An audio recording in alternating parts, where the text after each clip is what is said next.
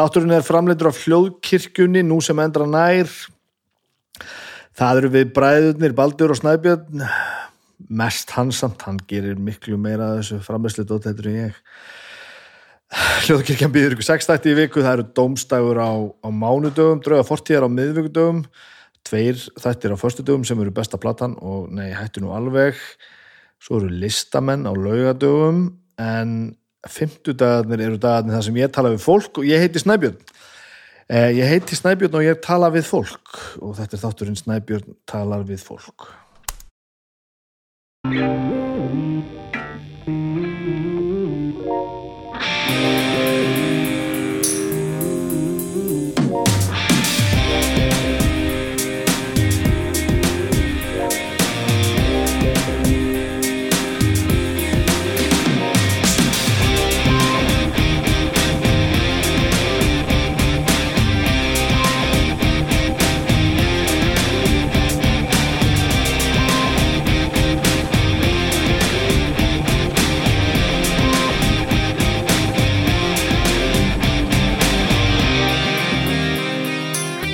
Með þess að velkomin í þáttin minn Snæbjörn tala með fólk Það er 17. júni Það er 17. júni sem er náttúrulega fagnar efni eitt og sér við skulum ekki gera lítið úr því það er, eh, við skuldum gera okkur glaðan dag alltaf þegar við getum það Eh, Við ætlum að gera okkur óvenju glaðan dag þetta er, þetta, er fárálegu dag það er allt að gerast í einu í dag Fyrsta lagi er náttúrulega græ, græni hatturinn. Ég, loksins er ég að fara að spila tónleikum. Sljótu halvvitaðar á græna hattinum á Akureyri fymtudag, förstudag og lögadag 17., 18. og 19. júni.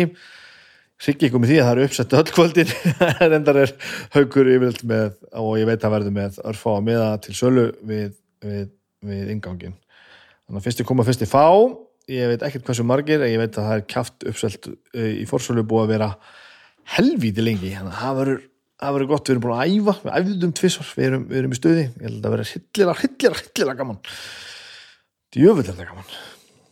Þannig að ljótu hálfutættur og granna hattir, ég held að lífið sé að byrja upp á nýtt, ég held það reynilega að fleira að gerist í dag. Ég er hérna eh, einhver staðar á milli soundchecks og þess að við teljum í eh, þarf ég að ég er náttúrulega að feika þetta sko. Ég segi í dag, ég er ekkert að tala þetta hérna 17. júni sko, það er en, en ég er stutt frá því, það er næstu í 17. júni þegar ég tala þetta, en ég ætla að tala eins og þessi 17. júni í dag klukkan já, ég held að þetta sé klukkan 6 6 til já. 18 til 1930 GMT Greenwich Mean Time sem er vantanlega okkar tími, ætla ég að tala eh, hvernig á ég orða þetta? Ég tala við Joel McIver sem skrifaði eh, skálmaldarbókina The Saga of Skálmöld The Official Biography Joel þessi, hann skrifaði bókina hefur skrifað mikið af alls konar skemmtilegu þungarasbókum við ætlum að vera online sitt sinn í, í hvoru landinu ég í Akureyra-landi og hann í Brettalandi taka þátt í festivali, bókmyndafestivali djúfs ægilegur menningar vitt hér í orðin, bókmyndafestivali sem heitir Louder Than Words Festival sem er, ef ég skilir þetta allt saman rétt og ég held að ég geri það Than Words Festival er bókmyndafestival sem fjallar bara um tónlistartengd skrif, bækur held ég aðalega og við ætlum að tala saman frá klukkan 6 eh, á einhverju, einhverju fjárfundar held ég um þessa bók og skálmöld almennt og hvernig þetta var til og hann sína þetta og ég, ég, ég veit ekki hvernig það virkar alveg en hann er, hann er að draga mig þetta e, þetta er nú ekki frýtt að þannig að kaupa með á þetta. E, þetta, þið farið inn á skálmöldar Facebooki þá finnið þið allt um þetta, þetta heitir Than Words Festival, þið googlið það og ég veit að miðasalan fer og held ég eventin líka á, á, fram á síðu sem heitir eventbrite.co.uk Þannig að það er nú að gerast líka, það er allt að gerast í dag, að fleira gerast í dag, ég er ekki að ljúga því sko, ég er ekki að ljúga því, við búið að vera ógeðslega gaman í vinnunni, í dagvinnunni á Pipar, það er allt að lifna, allir er að gera hrikalega skemmtilegt. Og í dag verður frumsýnd, um, ég ætla ekki að kalla þetta auglýsingu, við vorum að gera risastórt verkefni, nú er ég að skvíla, ég er að segja hluti sem að ég næstu ég má ekki, má ekki tala um. Uh, við vorum að vinna verkefni fyrir, hvað ég segja mikið verkefni fyrir samgöngustofu sem að fjallar um, um ákveðið hérna já, umferðar öryggi besti segið þetta bara allt saman. Þetta er sætispelta átak en þó ekki meira átak en svo að við söndum bara ógeðslega skemmtilegt poplag og gerðum uh, vídeo, full full production vídeo með öllu tilhærandi, þetta var ógeðslega gaman. Króli og Rakel Björk er að syngja þetta. Það eru miljón, þúsund mann sem taka þátt í, í vídeoinu og þetta er alveg hryllilega, hryllilega gott. Og þetta er ægilega gaman og þetta er bara þetta skemmtilega sem ég hef gert í vinnunni og bara, ég veit ekki bara síðan hvena sko.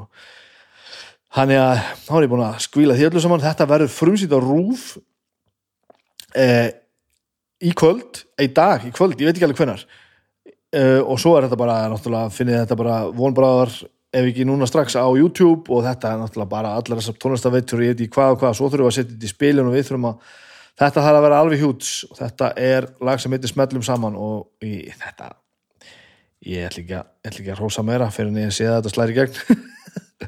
En það er hérna já, það er bara greinilega eitthvað, það er allt, allt, allt að byrja að reyfast bæði eftir COVID og svo bara e, þetta er bara alltaf uppleið sko. Ég hef einhvern mjög leiðilega að segja nú hæ, bara koma 2007 áttur ég hérna auðvitað auðvitað þurfum við að passa okkur. Ég er alveg saman á því að það er ekkert hérna, ekkert töff að við förum að, að borða gull aftur en eh, þetta, sko, góðæri slæma, slæma hliðan á góðærinu er ekki það þegar að, þegar að við fáum að gera skemmtild í vinnunni og sitta svolítið meiri peningi það að ráða fleira fólk, nota tækin sem eru til mannsablan og hugarflugið í það að búa til svona snildalegar snildara pródusjónir hvort sem það eru bíómyndir eða sjónvastættir eða sjónvastálsingar eða hvað sem þeir að gera í vinnunni góðar er það þegar að þú þarf að kaupa annan go-kart-bíl handa sjóra barnininu að því að á enga vinni það er, það er, það er óheilbrygt það er hitt vonda góðari. Góða góðari er nákvæmlega þetta. Þegar allt er komið á stað aftur og við erum á fokking fullu að gera ógeðsla skemmtilega luti og þetta er þetta er bara með skemmtilegi tíma sem ég lifaði í vinnunni á Pippar og, og það er alltaf gaman í vinnunni á Pippar þannig að þið, þið sjáu hvað ég er að segja þetta er svakalegt það er líka að gerast í dag, hvað sagði ég, Græni Hatturinn 17. og 19. Louder Than Words Festival, ég er að tala um, um bókina, skalmátabókina bókina við Joel. Eh, um, og smellum saman lægið og vídjóið Eh, fyrir samgangustofi, Króli og Rakel. Björk, þetta er killer þetta er djöfulli gaman, djöfulli gaman er ég eða grínast djöfulli er þetta gaman, herðu það er nú alls konar fólk að hjálpa með, með þetta að hafa svona gaman. Um, e, Simin Pay alveg e, af, aftur úr sem endran er og uh, ég ætla eins og ég ger alltaf minningur á það að þetta er þægilegasta leið í verundurinn að leggja bílum ykkar, þetta app e, gerir lífið mjög einfalt. Það kostar ekkert ekstra að, leggja bílum þar. Og ég gerir það oft í viku. Það er eitt sem við þurfum að tala sérstaklega um með Síman Pay núna. Nú getum við farið og keft gafabref hjá Play í gegnum Símin Pay Pay hjá Símin Play Play, hei Þannig að við getum farið að klára þessar bólusetningar og halda okkur á móttinu og gert það sem við höfum að gera, fara og, og svo fyrir að köpum okkur flugfara eitthvað og njóttum þess að vera til. Ég er ekki með neitt útlanda planað, ég veit ekki hvað það er sko. Mér liggur einhvern veginn ekki svona mikið á, en ef ykkur liggur á, farið og sækið Simin Pay appið og kaupið í gafabref hjá Play er, má maður ekki segja Play er, það er nógu fyndið sko, kaupið gafabref hjá Play, flugfélaginu Play er, það er í gegn. Uh, og þið Susi unnendur, ég ætla nú að minna ykkur á það að þið getið þessa uh, vikuna, heila viku fengið 20% afslátt af öllu Susi á Matseli hjá Umami. Þar er ansi gott. Þá er eitt sem ég ætla að minna viðbútt þá er eitt sem ég ætla að minna náttúrulega flett upp í appinu hérna. Já, það er ennþá, ég sé að þetta hérna þetta er ennþá, allavega þegar ég er að tala að þetta er ennþá 40% afsláttur uh, sumartilbúið á Galaxy Tab A7 4G eh, hjá uh, hjá símanum í gegnum Simin Pay appið. Þá fáum við spjaltölvu á 35.994 í staði fyrir 59.990 þetta er, getið dreift greiðslunum í alltaf 6 mánu og ég veit ekki hvað og hvað. Simin Pay þetta er, er no-brainer. eh, bónus er hérna með okkur líka í dag og í dag er 17. júni og þið getið farið í bónus og þið getið eiginlega bara landað öllu sem þið þurfa að landa fyrir þennan dag, þið getið kæft blöðrur og fána og 17. júni nammi og ég veit ekki hvað og hvað og hvað og hvað og hvað þannig að þið getið bara droppað við þar áður þið farið í skugunguna og, og tekið allt með þaðan sem, sem þarf eh, ég sá að bónus var að ég veit að hugsa þetta, ég sá að bónus var að hérna, senda út bóð um daginn. Eh, hjálpið okkur að ég man ekki hvernig það var orðað að sapna saman innkaupakerrunum að sér innkaupakerrur bara út um allt bara stundu bara inn í einhverjum bílskúrum hjá fólki og hitt og þetta bara.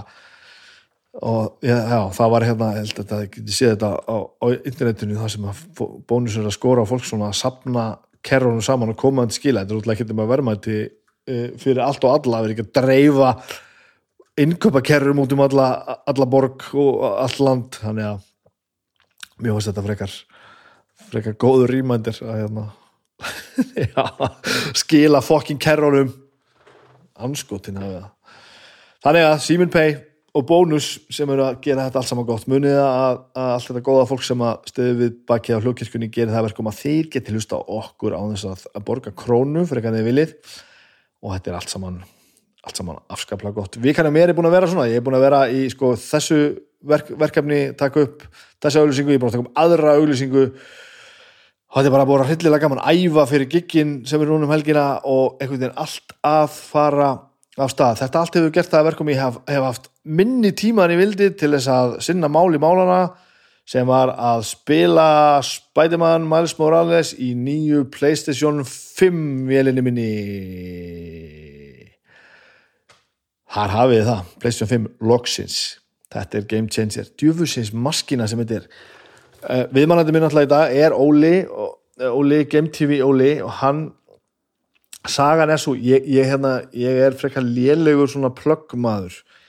Einhver sagði mér, þú eru náttúrulega að fá, fara svona í áhrifavalda eitthvað, fá, fá vel þeim eitthvað, fara svona snemma eitthvað. Ég, ég hef mig aldrei svona ég frammi, ég set mig aldrei á neina lista eða eitthvað, en, en, en gegnum eitthvað þá, þá var ég nú komin á einhvern byðlista og, og, og svo datt mér í hug að mér var lengi langa til að fá, fá Óla uh, Óla Jóels í þáttinn. Ég er búin að horfa fylg, fylgjast með Game TV frá upphafi eins og kemur fram í viðtalinu og eftir.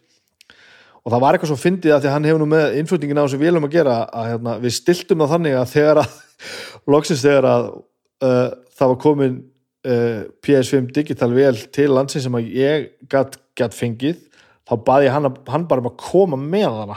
Og viðtalið sem þið heyri hérna á eftir það hefst á því að ég tek Playstation vélina mína upp úr kassanum.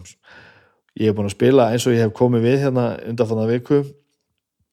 Og eins og ég sagði svo við Óla hérna bara á Messenger, bara í gær og maður tala um þetta, hann var að spyrja hvernig mér finnist þetta. og þetta er ekki eðlilegt. Ég hef búin að eiga allar kynsluðar á Playstation. Um, þetta er, er gríðarlega stökk frá Playstation 4 Pro.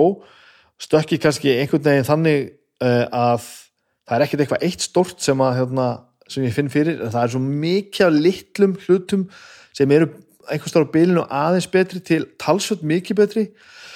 Og það gerir það bara að verkum að þetta er bara þetta er, þetta er, þetta er ekkert þetta er ekkert eins og að spila gamla PlayStation 4 og ég er svo hamingjusamur það er svo lítið oft. En annars var þetta viðtal ógeðslega skemmtilegt svolítið langt, við lendum í náttúrulega í, í, við þurfum að tala um alls konar hluti og það var allt skemmtilegt.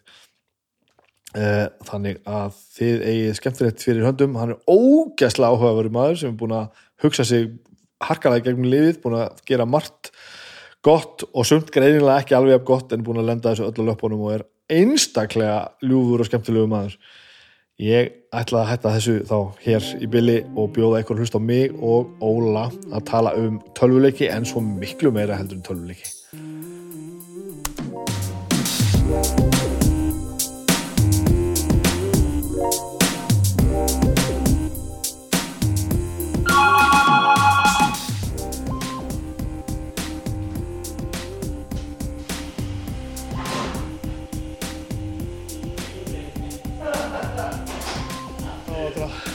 Æ, þú veist, þetta var alltaf svona.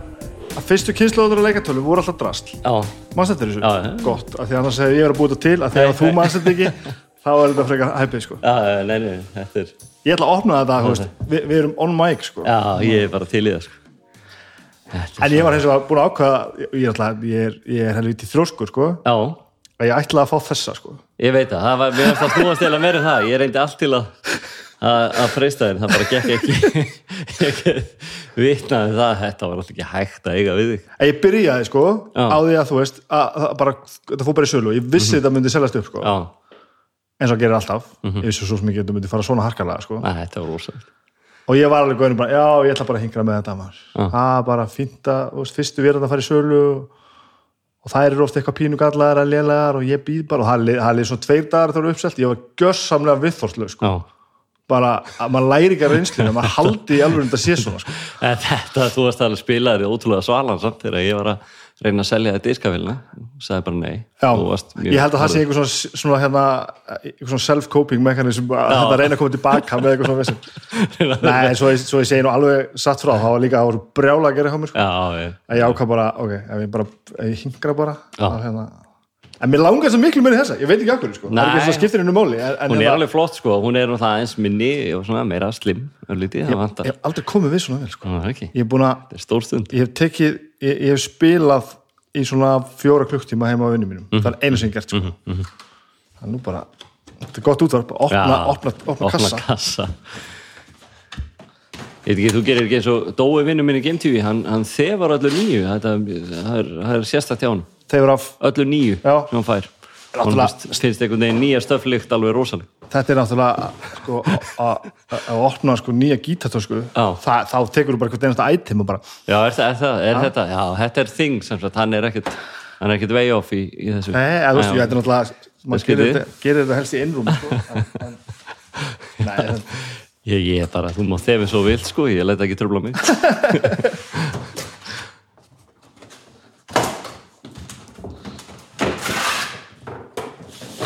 Nei, Þetta er alltaf svart kemur þetta upp úr hérna?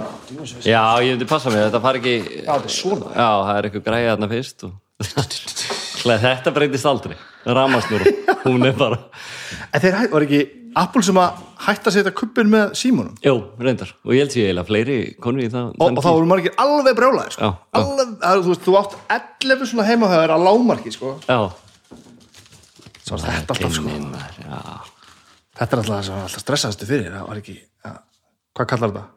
Ég kalla þetta sko stýripinna. Stýripina, ó hvað er ánægður að heyra það. margir kalla þetta fjárstýringar í dag. Þetta er, það er Það- þetta heitir eitthvað kynslóð- stýripinni. kynslóðaskipti. Svo sammála. Það er alltaf mesta stressið þetta sé þetta verði ekki í lægi sko. Já, það er þetta rétt. Manstu hérna og var að fyrir Playstation 3 prototípan hann sem var sínt hann er búmirangið Já, ég held að það veri fyrir Playstation 3 Já, þá svitnaði ég maður. Já það ekki, fór ekki vel í fólk sko bara, þú veist, ekki, ekki taka eitthvað sem er fullkomið og Mhm. eigður ekki það sko. Og þetta hefur nánast haldið, haldist óbreytt Það er, Þetta er eiginlega mesta hvað, byltingin í svolítið tíma Þessi, þessi, já, já, þessi, þannig- þessi frábær sko. já hún er mjög góð og skemmt, Burti frá mekanismunum bara halda á henni bara. Já, hún er þingri aðeins og svona, hún er snúrur og snúrur og Já, fleiri já. snúrur þetta verði að skrúa undir en ef hann ætlar að sitja flöt er það ekki? í annarkvort flöt eða, eða uppistandi þetta Já, er eiginlega tví en hann virkar á, á, á báða vegu. Þetta er ykkur agaleg hönnum ég var að reyna að hemja, hemja mig sko, að fela hvað ég var spenntur sko, kona mín bara Agnes var bara þú, þú, þú, þú, þú, er, það er ekki séns að fela þetta, ég er bara búin að vera frá því að vissum að það var að koma, búin að vera bara það er rosalega að fara í, í ofundun bara. 43 ára með sko PlayStation 4 Pro það var alveg já, saman þetta er, það er þetta er að finna mikið mun sko. Já, ég- það er eiginlega það sem mér fannst við tölvuna sko. ég oft spurður náttúrulega hver er munurinn og svona það, þú veist, og maður, jú, flottari grafík og allt þetta og hraðari og þetta en maður kann í rauninni ekki almennilega með það fyrir maður fer aftur tilbaka í PlayStation 4 ég nefnilega gerði þetta ég fór að spila það hjá vinnum mínum sko. og sem var þá nota bara með sko krapp í sjónvarp mm. hann sem betur fyrir, ég var hann aftur í gær og hann sem betur fyrir búin að uppfara sjónvarpið mm. og ég kom tilbaka hérna á miklu betra sjónvarp Já. á PlayStation 4 Pro og það var, þá fannst mér bara eins og ég væri, væri bara að kera traktor sko. það var ótrúlega mun Þetta er einhvern veginn, maður sér það, kann, kann ekki metta alveg þegar maður sér þetta á þess að bera það saman. Af því að þetta er náttúrulega bara svolítið svona þróun á því sem við gerst, þetta er ekkert brjála stökk þannig séð, en það er líka bara stóra í þessu er bara hérna, valmyndirnar og hraðin hvort fljótur að komast inn í tölvuna Já, það að er, það og er þetta sétt sko. það skiptir öllu máli, sko. hitt manni finnst bara PlayStation 4 bara að vera stríðamenn sko. hún er svo lengi í gang maður bara hvað er að gera, var ég virkilega bara sáttu við þetta en þessi ríkur í gang og... ég man samt sko ég átti fyrstu kynslu að pleysa þrjú. Piano klumpin á Já, hún var svakaleg hún var, hún var í alvörinni bara svona hún var bara svona, svona 15 kíló sko. Já, og glansaði eins og flýl sko. og leiðu og setti puttana á hana þá var hún bara sem er mér sínst að þetta sé nú líka hérna á þessari já hún er samt svona meira mattari á þarna, já, inni á milli. Já, einmitt, snertir það er að passa sko. það, sko, algjörlega en ég, nota, ég átti hana bara hún Mm. endist mér allt pleysa þrjú tímumbilið Mhm. hún var enda farin að hafa helviti hátt í restina Já, ég var samt búin að hreinsa hana sko, en ég man að ég var að spila God of War 3 Mhm. og þá að breytti íbúinu mínu bara í svifnu eitthvað sko. Það var bara... en svo skipti ég úr henni sko, Já. Mhm. í PlayStation 4 ekki Pro samt sko. og ég man að ég ég segi ekki að voru fyrir vonbriðum Mhm. en stökki var ekkert eitthvað svona það var ekki eins mikið að ég held að erði sko. Ég, ég er alveg sammála því PlayStation 3 var svolítið, að svo kynslu var svolítið svona milli svona millibils uh, kynslu sem að einhvern veginn gerði ég ekki nóg, sko, þetta er eins og með iPhone þeir, eins og í dag, þeir náttúrulega voru mikil, mikil stökk í byrjun, Já. en hún er iPhone einhvern veginn bara, Er það að tala um PlayStation 3? já, já, PlayStation 3 sko, hérna, Já, upp í var fjögur, PlayStation 3, já, upp í fjögur. Það var eiginlega þar sem að var ekki nóg mikil munur sko. En 2 og 3 var mikil munur því að þá var bara, það var svo mikil tækna breytast, þú veist, Já. ég held að 3 var fyrsta sem var almennilega nettengt Já, þeir reynduða með voru- 2 og það náttúrulega Já, það var eitthvað svona eftir að hugsa held ég, minni mig, það var það ekki Jú, og þeir lokuðu því bara. Já, þeir, þeir nefndi ekkert að eiga við það. Þannig að stökkjumil 2 og 3 var mjög mikið. Og 1 og 2 var mjög mikið. 1 Það var bara, það var svakalst svaka 2 og 3, en 3 og 4 var einmitt það var ekkert svo mikið stökk sko. og svo er þetta meira núna sko. Já, kannski býst maður samt við öðrum hlutum núna sko. Já, þannig er þetta meira stökki er náttúrulega grafík og öllu því en það er líka náttúrulega þróun á pinnanum og svo líka bara þessari virkni þú veist, skrítið að nota orðið þetta viðmót, það er bara eins og maður sé bara áttræður en þú veist, mér finnst það skipta miklu máli sko. Já. þú veist, það er alltaf þú kveikir á henni, er ítt á þennan takk og þá séu hvað er nýtt síðan komst þetta síðast og hvað er búin að uppfara, hvað er búin að, þú veist, það er, svona, það er alltaf einhvern veginn, hún er alltaf að tala við mann sko. þetta þetta þessi góður hérna sem ég held loksins á hérna Já. hún er miklu flottari heldur en sem Arnar vinn minn á sem er fokkin dreifin og ég er búin að og, og þetta, skiptir, skiptir enn meira máli að því ég beið Ég það bara, bara, aðferðafræðir hennar mömmu bara, já, það er holdt að láta sér langa. Já, upplýfur þið ekki sem mikið sigur að hafa, Jú, hafa maður, það er, það er þannig. Ég ætla að setja henni og Já, það er um að gera.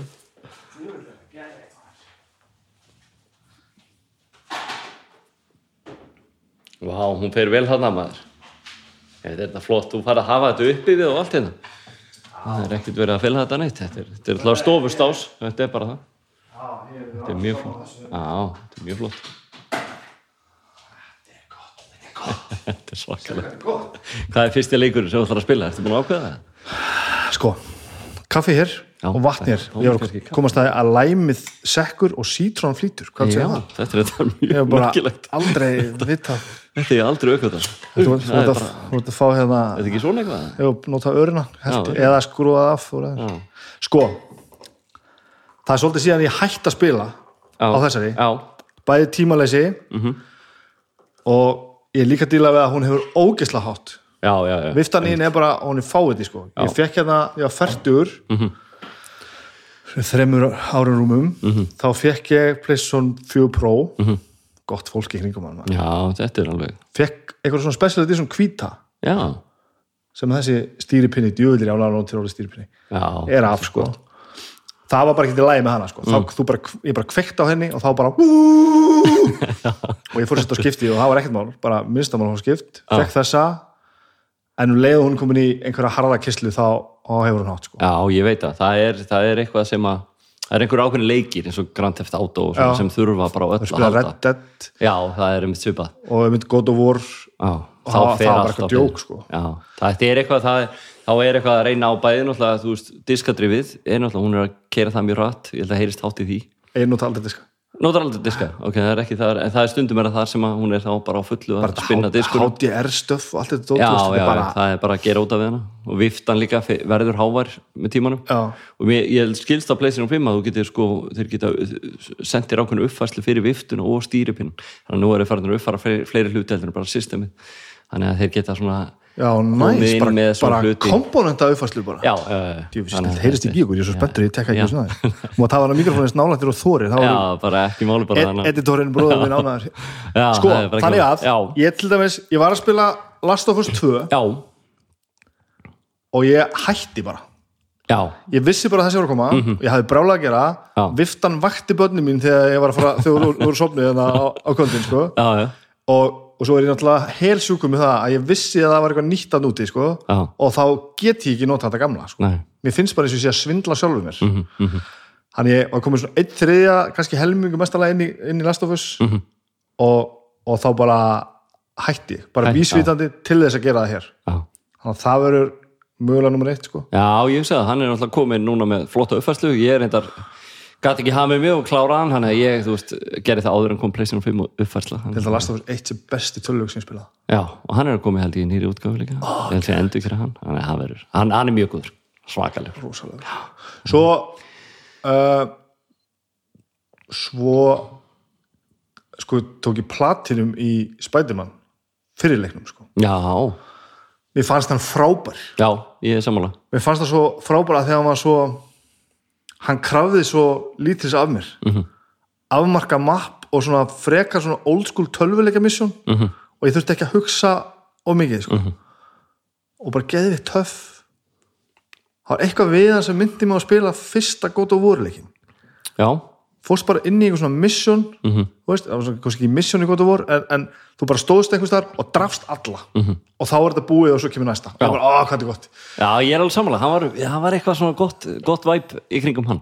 Geslega. og ég líka spila, það var fyrsti leikur sem ég spilaði á PlayStation 5 síðan, það var Miles Já, hann Morales komur ekki með vilni Eh, sem sagt, hann kom já, leið á já, vélinn. leið á Já, já. vélinn og var svona held ég fyrst í svona alvöru sem hafði unnið sérstaklega að þú veist að nýta pinna Já, og, já. Þú veist, það er bara að kerri stræt og framhjá og þá fór pinnin í gang eða þú veist, það, hyggsta í leiknum Var var spenntur, sko. Já, þetta er rosalegt og, og svo ef þú horfir hérna upp í hilluna hæra megin, já, efst uppi já, þá var þetta orginal cyberpunk roleplay kerfið sko.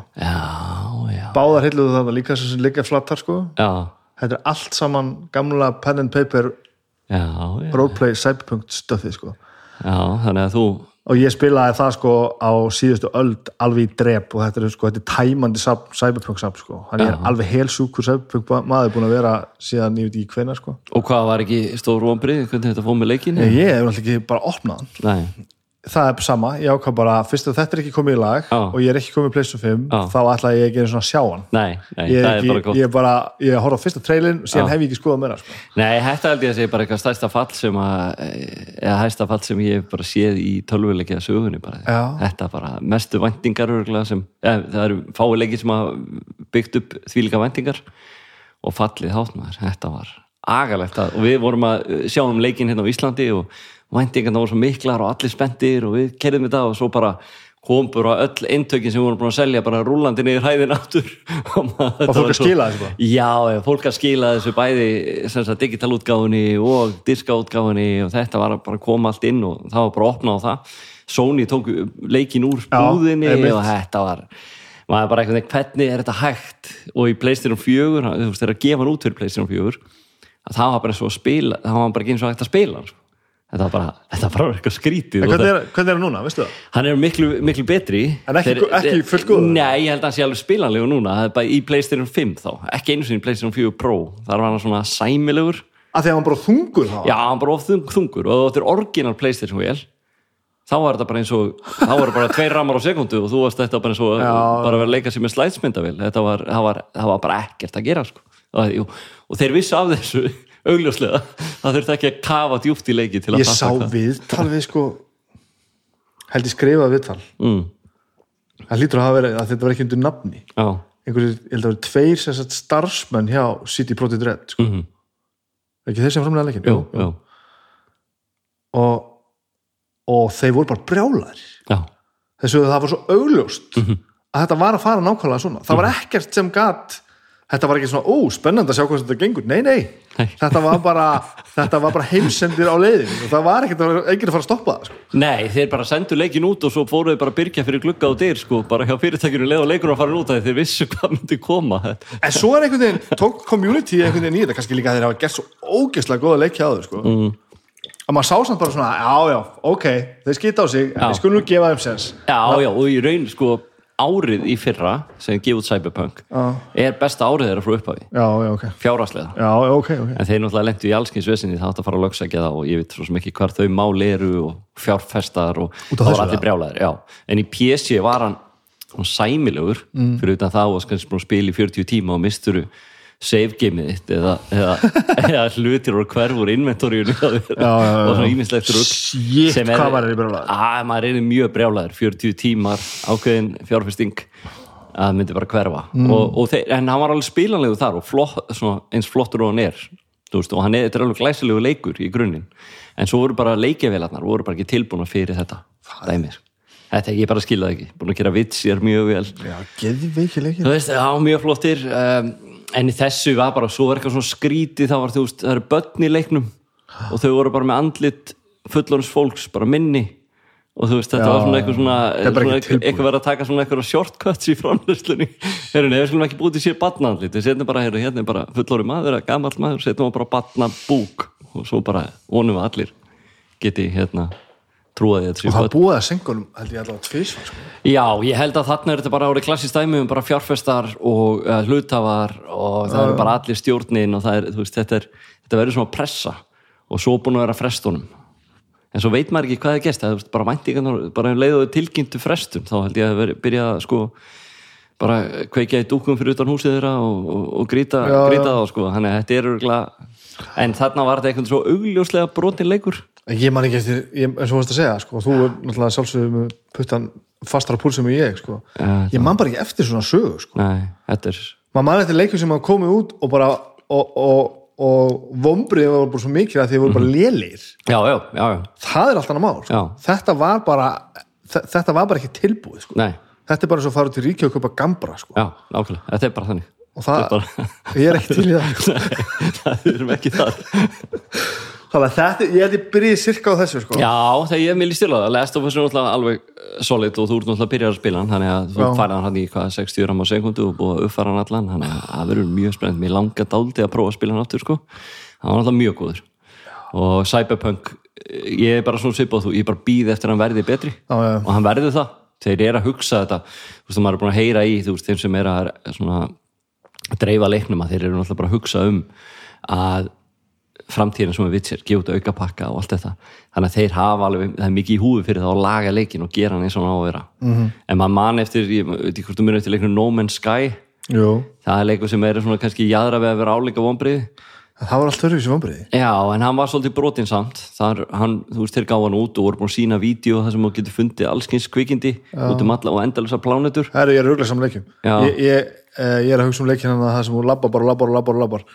Það er er Já. er það með risastóra staplanum upp á bakkinu Já, hérna. Death Stranding. Já, Death Stranding. En það, já, það var Já, öðruvísi, Man's- var- Já, No Man's Sky var það, það var þessi það sem þú aldrei geta komið á sama staði Nei, þegar það þetta var biljón þessi sjálfur. og allt þetta og svo alltaf eru að sína vídeo þá var þetta rosa flott kvikind svo hittir sko. Já, en svo bara þegar þú komst inn í leikin þá var bara fótur í staðan fyrir höfuð og þetta var Já, allt já, einhvern veginn mjög skrítin kvikind sem mættir. En þeir eru í dag búin að gera bara eitt glæsilegasta leik sem er til á markanum sko. þannig að þeir fóru úr því að vera algjörslis yfir í að vera bara sko, þeir eru ennþá að bæta fólkið þetta upp sko.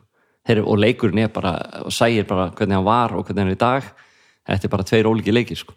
og þannig að þeir eru að verka þannleik Já, já, þeir já, tóku ég hann bara algjörlega. Þeir, þeir tóku á sig, þetta var bara eitt svona stórt fall, þá voru allir mjög spennti fyrir Sky, þeir voru að mæta í spjallþætti og fréttaþætti og út um allt og segja við erum að fara að gera hérna groundbreaking leik og allt svona. Svo kemur hann út alveg bara hræðilegur en núna er hann orðið þannig að þú getur farið með félugur niður á plánutuna og það er komið multiplayer og þetta er allt farið að lúka miklu betur og þeir eru ennþá bara að vinna hann sko. það var svo góð hugmynd sko. ég man bara að maður að sjá þetta koma. Já, og já, þetta var þannig að hann átti að, að genera sér sjálfur. Þannig að þú varst alltaf að koma ef þú varst á önn einhver, einhverju territori sem enginn hafi komið þá, þá, þá, þá varstu með nýtt fyrir augunum. Já, af því að hann, leikurinn átti að búa þetta til sjálfur sko.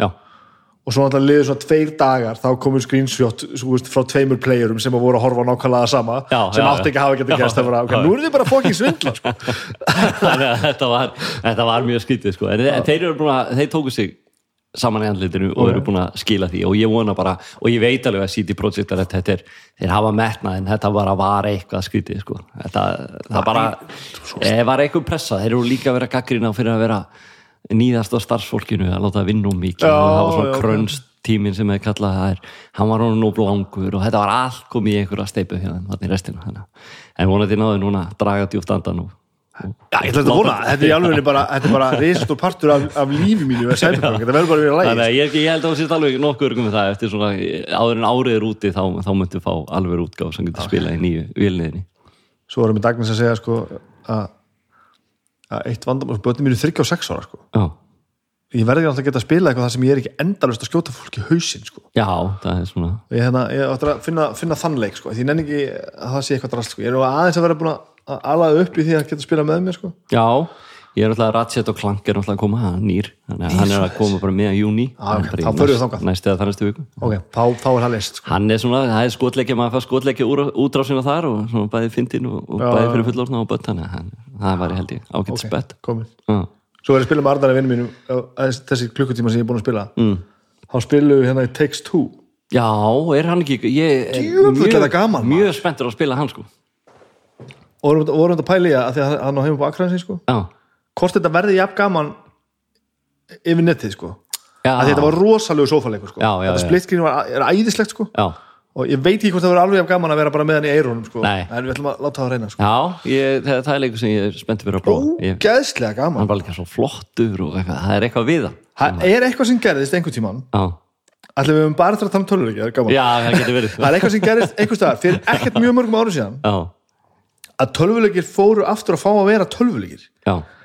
að því að ég man, e- einmitt, alltaf hafi ekki verið svona uh, á PlayStation 3 kynnslóðinni mm. þá vorum við alltaf að reyna að búa eitthvað til sem var sem næst raunveruleikanum e, auðvitað ekki í öllu já, en, já en tölvuleikir Já.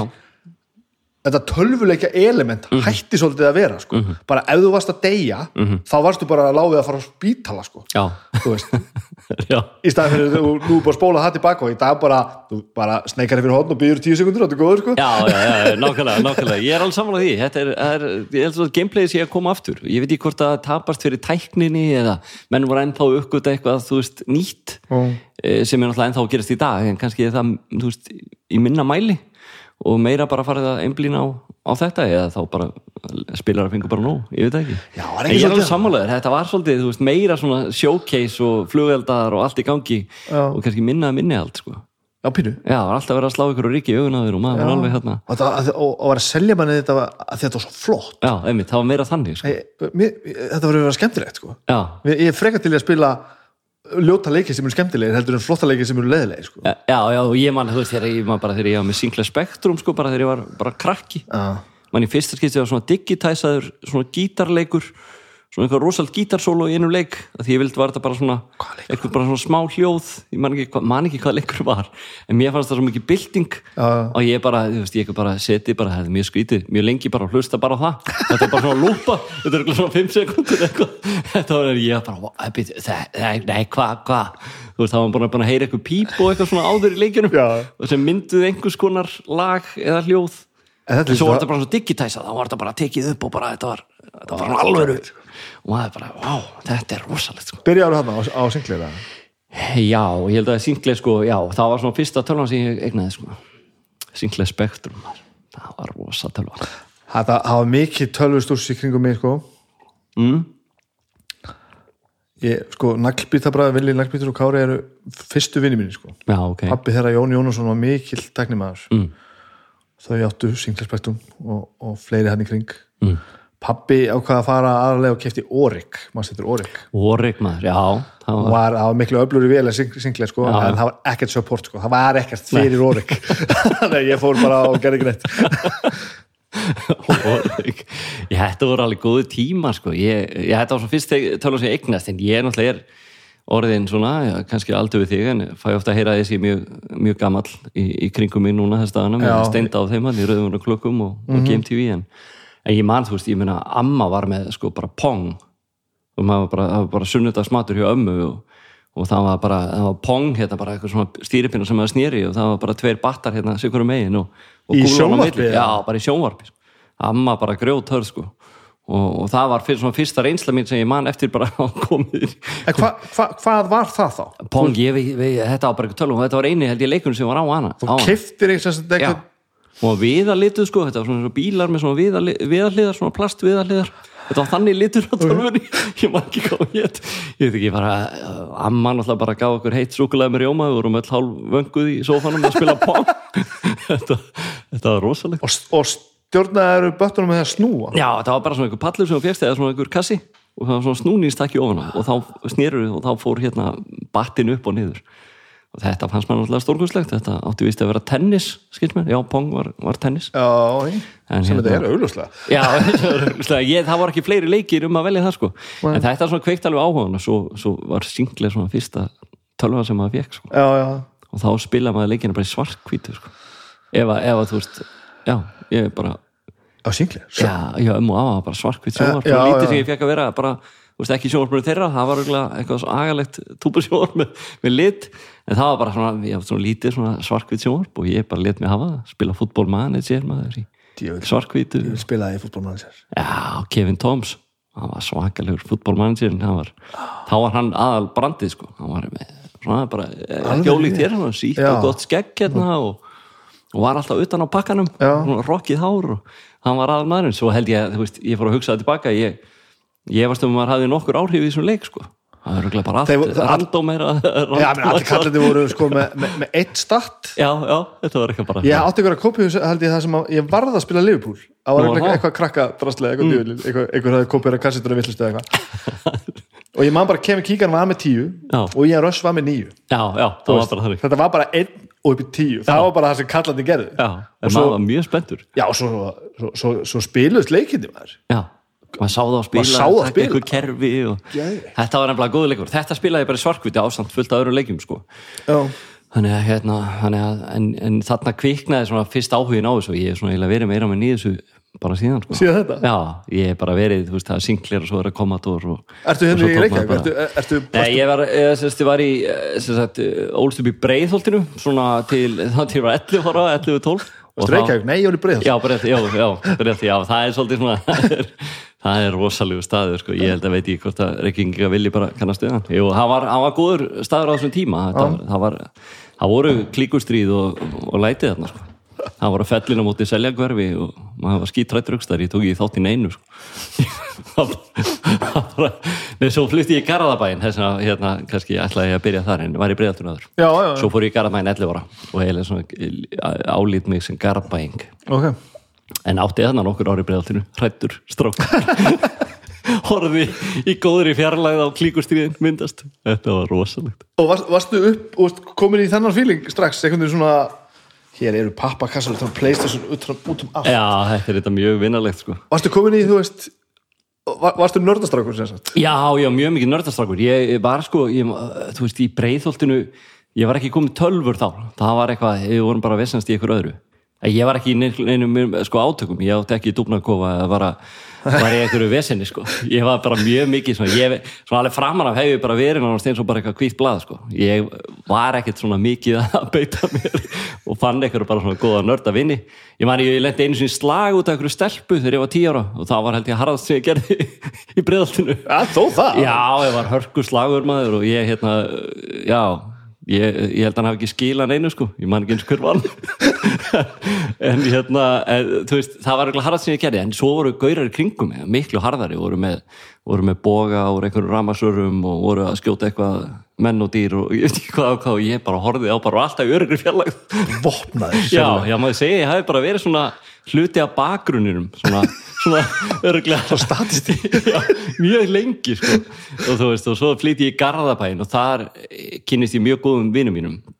En við erum heldur ekkert sko, það var harðast sem ég gerði þar var líklega já, tók þótt í dansmarathoni. Endist í 12 tíma það var eitthvað rosalegt ég náði 12 tímum, það var svakalegt fór heim alveg niðurlæður um miðanót Til vomrið eftir 12 tíma líka. Já, það voru 12 eftir, þetta var alveg sólarhingur þetta var svakalegt, en, en þar varum við mikið bara á bókasafninu, sko Við vorum ekkert og vorum, fórum bara heim í tölvuleiki og Ok. vorum, vorum ekkert mikið að blanda geði við fólki Varstu að fá hann að nördisma eitthvað á heimilinu? Nei, ég held ekki sko, ég eiginlega veit ekki hvað þetta kemur sko, Nei. ég er reyndar ég, eh, sko, ef maður hugsa tilbaka, þú veist ég, ég held ég hafi verið alltaf miklu meira augrandi heldur en ég hef kannski lítið út fyrir að vera, að það er bara í hugsun og, og svona, hvað mér langar að gera en svo þetta sé bara svo vel upp alinn eða, eða vel, eða allavega þannig upp já. alinn að maður svona stoppa sig svolítið sko. þannig ég held að það hafi svolítið svona verið verið kannski rauðið þráðurinn og, og er kannski en þá í dag er ég að fá okkur hugmyndir eða eitthvað, þú veist, eitthvað kemur upp í hausinn á mér og þú veist, Game TV til dæmis í dag er svona ákveðin útrás fyrir þetta Já. og greiði strákandir sem eru með mér þeir verða oft, þú veist, á hinum endanum fyrir þessum skotum og vissin sem ég læti út um mér. En þú veist, ég, þú veist, er ég margótt langað að setja eitthvað á Twitter eða Facebook eða Instagram eða eitthvað, segja eitthvað? Já. en ég vil eitt segja bara, nei, býtu, þetta getur orðið eitthvað vissin þannig að ég er, er rosalega mikið í að reytskoða sjálf og hef alltaf verið þannig sko. Já, þannig ég alveg fengi hugmyndir og fengi eitthvað að langað að gera eitthvað. En ekki alltaf stokkið á það eða, eða látið vaða. Þú ert Farið. ve vel upp alinn kvartvís ólátabölgur Já, að sé ekki það. Að það. Þetta, er- þetta er frábært sko. Já, þannig að þannig að mér hef oft og, og, og, og þess vegna hef ég sko svona setni tíð hef ég lift mér að blómstra en gerði það ekki fyrst sko. Þannig að ég er oft kannski í dag er ég að gera hluti sem að kannski ertu ekki að vera 50 og þú bara að gera þetta Já. og þá er ég bara, ég er ennþá bara ég er ennþá bara að tæma lagarinn af allskins vittlur sem er langað að gera tíðina sko. Og alveg fram á fullunins á það Já, já, já, ég held að ég ekki fengið svona almennilegt sjálfströst fyrir ég var svona hvað ætli verið bara 25 ára, 28 ára eitthvað á því bili þess að ég fekk svona bara ok ég ætla að hætta þessari viltu, nú ætla ég bara að fara að gera sem langar til að gera.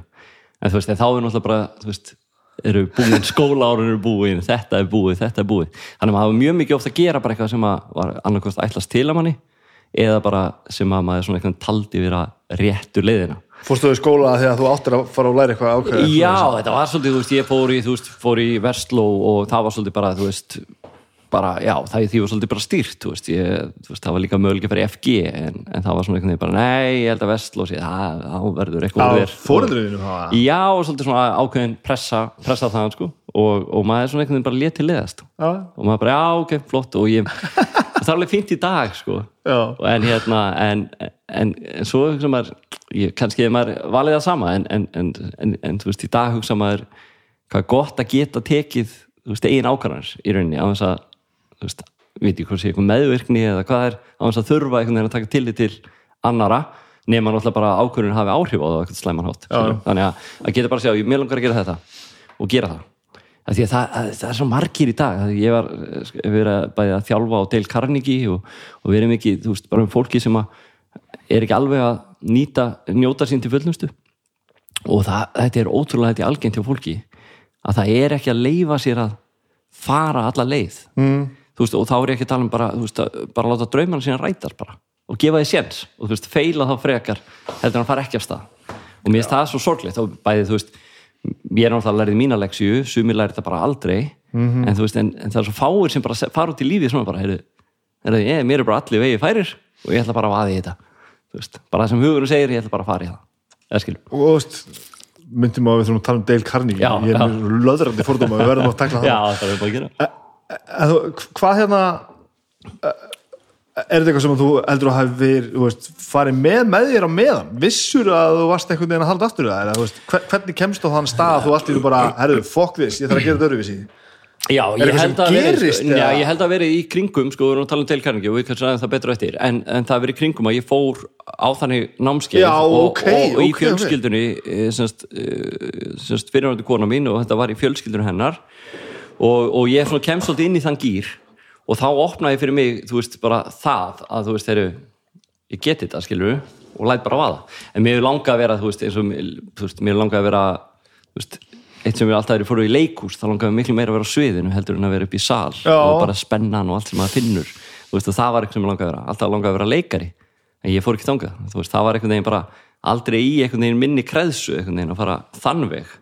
þannig að maður hefði þurft að berjast rosalega mikið fyrir því sko. Já, ég þannig að ég er unni einhvern veginn bara fór þannig, þá, þá leið sem ég verið á í dag og ég er alveg mjög sáttur í dag sko. En, en auðvitað hefði maður viljað taka út svona smá brakkaraskap áður heldur þegar maður er 50 það getur verið meira vissan ákveðlega að það fer saman við það sem þú ert að gera já en á, en á saman tíma er mér eiginlega sama í dag sko. Ég hafa mér bara "Hvað, þú bara hafður eins og sér bara 14 ég var bara, uh, já og hérna bara slöktu á mér ef að, hérna ef ég að fór, horfa eitthvað ég fór fínu hinalega sko. ég var eiginlega bara fáviti að elda draumana sko. já, en var svo ekki með sitti á hreinu sko. og ég er Ok. ennþá í skotti af því já, já, já, að þú veist það er rosa gott að, elda draumana og ég er búin að græða mjög mikið á því og mjög glaður með það sem ég hef gert sko. En 43 ára með tvö börn þá er ég ennþá bara ok, það er svona hluti sem ég þarf bara að koma inn í, inn í ramman sko. já, já. og, ég örugglega haft gott að fara alltaf eitt ári í Vestlót til þess að redda því sko.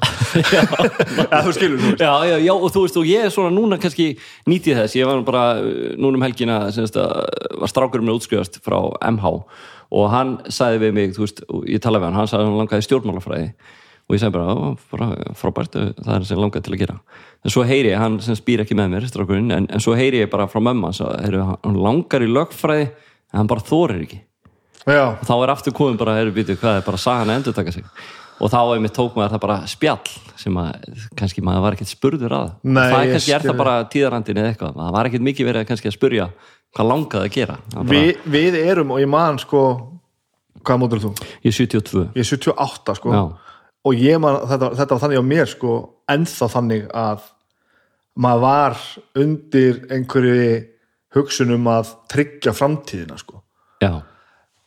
Ákvarðan voru ekki teknar bara, veist, allavega í kringum mig og svona það sem að bauna á mann, bara, þú veist, farðu bara og gerðu það sem þú ert góður í. Heldur þetta var bara, þú veist, einmitt farðu og gerðu þetta hér, veist, ég var ógeðslega og er ógeðslega góður starffræði heili, sko og ég var alltaf bara komin að eðlisfræðibraut bara í Emma, bara um leið, sko, bara síðasta sem ég langaði að gera, sko, en, en, en ég held að mér langaði að gera, það, af því að ég var svo góður Já, starffræði, sko, já, já. og þá gæti ég bara orðið einhver, orðið einhver, einhver vísindamaður eða einhver, einhver, einhver tölvu snillingur eða whatever, sko, Já. og ég hef farið lett með það, en fokk hvað ég hef engan áhuga á því, sko. já, og þetta ég held að sé alveg horfættur punktur sem þú segir, ég held að þarna var bara hugsun svolítið, bara, að bara kaupa hús, stofna fjölskyldu og bara allir geti fengið mat á kvöldin og yfir daginn og Já. allir farið sáttir að sofa. Og verð ekki eins og palli frendi já, svona, já, nokkulega og ég held að það hafi oft, einmitt og þetta var ekki að illum vilja, þú veist, eins og maður er að líka tala um með, þú veist, ég var að æfa körubólta og karate. Það er hræðilegt, hræðilegt að ég hafi verið í karate en það hérna en, og ég held að þá voru foreldrar þegar ekki að mæta mikið nema kannski foreldrar það sem maður sagði bara skrítnu krakkana. Já, þeir voru já, að mæta. einmitt. og maður bara, og bara krakkarna leið illa að foreldrarnir voru upp í áhörðasal eða áhörðastúka því að það var ekkit normið. Nei, nei, nei. Og þess vegna segir maður, þegar maður segir bara hvað voru fóröldræðinni bara, bara sjálfselskir einhverju bara og nefndi ekki að fylgjast með? Það var ekki málið, sko. Það var bara ekki ætlast til þess og umgjörðum var öðruvísi. En í dag og þegar ég var alveg stráki minn sem er hérna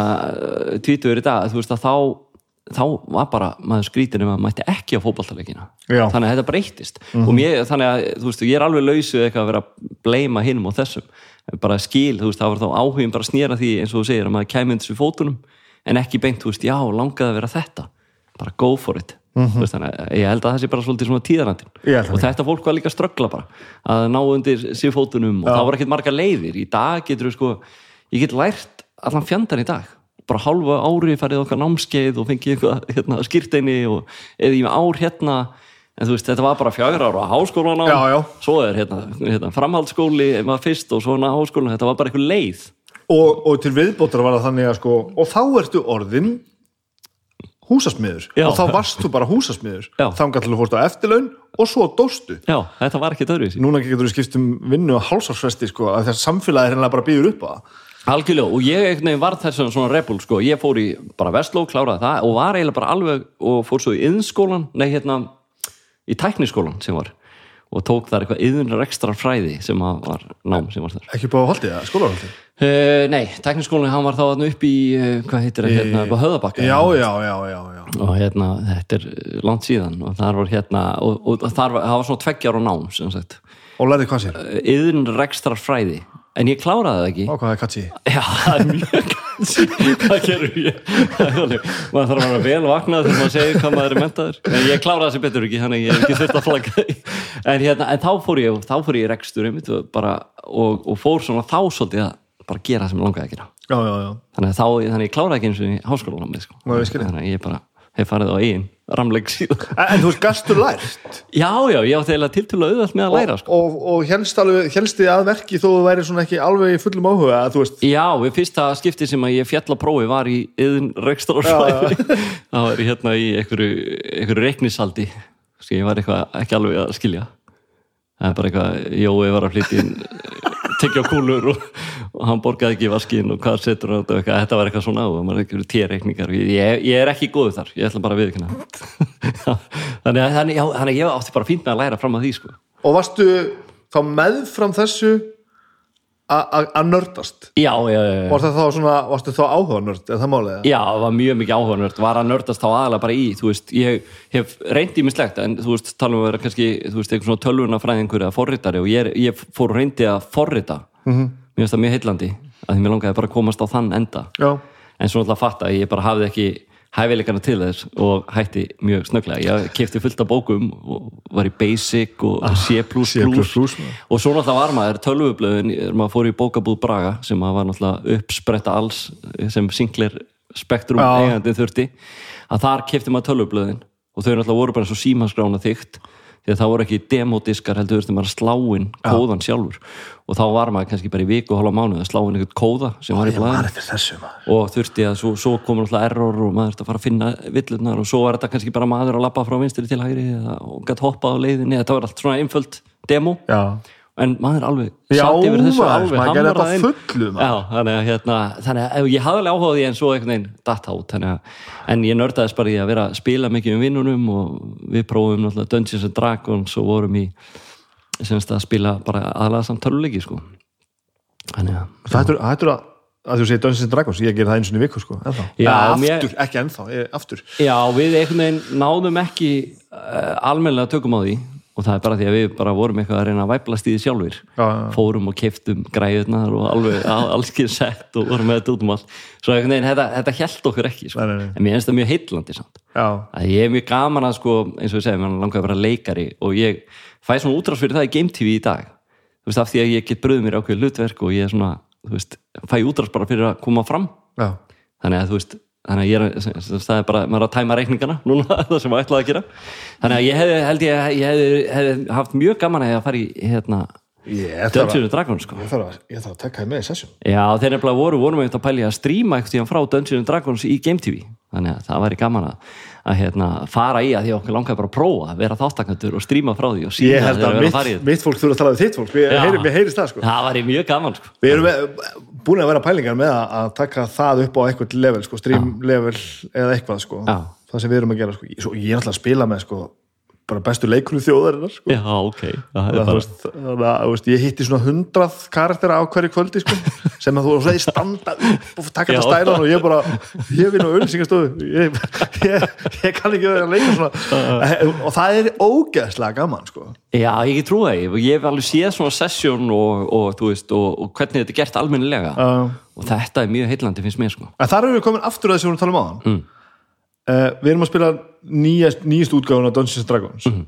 og þar er búið að leikja væða þetta upp á nýtt sko. Ok, roleplay var mörgkerfi til ógeðslega mörgkerfi sko. Mhm. var orðið svolítið þjaka af því að allt átt að vera svo ógeðslega raunverulegt sko. einmitt ok Mhm. þetta bara, skotin í fótinn þá var karakterinn bara uh, hann var bara frá vinnu eða hvað er átt að gera ok. bara í, í marga mánuði og svo var hann mm haltur for life sko. það er ekkert gaman sko. í dag er það bara þannig að þú bara þú þarf bara leggja þig í fjóra tíma og þú er góður sko. Já, ok, það er, það það aðeins búið að einfalda það Já.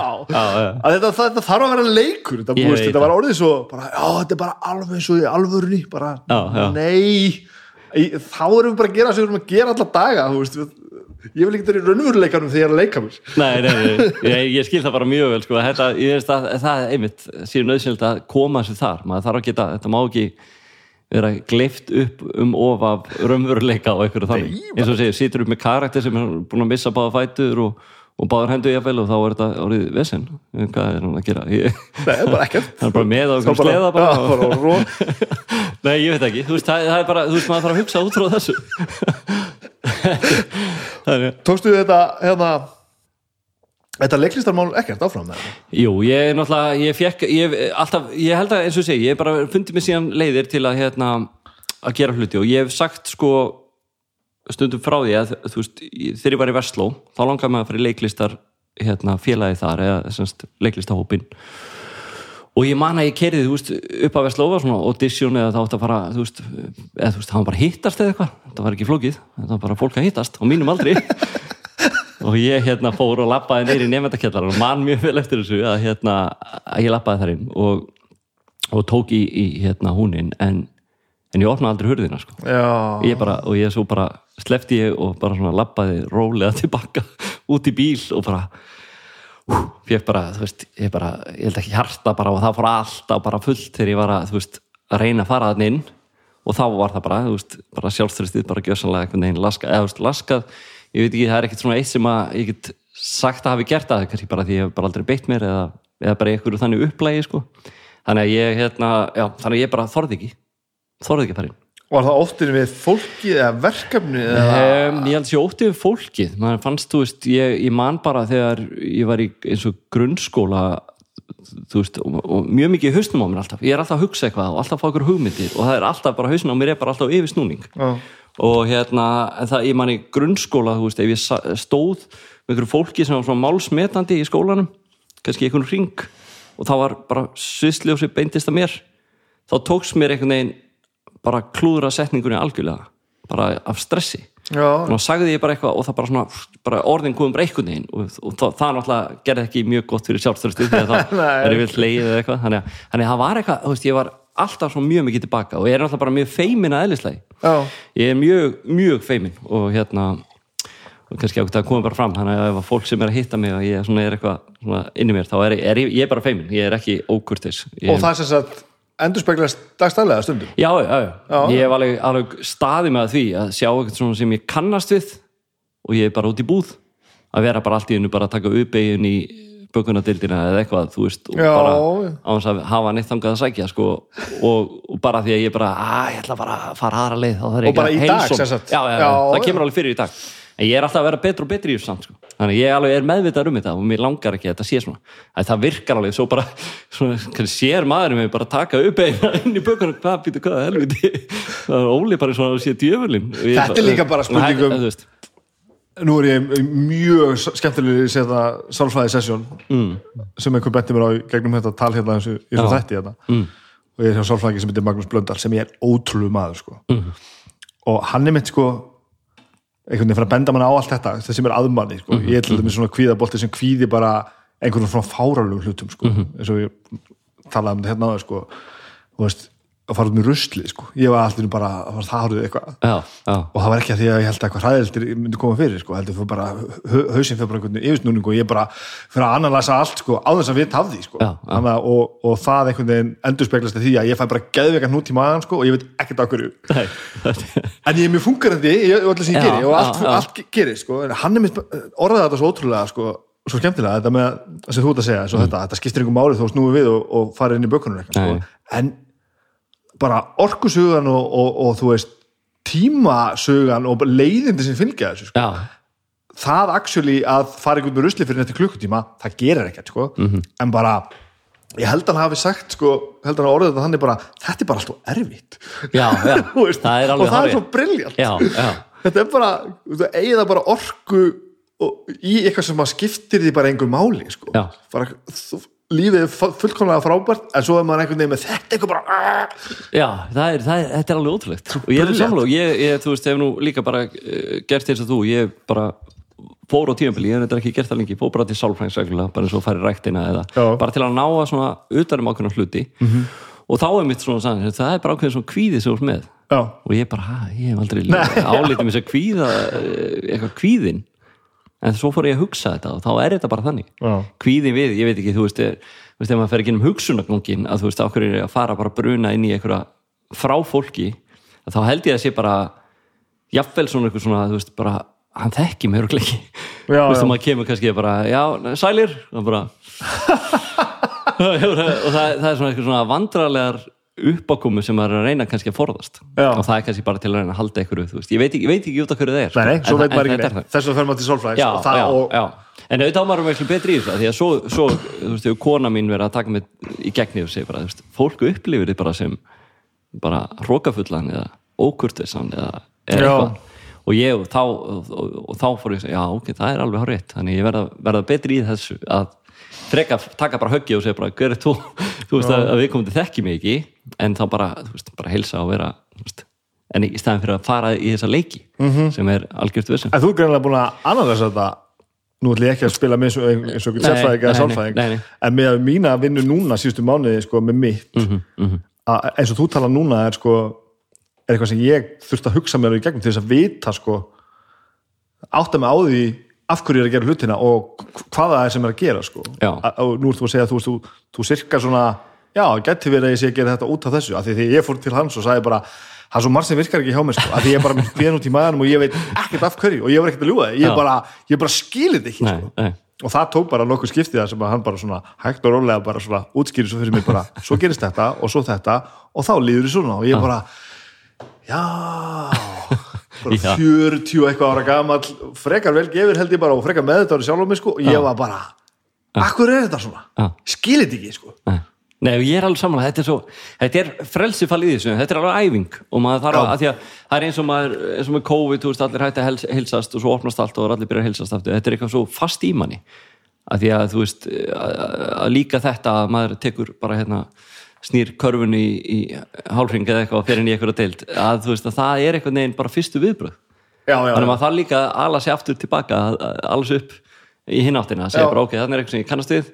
Er ég ætla bara heilsun já, þú veist, og segja bara, næ, sælir, góðan dag hérna, næ, sæl, og það þarf ekki vera neitt meira. Nei, það er ekki að festa mig í einhverju, talk sem að kannski enginn er að pæli í, þau eru bara allir að vesla Já. að, veist, en að það hann að heilsa og, veist, þannig að það er líka bara hluta að bara tengjast fólki og er í svona networking og svona, -hmm. þannig að mér finnst það mjög leiðilegt og sérstaklega þegar maður er heyrt að fólk upplifum mig sem hrókafullan og eða, eða bara, ég veit ekki hvað bara merkilega með mig sem að ég tel mér nú ekki vera. Ég Já, er, já. er yfirleitt hef alltaf álítið sem mjög aðgengilega náunga en ég veit að það er ekkit allir sem upplifa með þenni. En- út af þessu en er þetta ekki samt rosalega oft ástæða fyrir að fólk verður merkild með sig Það að það er að díla við eitthvað svona og Jú. bara til þess að kópa við þetta í staðan fyrir að vera, þú veist fara kannski þess að leið sem við erum að tala um Mhm. þá bara svona, já, mér finnst bara allir fá þetta og ég ætla bara ekki að tala við neitt veist, þá er það bara svona einhver, einhver svona verður einhver svona leið út úr þessu öllu saman. Jú, jú, þá, þá, það er bara, alveg þá er ég bara fíbl, það Já, er bara fínt. já, já,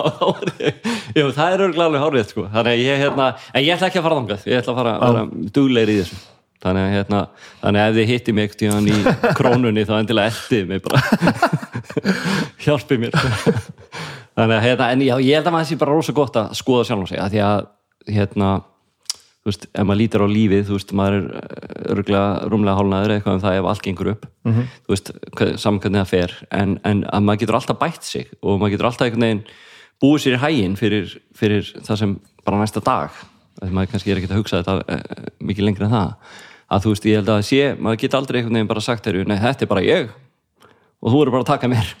Veist, það, þá ert að takmarka þessu rosalega, Já. þú veist, maður verður stundum að segja bara, "Bíddu, af hverju er þetta ég fyrir að segja bara, maður hefur oft heitt fólk sem segir bara, "Ja, þetta er bara ég, þú verður bara að díla við það. Þetta er, svona er ég bara. Já, já, já. og það bara, af hverju? Það er bara, þú hagaði bara svo fáviti. Það er það bara þú. Og þú bara sáttur. Bara hvað, þú veist, maður getur ekki þú veist, þetta hefur maður oft það. verið algjör fáviti og maður hefur gert alls ekki sluti maður, veist, en maður þarf að læra því og segja, þetta er ekki ég. Ég misteg mig, en það er ekki ég samt, en sumir misteg þetta er bara ég. Bara, bara díl við þitt bara, já, ok. Ég hef aldrei sett þetta svona, þetta er frábæð pæling. Þannig að hérna, ég já, þannig ég er að hugsa þannig og þess vegna er ég mjög hérna hef ég svona, þú veist, reynd að taka áfullu með eitthvað sem ég hef lent í eða gert uh, annarkort á minn hlut eða hlut annara að þá hef ég bara alltaf reynd að taka það og vinna með það og einhvern veginn finna nýja útkomu næst þegar þetta áreiti kemur upp eða þú veist þannig. Þannig að maður sé svona svo leiðilegt að einhvern veginn að falla í sama farið alltaf. En það er alveg, þú veist, það er alveg mjög auðvelt að gera það. Og maður gerir það yfirleitt alltaf ákveðu oft sko. Já, en ákveðlega, og þetta er ekkit, þetta er ekkit auðvelt. Þú Nei. veist, maður er ótrúlega fljótur að einhvern veginn þú veist, fara í gamla fari hjólförun eru svo djúb manni, það, sko. þannig að maður er að reyna að keira upp úr þeim en maður er á það til að fara aftur núni Ég finn það núna í þessu sko uh, ég, ég hefði áður farið í svona sálfræðum eitthvað, mm. sem hefði stundum hjálpað mér og stundum ekki sko. Mhm. það var svolítið ofta einhvern fórsendum mömmu minnar og eitthvað svona sem var bara besta mál sko. En þar var og það er kannski bara eldri hugsun ég, alltaf, ég er ekki sérfræðingur sko. þá Mhm. var alltaf meiri hugsun sko, að þú væri einhvern veginn að díla við eitthvað sem væri svo erfitt og vond og jafnvel sárt sko. þannig að maður fór svona til sálfræði sem svona hú, til að takast á við slæmumálin sko. í, það sem ég er að gera núna er einhvern veginn bara að þú sagði sko bara eins og að fara ég man einhvern orðar dáðan þú veist, maður fer bara svona í, í, þetta er einhvers konar eins og fyrir rektina Já, Þú já, þetta já, er eiginlega þannig fílingu sko. maður er bara, og, og gera nákvæmlega sem þú ert að segja bara, hér er eitthvað sem ég er að gera Mhm. alla daga alltaf og ég, hlýta að þurfa að breyta þessu því Mhm. þetta bara virkar ekki sko. en, en, en tilfinningin ekki bara hér verða að breyta þessu Nei, nei. hér það er allt ómögulegt heldur maður fer bara, herru, þetta er ekki í lagi eða, hvernig gerum við þetta. Og þá alltaf er bæðið fyrir maður inn í tíman og kemur út í tíman og bara, djúvill þetta gaman, djúvill þetta mikil snill Já, ég er alveg samanlega og þá líka kannski fyrirbyggjur það að þurfa að fara inn á neikvæðum fórsendum Já, af því að já. þú ert alltaf í góðu formi andlega Mhm. þá, þá ertu bara góður þetta er bara eins og bara með ræktin skilur. þú veist, ef þú ert í slæmu formi Aha. þú veist, já, ég meina við getum ég bara lít á mig, ég, þú veist, ég, maður er bara þú veist, einhvern veginn, hef, hef ekki stíðin og líkansvægt stöðnum í mjög langa tíma Já. maður líður stundum illa með það og það verður alveg haspurur og vesen þegar ég byrja að fara ég- ángað aftur. Og maður er svona bara, ef maður fer þangað ég veit ekki, þú veist, þetta er alveg hræðsla výmislegt þar. Mhm. en það er alveg sama hjá þú veist, ef maður fyrir til sálfrængs bara á neikvæðum fórsendum, að því að maður er orðin eitthvað þungur í hausnum eða eitthvað þannig, að þá veist, þarf að vinna svo mikið það þarf að vinna sig í gegnum haspururnar það þarf að vinna sig í gegnum þessi hérna, átöka, að þetta en taka þetta í svona litlum skömmtum og, og taka málun áður en verða þú stór Aha. að þá einhvern veginn eins og þú segir held ég að þú getur gert þetta á þessu jákvæðu forsendum Já. en auðvitað hafa kannski sálfræðingar á sér eða að fara til sálfræðing hefur á sér það orð kannski að það þurfa að vera eitthvað að Já, en það er rauninni þarf ekkert endilega neitt að ég held þetta sé að breytast sko. að því að stundum, að því að sálfræðing mér fannst það oft þannig bara gott að tala við eitthvað sem að þekki mig lítið -hmm. Er ekki með mér í liði Já, já. og bara getur sagt hlutin eins og þeir eru. Já, og það hefur stundum verið veist, eins og með, með foreldrar mína að þegar ég er að gangi gegnum eitthvað að þá, þú veist, ef ég talaði við mömmu að þá var, sko, hún hefði bara er mamma, ég er bara, ég draf mann ok, já já, förum og fylgum líkið.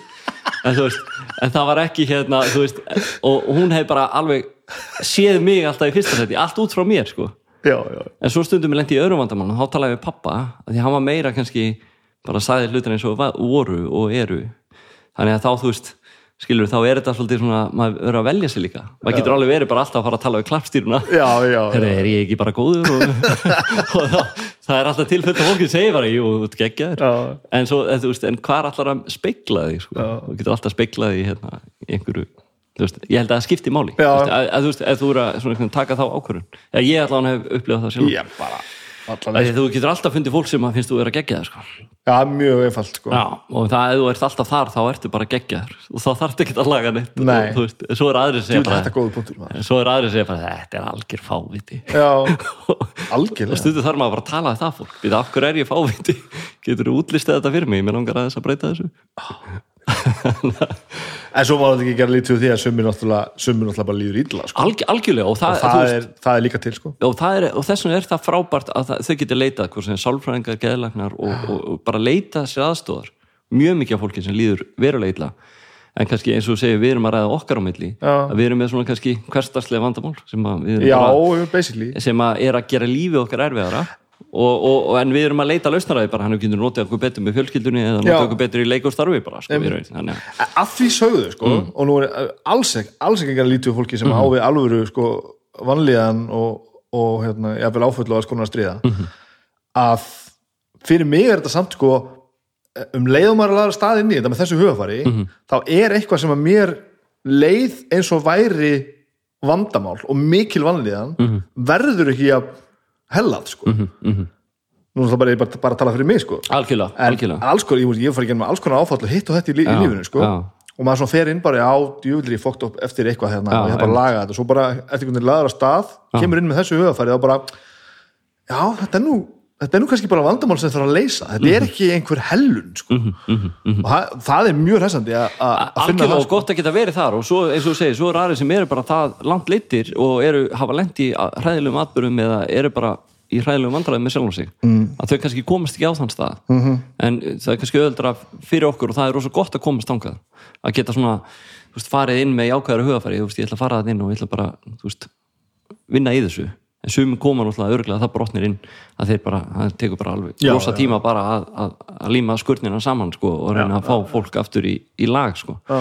þannig að en, en ég held að eh, bara svona fyrir fólk sem er svona eins og þú segir, þú ert að kvíða eins og til dæmis að fara út með ruslið eða, eða hérna eitthvað kvíði sem tengist hjá okkur ýmsum hlutum, hitta fólk út í búði eða eitthvað, að þetta er svo gott einmitt að taka þessi litlu mál sem eru ekki, þú veist, eins og ekki bara eðalega daginn endilega, en er að gera allt miklu erfiðar Já, og þingja allt. Já, eitthvað. þingja allt veginn Draga og- eftir sig eitthvað svona rugl sko. Já, og það er þess vegna held ég þessi gott að líta það sem svona eins og ræktina að bara, veist, fara reglulega já, ég ætla að skella mér hérna bara, setjast niður með einhverjum manni eða konu og bara, bara tala. Já. og þú veist, það er enginn að dæma mig og ég fæ bara, þú veist, veist reynan sannleika. Já, og, þú veist, og, bara fínt. og, og, og allar þessu mínu því fyllir, ég fæ líka bara svona uh, bara greiningu á því þetta er ekkert mjög flókið sko. Já, þetta er bara svona Já, vegna þess að þetta maður bara liggur einn heima á þessu kottanum og bara allt einhvern veginn komið í einhverja, einhverja höng og bara það er engin leið út úr þessu og ég, ég er svo eini sem líður Já. svona í heiminum. Já. svo bara þú kemur einhver og setur upp á töflu fyrir því bara þetta gerist, þá gerist þetta hér og þess vegna líður þið svona. Og maður bara, já, já, já, já, það er ósvo gott og eins og þú segir, og líka vita að maður er ekki einn. Stundu, að því maður er stundu þar bara vá, hvað ég er skrítinn maður og það bara, nei, nei, það er hérna her hérna bara um allan heim sem er jafn skrítinn og hérna, Það er- er engar ágjur það er ótrúlega heillandi og sorglegt að heyra hvað mannstu vel eftir þessu, þessu, þessu atriði vestló samt.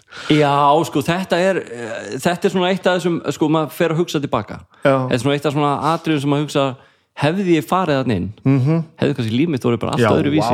Þú veist, þannig að maður hugsa að þetta er svona punktur sem að maður gerir svona hluti en það síðan bætti ég mér upp, ég fór uh, og, og drattaðist nú inn eh, lærði svolítið af þessu atvikið mig þá, Mhm. fór ég að uh, fór í hugleik sem svona áhuga manna leikus alveg og þar var ég náttúrulega tók þátt í ykkur þremur uh, leikritum og fekk alveg fína útrás fyrir hvaða leikritum?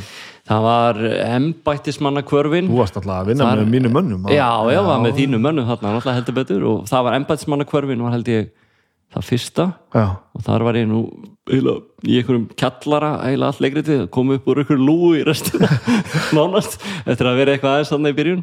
Og svo var það, sem var svona það sem stæðsta var væntalega, var Sálir Jónana Aha. og þar var hérna leki einmitt, eh, voru nokkri, nokkra sálir að fara hérna, til, til hérna likla pittus Þú varst og, og þar. var ég hérna lekið samkynniða mann, var í bleikum leðujakka og, og leðu buksum já.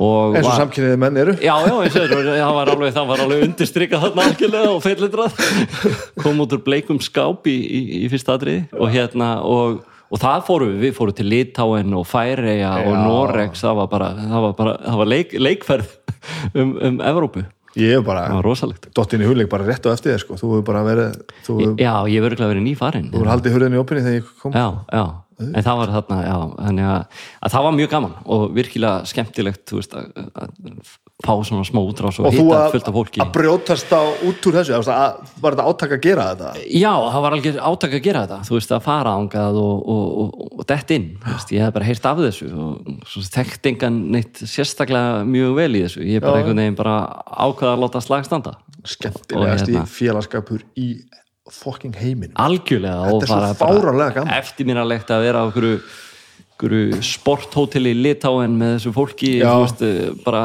þú veist, og þú veist, eh, að fara í ferðalög það er bara gítarinn rifin upp á kvöldin og það er alltaf allir í góðu skapi allir voru stiðjandi og þetta er, þetta er ótrúlega, það var, það var skemmtilegu tími sko. og þar fekk ég náttúrulega mest útrásina fyrir, fyrir svona að prófa stíðarsvið Mhm. og bara gera það sem að hérna, mér hafði alltaf langað til að gera. Og hva, veist, hvað ertu þá í, í lífinu, hvað ertu búin að gera, hvað ertu þá að vinna? Þá þá að er ég bara að vinna, sko, ég er búin að vinna hjá skífunni eða senu bara í 25 ár, sko, eiginlega bara frá því að ég svona, uh, þannig hef ég verið verið að reka, sko, þegar ég tek fyrsta hlutverki þá er ég að reka tölvuleika búð í kringlunni, eða borgarkringlunni sem var, og svo fer ég stutt eftir það, bara að vinna hjá senu og þá er ég, er ég að taka þetta meðfram því og svo í rauninni, hérna uh, já, svo er ég bara eiginlega búin að vera hjá því fyrirtæki, skífunni sem Já, hét já. og er bara þar ennþá, sko, þannig að og fórst þér að beint út úr skóla í þetta bara? Já, ég far semst hætti í yðrækstarfræðinni uh, til að kaupa hvað heit það leikjaland eða tölvu ég man ekki eins hvað heit leikjaland held ég hafi heitið í borgarknunni og var svona tölvuleiki búð. Kiftur búðina? Já, við keiftum búðina sem að voru alveg hræðileg mistök en við vorum bara mjög ungir og hérna og vittlusir og, og keiftum hana og það voru allir búin að líta á keisi með okkur og sagði okkur allir að gera þetta ekki en, en við ákvaðum að vaða í það einhvað síður. Og, og fórum inn í það allt saman. Og lendum í þvílikum áföllum og, og hérna bara eins og, eins og að, að standa í svona. Já. vantilega ge, gerir fyrir marga við þurftum að þú veist, fjármagn okkur með okurlánum á einhverjum tímapunkti og maður bara guð minn almáttu sko. en við náðum að leysa þetta allt á endanum. En þetta var algjör bara heimur sem að bara, þetta var bara áhugin og tölvuleikjum dróman inn í þetta. Og vinnum minn úr garabænum við svona ákvaðum að bara láta vaði á þetta. Og í dag er ég náttúrulega bara mjög tengdu töluleikjum og, og í kjölfarið eftir að það gekk ekki upp, ég reyni bara fór bara á hausinn, það er svo verslun að þá fór ég til sagt, senu eða skífunar og hefur verið að vinna með töluleiki þaðan bara nánast, Síðan? síðan. Vá. Og, og hann fór sagt, til BT eða tæknivals á sinni tíma Já. og er núna bara í mjög góðri stöðu og eru tveir með þetta Já, voru tveir með þetta og hann er, er núna að vinna bara er mjög hérna hátsettur hjá EA Games og, og hefur bara þannig að tölvu veist þannig að hann, heitir Adolf Já. eh, Kristjánsson og er að, er að vinna núna bara er að vinna í þróun hjá þeim á, á stærstu leikinu er að Já, vinna í, já. við FIFA og er að vinna núna við Battlefield og þannig að, þannig að við hérna sérst, vorum með þetta og fórum í sikur áttina. Þannig að leik, eh, veist, þetta er unni þó að þetta hafi ekki gengið upp þá samt markað þetta líka ákveðum veg sko, því að bara daginn eftir að þetta fór á hausinn fikk ég símtal frá skífunni herre, við fréttum að þetta er nú ekki gengið nú vel viltu ekki koma að vinna hjá okkur. Við erum að hæra að opna þetta töluleika búð og gera eitthvað. Og ég bara, jú, ég er til. Og, og það hefur einnig bara verið mitt fullorins vinnulíf síðan. Hefur verið skífan og sena þangað til, eða já, síðan bara og ég er ennþá, þar í dag. Magna Á hvað á hvað tölvuleika tíma erum við þarna? Hvað, hvað er þið að selja í búðinni þarna? Það til að selja Sega Mega Drive Já, já, Mortal já, Kombat, það var svakalegt eh, hann var mjög heitur þarna. Já, og eh, þetta er kynnslóðin upp úr og eftir Nintendo brálaðið já, já, þetta er þarna Sega Mega Drive Lion King var að koma þarna og, og Sega, ég mann vel eftir að við vorum með hann þarna ég voru alltaf mikli fútbolmanager menn eða championship manager menn. Aha. og kannski spilum hann full mikið með að að að vera að reka búðina. Og, hérna, og, og þetta, var, þetta var alveg, þú veist, þetta er Mortal Kombat. Við áttum að fá hann, keftum eitthvað umboð með þessu sem var að claim eða eitthvað, minnum mig, sem að, var, að gera Mortal Kombat. Og þeir gátt ekki selt okkur ekki Breitlanda, þetta var alltaf kuppum og erfitt að framleiða og mikil eftirspurn. Þannig að þeir tengd okkur í Ítal, einhvern aðila á Ítalíu og við tókum allan peningin okkar sem við áttum og sendum hann út til Ítalíu. Svo fengum við aldrei leikinn. Og þetta var svona eitthvað Já, já, og við bara, ah, veist, þetta fór alveg hræðilega á stað og við náttúrulega bara vorum algjörlega gjörsanlega óhæfir til að reyna þetta. Og segja það eins og er. En, en maður læriði helling að þessu. Og þetta var mjög góð skóli, ég hef ekki viljað missa þessu. Þetta var alveg, veist, stundum held ég að maður þurfi að já, því að þetta líka bara færði mig það sem ég er með í dag. Og varstu þarna múin að vera rekjaði bara búin að spila tölvuleiki bara streitt Já, alveg, það alveg var bara, var bara á Sinclair Spectrum svo var að koma á 64, mm Mhm. diskettu drif og það var rosalegt og svo var bara PC Já, og, og, og það, var, það var bara kringum uh, alltaf ekki verið bara verið örgulega 16, 15, 16 þegar fikk. PC 12 örgulega hvernig vélar voru það? það voru bara eitthvað sko með bara diskutdrifi og 40 megabæta hörðum disk Já. og ég man einmitt ég þú veist, sagði þú veist ég mun náttúrulega aldrei ná að fylla þetta. Nei, Þetta var 40 náttúrulega- meg. ég, mér fannst það bara sko risastórt sko. Yfirgengilegt. Þú veist ég er að taka stærri myndir á síma minn í dag sko, bara hvað þetta, þannig að maður, maður gæti ekki hugsa lengra en það sko, það var bara grætt skjár. Já, já, og hérna og maður var að teikna einhverja þrýðninga í basic. Mjög heitlandi eftir lítið til að gleða mig á þessum tíma það var rosalegu skóur af BBC tölvum í kringum mig. Já, ég fór ekki var am, Nei, hvað var Amiga? Ég fór í Amiga Já, Amiga var það. BBC, já, það var náttúrulega það var rosalega mikið tikkið af því það sem ég var sko. Já, þannig að þetta hefur verið svona dreifstæðins en hún var alveg vinsæl sko BBC, já, Já. já. ég heldur að það hefði bara pappi mér á tónlistaskólastjóri pappi naglbítana var skólastjóri á laugum í Reykjadal sko. Já, og ég heldur að það bara sko. Jón var mjög framalega búið til sko, naglbítapappin sko, í að koma mentanettinu í gang og svona sko, já, ok með, með Pétur Kópskeri og þeim sko. Þannig að við, ég sá bara eitt af fyrstu, fyrstu tölvupóstunum sem þú sendir á Íslandi sko. Það var bara öllum skólarum sópað fram á gang Mhm.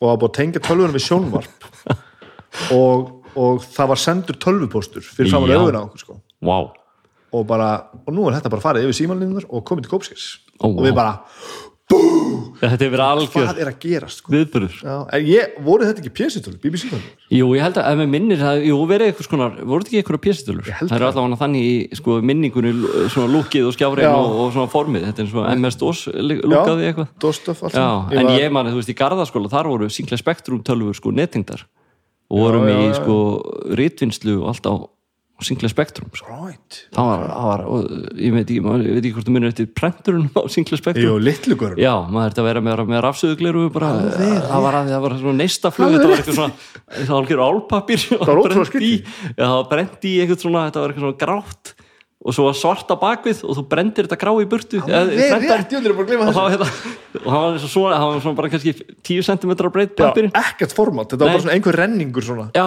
pappi bjóði í Danmörku, ég var alltaf að senda hann bref á þessu og það var bara, ég var bara í brunahættu hvað skipt það voru bara tveir reikskinnir í herbyggi sko. Og varstu þá, þú varst að spila tölvuleikja á pjesi þarna? Já, og spilaði tölvuleiki PC, já og hérna, og það var þá sko, það er alltaf á YouTube hafi verið alltaf dreigið upp reglulega, þá var hérna ungt fólk og áhugamálið þeirra á rúf eitthvað þáttur. Það er mynd, hefur viðtalið með 17 ára gamla nefnir að spila PC, þá var ég komið með litaskjá, það hefur verið með grænan skjá fram að því sko. Já.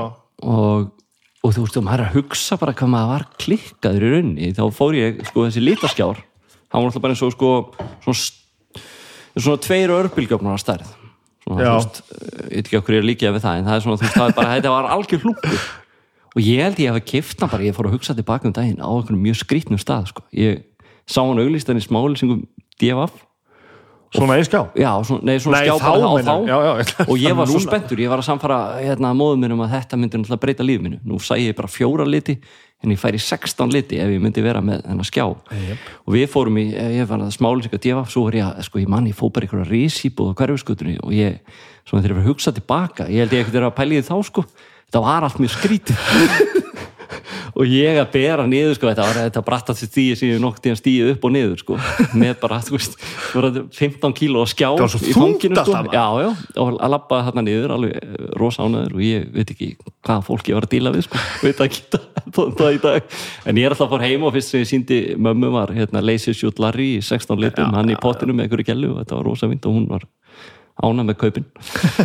Þannig að það, já, það var allt í pjessi sem ég var þar og var með hérna og, og var mjög mikið í því allir þessir leiki sem voru þar og, og já, þannig að ég fór, fór þar og svo í rauninni bara frá PC yfir í Playstation þegar hún kom. Bara PS1. já, og hef eiginlega verið bara Playstation síðan sko.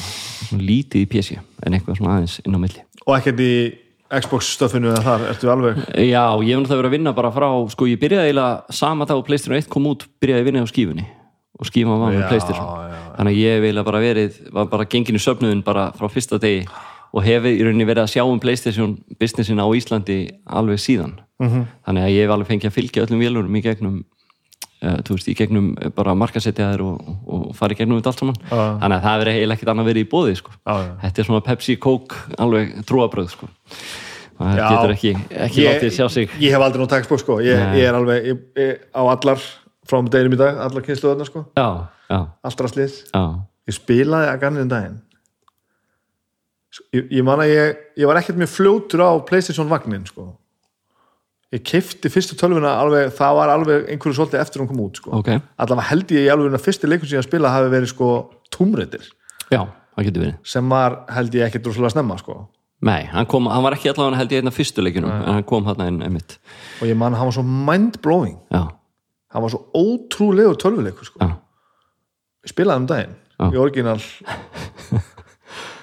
það er ótrúð hvað heilin í manni breytir minningum Já. þetta er bara það, það, maður þarf að ströggla við að sjá hvað er að gerast sko. og ég er ekki eins og að grínast og þarf í alvörinni að búa þér til svolítið mikið af myndinni sem er sem gerir það kannski verkum að þessi töluleikir eru svona ógeðslega góður, þeir eru bara að spila einhvern veginn á heilan í manni að, að fá mann til þess að hugsa sjálfan sko. já, já. En auðvitað vissi ég þetta væri þú veist, gamalt og pixla og, og, og, og það allt saman sko. Mhm. en þetta er rosalega gamalt Já, þetta er alveg, þetta er hæðilegt þetta, þetta er ekki einu sinni sko svona klassík sko eins og Mario eða eitthvað sem þetta er ekki svona nostalgist sko. gott sko. Nei, ég- þetta er bara slæm Ég keipti þarna er endur útgáfi Playstation 1 þarna til að tengja beint í eh, bara hátími eða þetta var svona fastir með 20 leikjum eða eitthvað þá spilaði ég upp á leikjum minn aftur sem heitir Siphon Filter og spilaði hann í Playstation 1 sem sagt. þetta var svona skotleikur, þú veist, einhver sérsveita maður og það að skjóta, bara svona þriði persónu skotleikur. Mhm. það var, ég, ég bara, ég er ekki neins, ég sá bara ekki hvað var að gerast. Nei. og það, ég vissi ekki hver, hver var góður, hver var slæmur hvað var maður, hvað var dýr. Ég, ég bara, ég vissi ekkert. Og ég var bara, ég, ég var bara stopp. Bara, hvað á ég að gera? Og ég klára hann leik, sko, og ég spila hann svo mikið og mér finnst það svo góður. Og þetta var bara algjör, það bara hrundi bara hjá mér bara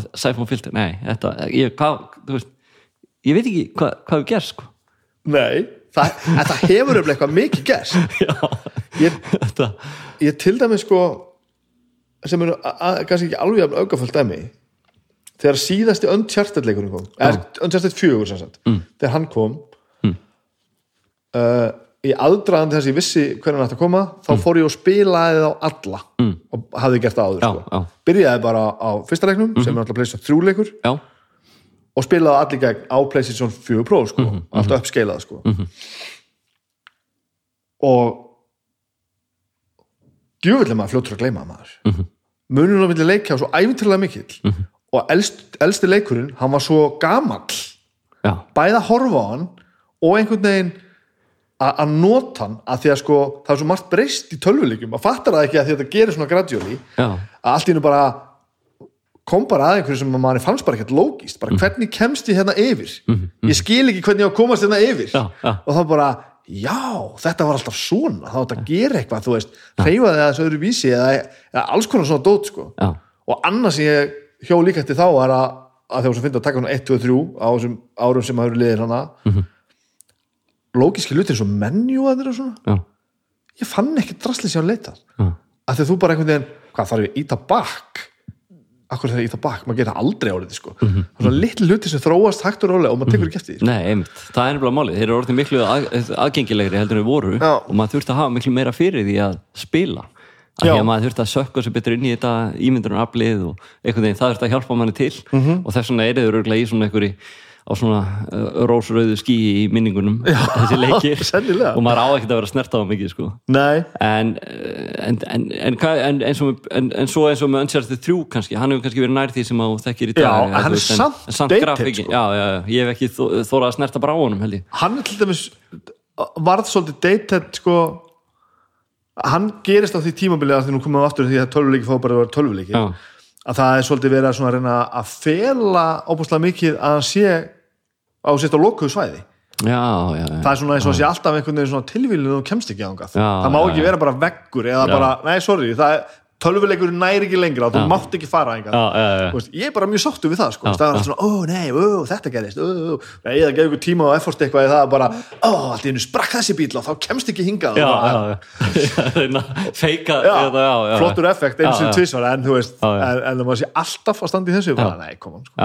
Já, þeir hafa breyst rosa mikið með þetta að gera. Er náttúrulega, hérna, og ég held að eins og þú segir með valmyndir og ímyndlega fleira ég- þetta er bara orðið aðgengilegra, fleira spila þetta og svo náttúrulega hafa þessum betur bara lært af því sem, Já. að, sem hefur gerst en við höfum þurft að ströggla með ímyndslegt hérna genið tíðina þetta, þetta tómrætti dæmi mitt var bara er náttúrulega- upplifun Já, það sé myndir úr lítur var- ert- Ertu þá eiginlega hættur að spila á eitthvað annað bara? Ertu þá bara komin í, Uh, hvenær þá þegar PlayStation 1 kemur? Uh, bara, Já, þá er ég farin þá er ég ennþá eitthvað í PC en fer, fer þangað yfir sko. Já.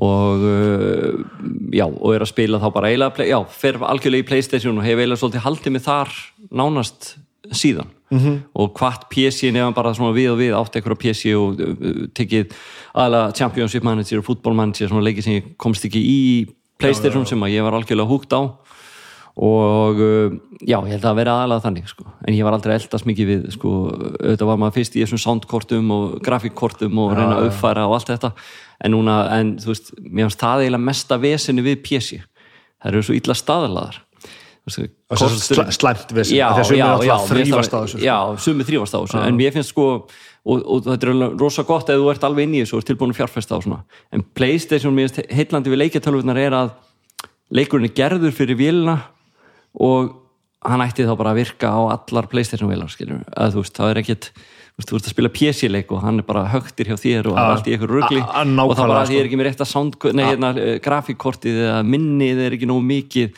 og þú veist, ég nefndi ekki að vera að pæla í þessu nei, nei, nei. Þannig að mér er svolítið gott að hafa þetta bara staðla segja bara ok, framleiðinir er að framleiða þetta fyrir PlayStation 3 Mhm. eða 4 og þá lítur hann bara að virka fyrir PlayStation 3 eða 4 Þú veist. og mér finnst líka bara svo mér finnst konseptið leikja vel svo skemmtilegt Já, mér finnst þetta djúvill allir að fara að nota orðið stýripinni mikið núna. Ég, Já, er grafitera svakalega, yfir í að nota orðið fjastring ég er hættur í, Já, já. að þú segir það á mája já, þú veist, þú ert bara með eitthvað höndur sem er bara búið til þess að leika sér með sko. Já. þú ert bara að gera þetta, það finnst það svo briljant sko. Já, ég er alveg sammála, ég er mjög heillar því og ég segi verði bara þar það sem, það sem eftir er. Svona með kannski smá svona eða veist, til dæmis eins og fútbolmanager bara komin í iPad. Þannig Já, að bara já. nota ég það þá frekar heldur, heldur en PC Þannig að ég er bara góður þannig spilar þetta? Manager? Já, ég Manager, gerir það að þetta heiti Manager já, já, ég er en da, ég tek svona, tek svona æði ég fer inn, tek nokkuð tímabil spila yfir mig og þá finnst mér hann bara ógæslegur og þá bara, bara get ég ekki snert á honum og svo dregur hann mig aftur inn á endanum sko. Já. en það líða alveg oft sem þetta bara mánuður er ára á milli sessjóna hjá mér núna ég hef tekið, ég hef, ég hef aldrei gett hann í þessu Nei, bæði hef ég held ekki nógu mikið áhuga á fótbolta sko, Mhm. og, og svo bara einhvern veginn já, ég nenni ekki að hugsa svona mikið. Ég, það er eitthvað sem að ég tengi það er við mikið tími sem ef þú talar um árangri þarf að vera mik- eh, setja mikið tími í þetta. Já. ég held að ég sé einmitt á samastað og þú. Ég hef aldrei getað neitt mikið í þessu. Nei. ég er alltaf að reyna og, og ég er ekkert svona að nenna kannski að leita að alveg einhvern gullmóla í einhverju svona bara einhvern liðum, neðri liðum og reyna að finna eitthvað og byggja upp eitthvað og þú veist, ég er ekki alveg þar. Ég einhvern veginn vill bara líka við velja í lið og spila næsta leik og, og ekkert vesend sko. ég hef tekið nokkra túra um, um, um heiminn með hljónstinu minni þar sem að sem verða undir lagðir af þessu. Já, Flex hljóðmaður nokkar stórkustlugur Axel mm, hann tók eitt túr þar sem hann var bara með iPadin öllum stundum Mhm. að- að stjórna fótballtaliðum sko. og byrja að koma með honum í þetta og þetta, að þá sá maður bara veist, mikil frítími átt að túra sko, og þú ert bara Já. mikið í kóðinniðinu og bara hitt og þetta þannig að sá maður bara að til þess að geta gert þetta vel þá Mhm. þarftu bara allan þennan tíma það eru bara örfáðu tímar á dag þar sem við þurfum að spila þungarokk Mhm. ef við erum ekki að því, þá eru þið bara stjórna fótballtaliðum sko. Ég ætla að fara að drekka bjór en þið sjáu þá þetta sko. já, já, það er alveg bara svona og ég nenni þessu ekki sko. Nei Nei, mér finnst- það gaman, ég dregst alveg inn í þetta og það var liðið alveg mjög margir tímar sem að ég eiginlega kerum ekki um að vita hversu margir en það er eiginlega rosa mikið sem að ég bara þú veist, verið bara að þetta er svona eitt leik í viðbútt syndrómið í Já, já, fútbolmannsjör já. þú bara, ég tapaði þessum, ég er að taka einn í viðbútt svo er maður kannski klukkunar fjögur um nóttina og það vinna daginn eftir og maður er ennþá bara eitt leikur í viðbútt og þetta er, það er eitthvað skytið Já. ég er þannig vaksin upp úr því Ó, ok. en, en þú veist, nú ertu komin, nú ertu komin aðeins í bullandi þarsóknir sjálf aðeins sko. Já, nú ertu búin að að fara og stopna búð. Já. Og þú varst ekki komin á þann stað og er að fara að láta drauma þeirra rætast? Nei, sko ég er, þannig er ég alltaf orðin sko, þegar ég stofna búðina er eitthvað kringum tvítugt eða eitthvað. Já, og það er eitthvað við bara förum í það verkefni. Og, og það er kannski þarna sko sem að ég byrja að stíga einhver skref í það átt að vilja bara gera það sem ég vil. Og meðvita þá. Já, já, já, og við hlustuðum ekki á neitt sko, sem málsmetandi menn sem að við kannski, maður var kannski komið bara með nóg að hlusta á af því að maður var kannski búin að vera að hlusta bara alltaf. Þannig að þá fór maður svona í eitthvað smá rebul eða bara blindni, ég veit ekki hvað er þetta að kalla og hvað langaði bara þetta myndi ganga Já. þó væri enga fórsendu fyrir. En hérna, já þannig að það, þetta er svona eitt af skrefun sem að allavega let slag standa svona á móti strömmnum já, og hérna, þannig að það var allavega þá. Og svona á þessum tíma þá var þetta svona að byrja það, þú veist, ég mannast tíma, ég tók þátt í hæfileika keppna Hótel Íslandi. Gunnar Þóruða bara formaði dómnefndar og, og þá ég með stand-up. Og þú veist, og það, það langaði mig líka rosa mikið að gera. Og þarna var ég svona að byrja að reyna að finna mig eitthvað svona, að reyna að gera eitthvað annað. Var hugleikur og þú veist, reyna og hérna, og það var alveg mjög gaman. Og hérna, og byrjaði með Game TV, sko, eða forvera Game TV sem byrjaði á Rás 2 eins, eins sexy og það hljómar að það var útastáttur um tölvuleiki. Ekki manni eftir því. Nei, hann var á sunnudum og hétt leikur einn held ég hann hafa eitið og þá var ég að lýsa leikjum sagt, í, og tala um leiki í útvarpi sem var alveg skritið en og ég var, var að spila bara tónlist af vinilblötum og var eigin tæknimaður og, og var bara að stýra þessu öllu þarna upp og, og, og músík líka Já, já, með tónlistin á milli og gætt valið lögin sjálfur, engin tölva að segja mig hvað þetta spila og svona, og árið er þarna hvað þá þarna, þetta er auðvitað í 90 og, ég man ekki 96 eða eitthvað svona 94, 96 eða eitthvað. Magna. Þá þetta, þetta er svona fyrsta sem ég langaði að gera en hvernig dettur þarna inn Ég er rauninni sko, hafði alltaf áhuga mér langaði að vinna í fjölmiðlum vera leikari eða uppistandari -hmm. þetta var svona bara það sem ég langaði mest að gera. Og svo var ég alltaf orðin þetta gama alltaf ég veginn svona lífið bara tekið við mér í allskinn svona skildum og, og vesinni sem þetta sinna, bara eins og lífið koni bandingur og svoleiðis svona Uh, nei, reyndar ekki. Uh, þú veist ekki uh, þú veist, eignast strákin 2001 en það er bara svona, þú veist, það að vinna og, og þú veist, svona eitthvað svona fjölskylda að byrja- mynda svona, veist, þannig að þetta var svona bara ákveðnir hlutir, þannig að maður ekki allavega beint að fara í eitthvað svona career move sem að bara, já, ég ætla að vera uppistandari. Nei, nei, nei, og svo er ekkert víst að einhverjir hefðu áhuga og þá er maður búin að kannski fórna vinnu og annað fyrir eitthvað svona. Þannig að ég, en ég var allavega með allskið svona þarna e, spjót úti til að e, láta drauman rætast. Og, en hef síðan aldrei þóra að taka alveg, alveg stökkið eða kannski haft bara nóg mikið áhuga á því til að fara bara að segja, ég ætla bara að gera bara karriér úr þessu mm -hmm. að því að það er bæði að ég hef bara átt verið mjög heppin með vinnu sem að ég fengi að finna mig í og verið, haft mikið áhuga á og, og fengi að njóta minn í þannig að ég hef oft fundið bara góð tækifæri þar þannig að þörfin hefur kannski aldrei verið það sterk að ég hef þurft að taka. Nei, þannig að ég, en, þú veist, en, en, en svo hef ég leitað, þú veist, ég hef oft selt mig út sem uppistandra Já. bara, þú veist, okkur skemmtanir og verið með fullt af uppistandi? En ég veginn hef aldrei kannski endilega vilja vera þar. Nei, nei. það er alveg fullt af pressu sem fylgir því. Já. og þú veist, finna nýtt efni og gera eitthvað. Þannig að, þú veist, en ég, en mér finnst allt í lagi, þú veist, ef ykkur ringir og segir þá, já, ég er, ég, þú veist. Í dag líka? já, já, þú veist, liggur, liggur þannig á, þá bara get ég alveg sagt já, ég hef tíman, ég er til í það það er ekki, það er örugglega bara samt gamalt efni ég, er- ekki sýt ekki á kvöldin að búa til nýtt en, en þú veist, að, en mér finnst það mjög gaman Já. og ég voru með pubquiz núna daginn, tókum svona Game TV Live núna bara síðustu viku Uh-huh. og þá fekk maður svona, gæt maður nota þau element, teki hérna smá stand-up inn í Og líður vel með þetta?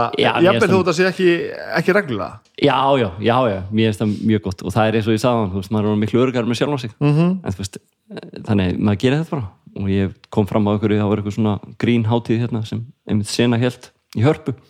Og þar kom ég fram með uppistand og, og og, og svona, já, nýti bara þú veist, tækifæri að þú koma, en ég er ekki aktíft að sækja eftir þessu. Og alveg bara með sett, þú veist Já, þetta já, bara, já, já, mjög örugglega hálftíma sett sem ég Já, á allavega, sko, þú veist, sem að ég get alveg keirt, keirt, keirt fram.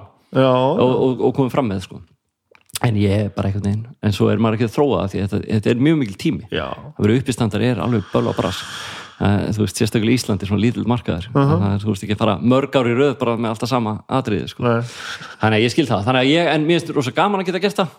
Og það er bara hluti af svona hausnum á mér bara, þú veist, að koma á blað öllum hugmyndunum mínum. Já, já. og svo kannski ger ég með það, eitthvað með það eða ekki. Þannig að Þannig að þannig er ég alveg á full, fullu komin hann eitthvað rétt undir þrítugt. Og rást Og hvernig, hvernig það er í rauninni bara, ég er mikil tóttina maðurdáðandi og e, ég var í, sko, stopnaði tóttinam klubbin þetta er alltaf ekki hægt, sko.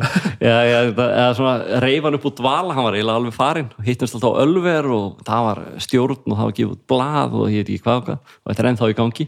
Og þú prímusmóturinn í þessu? Já, ég svona endur ræsa Tottenham klubin, já, þá vorum hérna ég og annar eh, voru tvei sem duttu, duttu minn og, og ræstum hann í gang og, fengum fullt af, fólki og kynntist fullt af fólki. Og einn af þeim sem var hvað harrastu þar, var að vinna á, á Rástvö og einhvern veginn svona bankaði ég á dittnar einhvern tíman og sagðist þeirra með hugmynd og fekk tækjör til þess og, og, og, svo, og það var eiginlega svona kveikjan af því að sem Game TV var síðan og sem að ég hef eiginlega unni við bara upp úr aldamótum sko. Það Game TV kemur þá svona í kringum 2000, 2001 kannski.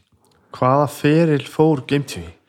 það Hvar, byrjaði byrjaði? sko Game TV var til sem svona stuttar leikjaklippur á Pop TV Já, ég mani til því. Og þá Var það fyrsta sem var gert? já, og það var eiginlega fyrsta sem var bara svona algjörlega, það var ekki einu sinni þetta var bara eins og trailer. Já, það var bara svo trailer á kom bara milli. Game TV, svo kom trailer og svo bara búið, það var svona uppfyllingarefni á, á Pop TV Já, já, já, já. og við í rauninni sko ég flytti Danmörkur og er þar bara í þrjú ár og er svona bara samt að vinna fyrir senu eða skífuna á þeim tíma.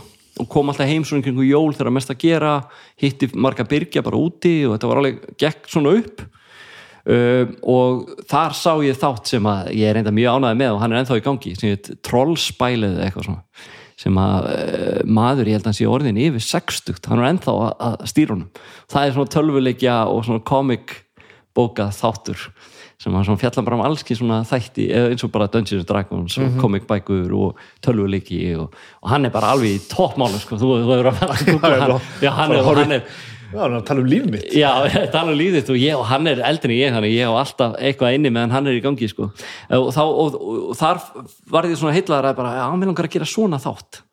Og þá var sko sena eða skífan inn í Norðurljósum sem var stöð 2 og TV og allt þannig ég var að vinna inn í þessu fyrirtæki. Þannig ég fer bara sel þeim hugmyndina þegar ég kem heim frá Danmark að þessum, að þessum, hérna, Þessum- Game TV eða þú veist, að tölvuleikja þætti. Og þá taka er henni Game TV konsepti sem þeir voru búin að gera sem bara eitt trailer alltaf já, þú varst ekki þar. Nei, ég var ekki, það var ekki, það, það var ekki narritað það neitt, var sko. ekkert narrið sem í var, því. nei, það var bara, eitthvað, bara Game TV svo kom bara eitthvað trailer sem var búin til að framleiðanda þetta. Var bara svona eins og auglýsing. Þetta var bara svona eins og bara eitthvað ok, uppfyllingar ég man ekkert eftir því, Nei, ég er ekki að tala það um var það. bara svona, nei, svo kem ég inn jú, bara með, tek bara Game TV og geri það að mínu. Og þá byrja ég bara eitt þarna einmitt í Game TV og er bara frá upphafi. Já. og, og selðum hugmyndin á Pop TV og er bara þar með þennan töluleikið þátt þar horfði ég held ég bara alveg frá upphafi sko. Já, og það eru mjög margir sem eru mitt sem að gerðu það, af því á þessum tíma var ekkert mikið um eitthvað YouTube uh, eitthvað svona, Nei. engar svona það var eiginlega ekkert, það var erfitt að ná í efnið já, og Íslands sjónvarp var ekki að sína nema bara þarna þannig að þetta er alveg viðburður þegar það byrtist í Game TV og þá var það eitthvað bara, ó, þetta er bara ég bara hef mjög sjaldan verið þessi sem að þú veist, ég, ma- ég horf á Simpsons Mhm. og eitthvað svona örfáir svona, þú veist, svona þættir sem að maður er enda að ná Mhm. og um leið og maður gætt fara að nálgast þetta helst ólulega þá gerði maður það bara þannig á þessum tíma sko. Mhm. þetta er bara einn af fáum magasín sem ég mann eftir að ég bara svona uh, vissi klukkan hvað þetta var og ég horfði sko. sennilega einmitt út af þessu sem þú að segja, á þessum tíma var þetta þannig að, að, að það var bara ægileg vinna að ætla að finna allt, allar upplýsingar á sama stað sko. einmitt ekki á sama stað heldur að, að, að, að upplýsingar voru ekki á sama stað. Heldur maður þurfti að leita að öllu saman svo einhvern veginn komst þú bara með þetta og síndi bara allt sko. já, og það var eiginlega það þess vegna var, uh, gekk hann vel þannig og gekk alveg vel þannig við byrjum á Pop TV svo fórum við yfir á uh, fórum yfir á stöð 2 í einhver tíma, bara eftir batnatímanum fengum mjög mikið að kvörtur um þá það var bara að fara beint úr Æ, það voru bara hérna það voru bara gúmibitinir og nei, hvað þetta hérna, eh, hvað hétu Kellis Kellisbitinir eða hvað þetta hétu og þeir og svo var bara Game TV, það var bara Doom 3 bara beint á eftir sko, það var nýbúið að vera bara allir með hérna ísöma hjarta bara klúan 11.00 og 12.00 þá var, þá var hjarta og heilin bara sprengtur í loftu þannig að hérna, þannig að þetta var svona alveg svolítið já, stórt stök. Og við, það var mikið kvarta við því. Þannig að við, þá fórum við inn á stöð fyrir sport eða sín eða hvað það hétta á þeim tíma þannig að við vorum búin að vera eiginlega á öllum og sirkus var stofnuð, það var uh, sjónvarstöð þar alveg fórum við yfir og svo endur við yfir á skjá einum og þar var svona gert Já. meira þessu og þar var svona meira svona, lagt í þetta og ég ætlaði bara ekki að þú að setja, var þetta ekki á skjáinu? jú, þetta byrjaði allt þarna inn á Pop TV og þar Ert þú að vinna á skífinni senu þá?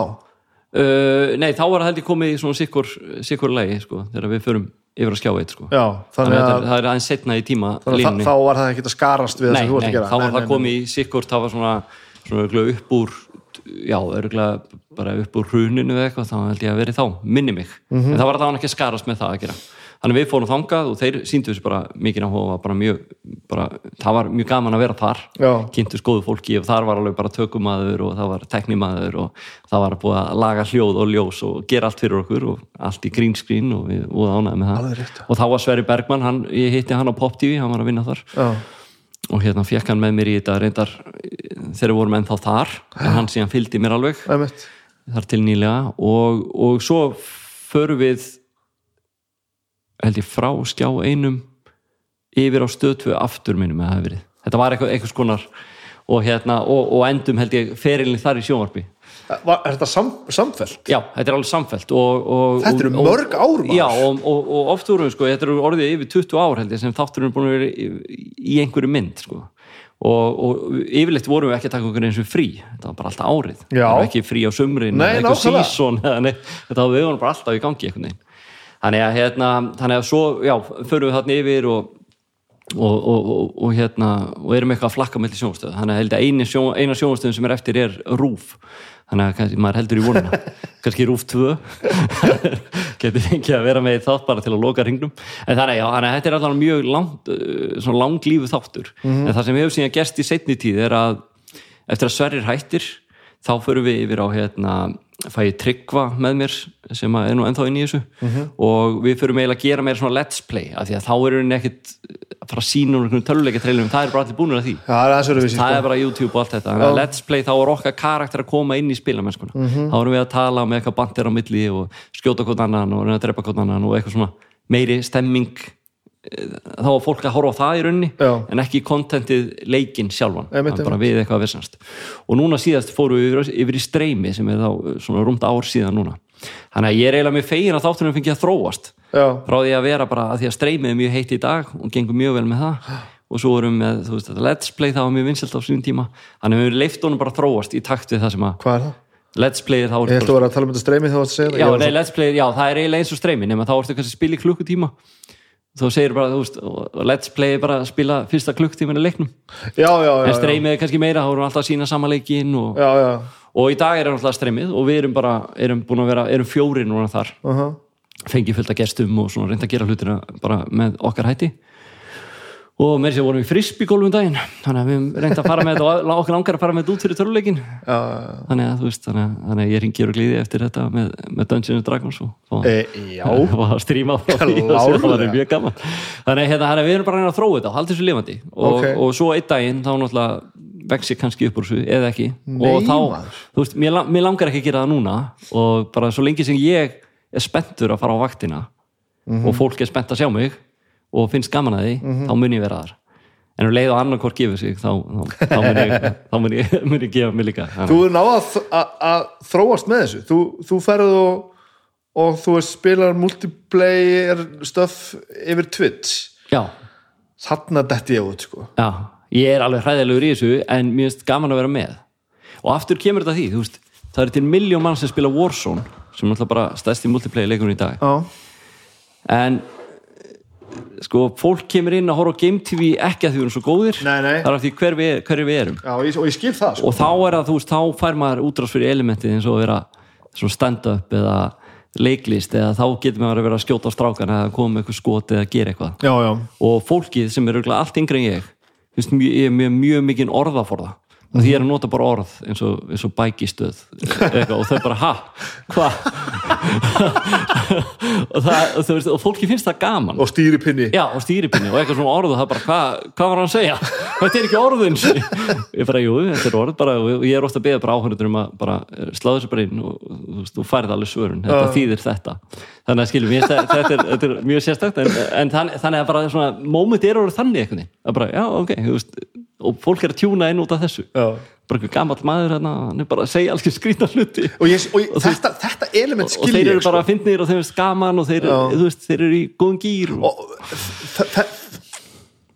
lætur það ekkert ok, þú er grantið, þú ert að vinna með þetta sko. Mm. en, en sko lætur ekkert færa töður á þegar þú ert lélegur?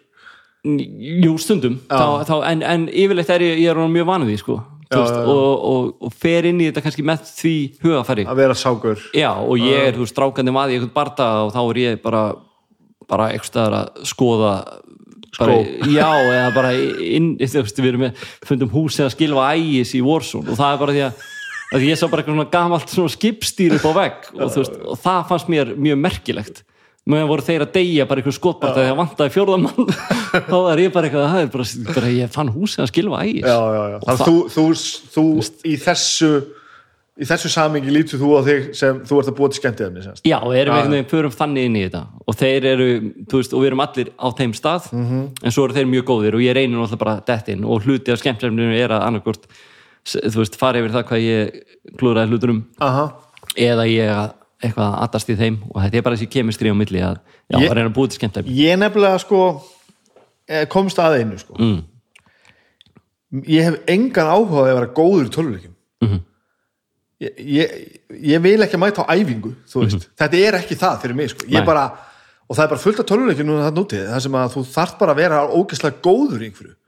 Ég, og ég bara játaði fyrir sjálfum mér fyrir einhverjum ári síðan að ég vil bara spila alla tölvuleiki á easy. Mhm. Ég vil setja þetta allt á léttasta Ertu við bara að spila Last of Us og allt á liðsta? allt bara Ok, um leið og, mig- um leið og ég finn Mhm. að mér finnst það að vera áberandi oflétt Mhm. þá breyti ég bara ok og, og ég held, ég að tekja þessu ákvörðum þegar að difficulty fór að vera stillanlegt á meðan að spila Já, að þetta var alltaf svona commitment þú bara Já, já. Val, valdiði difficulty og þá bara varstu fastur allan leikin sko. Mhm, þannig að ég byrja bara, bara að léttast það og ef það er fáránlegt sko, Mhm. þá fer ég upp um einn kannski Já, ok, ok, ok þannig að ég, ég vil hafa veist, ég, ég, það þarf að vera pínu spenna sko. ég vil ekki geta bara labbað inn og, og, og staðið kjur í tvær mínútur og ég, ég degi sko. Nei, nei, nei, nei. en þar fyrir utan þá er ég bara góður sko ég er ekki bara, "Ó, þetta tókst ekki í 50. skipti, ég verð að prófa aftur ég bara, fokk þið sko Já.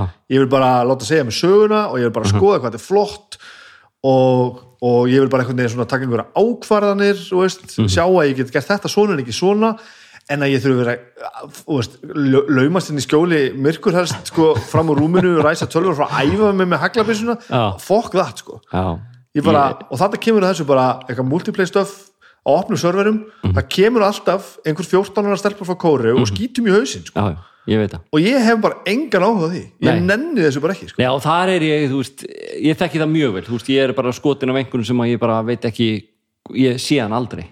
Hann er Já. bara ekki staðar 300 metri burtu, sér mig sem eitt pixel á skjánum og hann hittir og ég er bara, að frábært. Og einhvern veginn, ég er hættur að láta það trubla mig, Já. en ég er alveg sammála, ég er, ég er meira svona normalkur, ég spila leikinn á normal og reyna að hólkast í gegnum það. Og einhver segir, herrðu, þú mátt alveg fara í easy ef að leikurinn segir það við mig, þeir eru búin að reyna eitthvað 20 sem, þá er ég mjög þrjóskur, þá ég fer aldrei í easy, ekki nema að ég sé bara alveg búin að þú ert ég fyrir svona 5 árum síðan þá Já, var ég bara, nei, ég verð nú, ég nú, ég nú að gefa mig eitthvað í þetta. Já, nú er já. ég bara, nei, ég vil ekki gefa mig neitt En þið sjá bara þess að atvinnumenn í, í bara og mótið sem haldinu lögðarsvöld. Þessi menn eru bara að fara á eftirlaun bara þrítugur eða eitthvað. Þá er hæfnum bara að fara að svíkja þá sko. Þú veist, þú veist, menn eru að detta út fyrir snemma með að svona aldur yfir, yfir höfuð. Af því að Já, snerpan bara og þú veist, vöðvaminnið og allt þetta. Þú veist, menn eru bara, ég heyrði orðið vöðvaminni bara, búin að heyra mjög oft á síkastið út af þessu. Að menn eru bara að æfa vöðvaminni og þá er það bara orðið þannig að þetta verður bara orðið eðlislegt að bregðast einhvern veginn við aðstæðan holy shit, eins og í Counter Strike og svona, þá ertu bara, þetta er mennir að vinna í millisekundum að reyna að ná músinni einhvern veginn og þú veist, eh, þannig að þú náður að gera þetta bara á einhvernum ótrúlegum hraða já, og, og það fer að gefa sér bara eftir einhvern ákveðin mjög ungan aldur. Áhugavert. Já, þannig að ég er að vera 50 þannig að þú veist, það verður bara skríti hjá mér að búa stiði að ég myndi eiga eitthvað í 15 ára úling, þú veist að því að, að því að líka, þeir bara koma heim úr skólanum úlingar Aha. og eru ég að spila bara til að fara að sofa Já, þurfum ég, bara að æfa sig já, ég veit það, þú veist, og ef þeir væri með fiðl í höndunum, þá væri þið bara eins og Sigrún Eðvars þeir, væri bara, nákvæmlega. þeir væri bara með bara, eh, bara bestu fiðluleikar þeir væri bara, bara í hörpu og Mhm. á stórásviðinu bara allar helgar og ekki miskilum mig, ég hef, sko, ég ber fulla virðingu fyrir þessu og mér finnst þetta- þetta briljant algjörlega, ef þetta er í jafnvægi, þú veist, ef þetta eru margir líka bara að missa stjórna þessu Já, já. Og, en, en, en við erum, maður verður bara átt að að fara þannig inn í leikin að þannig að það fara að keppa á móti fólki sem er búin að æfa sig já. það er bara svipað eins og ég var að fara í eitthvað að fara að keppa því eh, bara standa á sviði og spila á gítar eða eitthvað einmitt. að þú veist, ég, ég það færi aldrei vel sko. Nei, nei, nei. en þú veist, en töluleikinir maður getur alltaf einhvern veginn klóra sér fram úr þessu. Já, já, þú kann basicin Já, skilur en, en málið er bara að, þetta er, þetta er æfingin er, þetta er engin tilviljun. Þetta er engin undrabönn, þeir eru bara búin að æfa sig já, ótrúlega mikið sko. auðvitað og við náttúrulega erum bara, við höfum okkar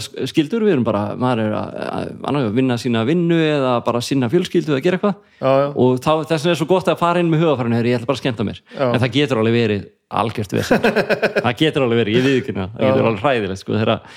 bara eins og talað um fólk sem kúkar í pizzakassa er að skjóta mann í höfuð Já, bara hefur ekki eins tíma til að standa upp sko. Einmitt, einmitt, er bara pizzan borin á borðið og, veist, og það, er, það er bara raumurleiki sem er. Já. og þess að minn draumur hefur alltaf verið að verði svona að því að eldra fólk sem segja, 50, 60 síðan eftir 10 ár kannski eins og, eins og við á því reki kannski að, að, að, hérna, að það verði að vel þróun að kannski splitta þessu bara upp kannski verði bara, verði bara svona ellimanna server það sem að bara, bara þú veist, annað, ég veit ekki já, einhvern veginn, bara geta einhvern veginn.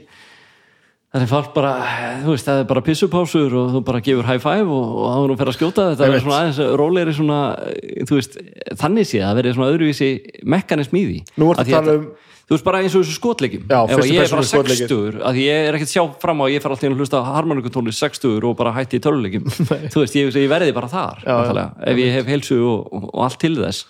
Að þá mun ég örgulega að spila en ég verður örgulega miklu verðin í dag. Já, og ekki er góður í dag að, en, en ég vil örgulega hafa gaman að því. Þannig að kannski verður komin eitthvað svona level það sem að við getum mæst og Bara svona okkar aldri getum verið aðeins hæg, hægari og, og svona í róleitum og, og eitthvað búið að laga þetta til fyrir okkur þannig að við erum að njóta okkar og en þannig er það að tala um fyrstu persónu Já, skotleikina þannig, við, við já, erum já. þar en já. söguleikinir eru náttúrulega eins og þú segir maður getur alltaf spilað þá easy og þeir eru alltaf þannig gerðir að þó maður væri áttræður og bara geti haldið á stýripina það held ég maður geti farið í gegnum og notið þess ef maður hefði skinnfæri í lægi sko. að því að þá er búið að laga það, það. já, ég og ég svo það verði meira gert bara til að komast þangað sko. Þetta er, þetta er ennþá ég að spila tölviki þetta, þetta er það sem ég vil gera sko. Já, og mér finnst það alveg mjög gott og það er margir sem einmitt, stundum hefur gert það ef ég áhuga sögunni, það var hérna Star Wars leikur sem kom út Fallen Order Jedi Fallen Order Mhm. eitthvað, þannig nýjast Star Wars leikurinn. Og það er svona eins og Uncharted nema Star Wars.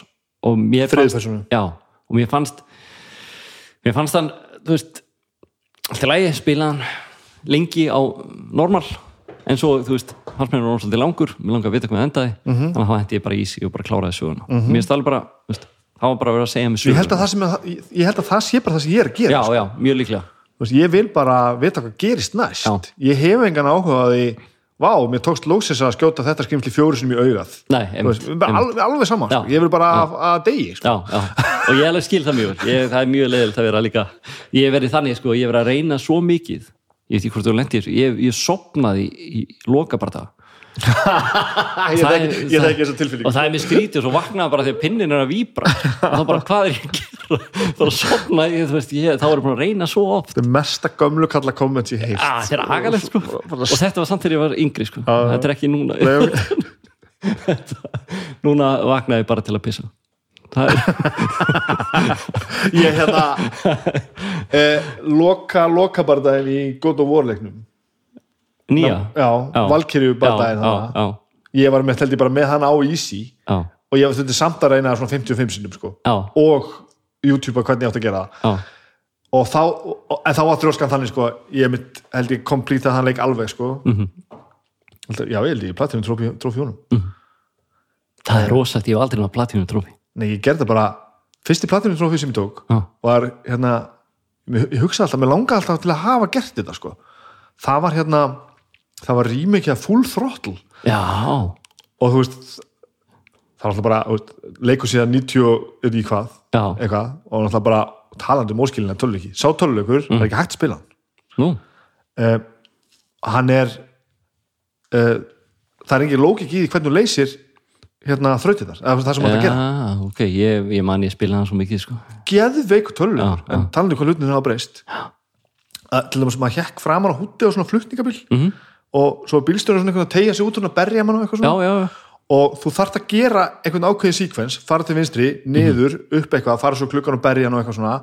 Og það var eiginlega bara ein leið til að gera þetta að þú þarft bara að vita þetta er bara trial and error, ef þú til vinstri núna þá tegja hann sig út og hann drepur þig. Að þá, þá verður að fara sérst, fyrst upp svo niður, svo til vinstri og ef þú fyrir núna til hægri, þá tegja hann sig út og drepur þig. Ok, þannig að upp, niður, vinstri, upp og svo varstu bara að prófa þetta aftur og aftur og aftur sko. já, ok já, það var er engin lógik sko. Nei, það þetta er er bara alveg Þetta er farið út að leikjum í dag að og bara, maður kom bara einhverjum vegg og bara, hér er ekkert. Já. og svo varst bara ít á allt. Þá fannst bara, herru, hér brotnaði eitthvað. Já, já, það er ekki, ég, ég fíla ekki þannig þegar það er svona, og, og ég tók bara walkthrough í gegnum þennan af því ég spilaði svo ógeðslega mikið á sín já, ég gerir það líka. Og fyrst ég var að gera það þá ákvæði að taka allt hérna, trófíðræsli með sko, sem var bara svindla alltaf sko. Já. það tók bara stuttum tíma, allir átti í platinum trófíð bara, ei, ei, þetta er gaman sko. já, það Og er ég- magnað. mér fannst það pínu gaman, þannig að ég, hérna, ég held ég eigi bara þrjá held ég, sko. ég held að sé bara Spiderman, God of War og þessi sko. já, það er þetta vel að sé vikið, sko ég á fullt af trófið sem aldrei í platinu ég hef ekki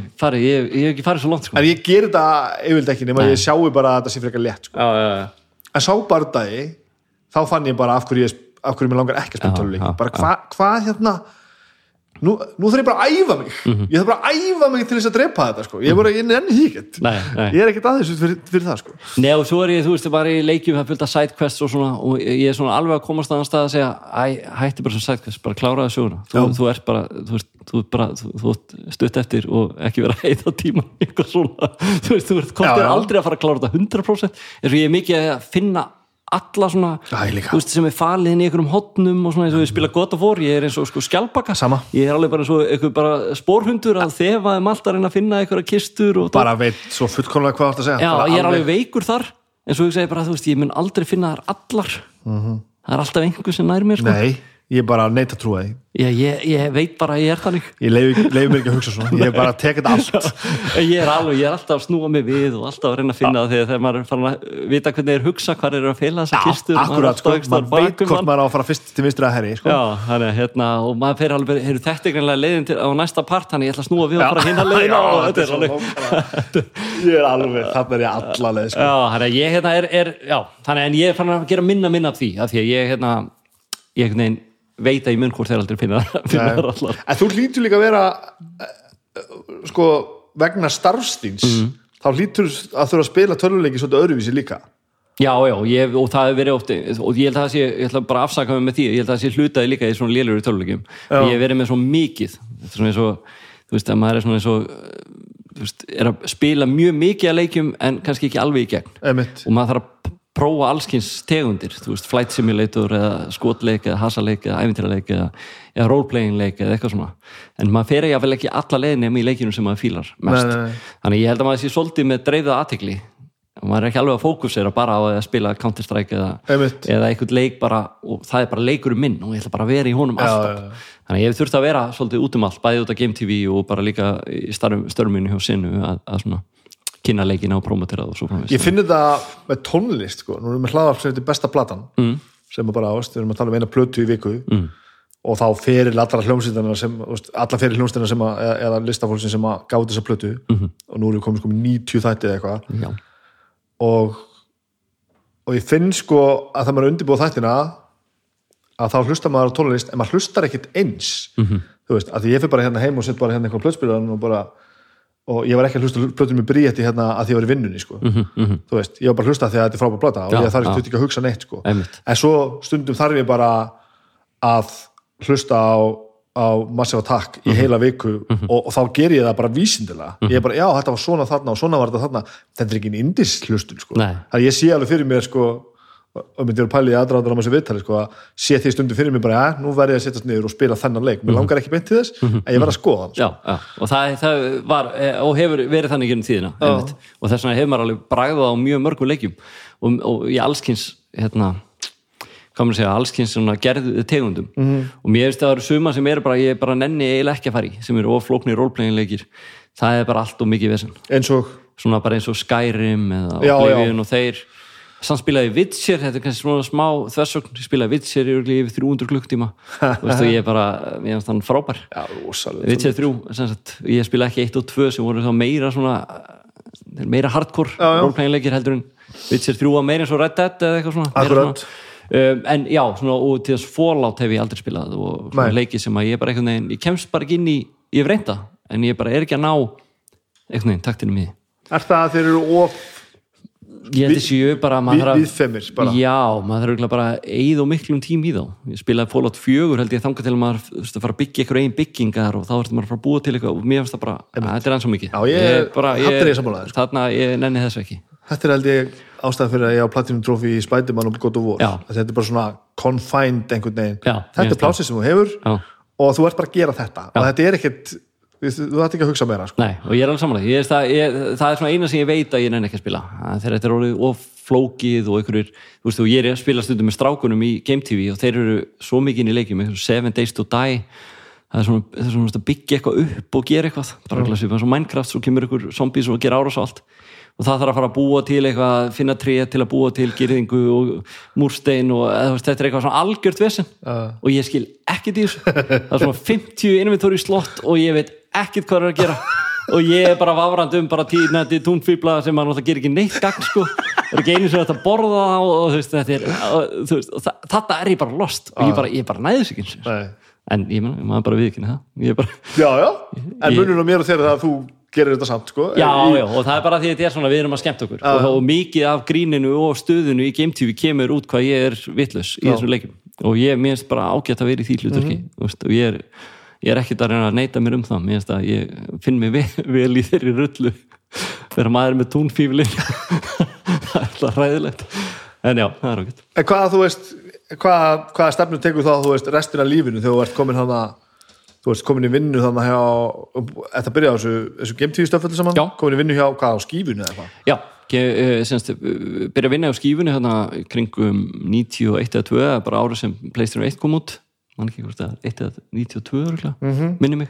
Já, bara eiginlega sama dag hún er gefin út á Íslandi Já, og þar byrjaði bara og, og hef í rauninni verið að þróast bara innan þess fyrirtæki síðan. Aha, uh, verið með Game TV svona til hliðar og tímabili var ég líka að þjálfa semst mikið, eh, semst, nefndum að Dale Carnegie. Aha. og datt inn í það svona eitthvað staðar í kringum á 2000 og kannski 2003 minnum mig, staðar á því tímabili.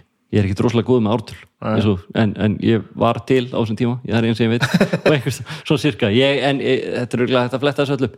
Nei, nei, nei, 2000, nei, jú, ég man þetta. Ég er lík, á 2008 þá byrjaði ég að þjálfa. Ok, að- en ég var búin að vera kynast deilkarningi aðeins fyrr. Og það er á þessu tímabili öllu sem að ég svona, finnst hlutnir vera að gerast og ég svona meiri svona, já, er farin að bera sjálfa mig á borð, bara eins og ég er. Ekki eins og ég held að allir vildu að ég væri. Já.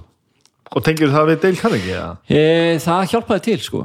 Útskýrðu þetta aðeins fyrir mér, Já. við þurfum að taka, þurfum já, að taka þetta. Já, þú sagði að það var fordæma fyrir Dale Carnegie og, og þú veist massífa. já, og málið er sko sko Dale Carnegie er náttúrulega amerist svona fyrirbriði og, og kannski mikið æfingum og, ég veit ekki, hefur farið í gennum svona að, nei.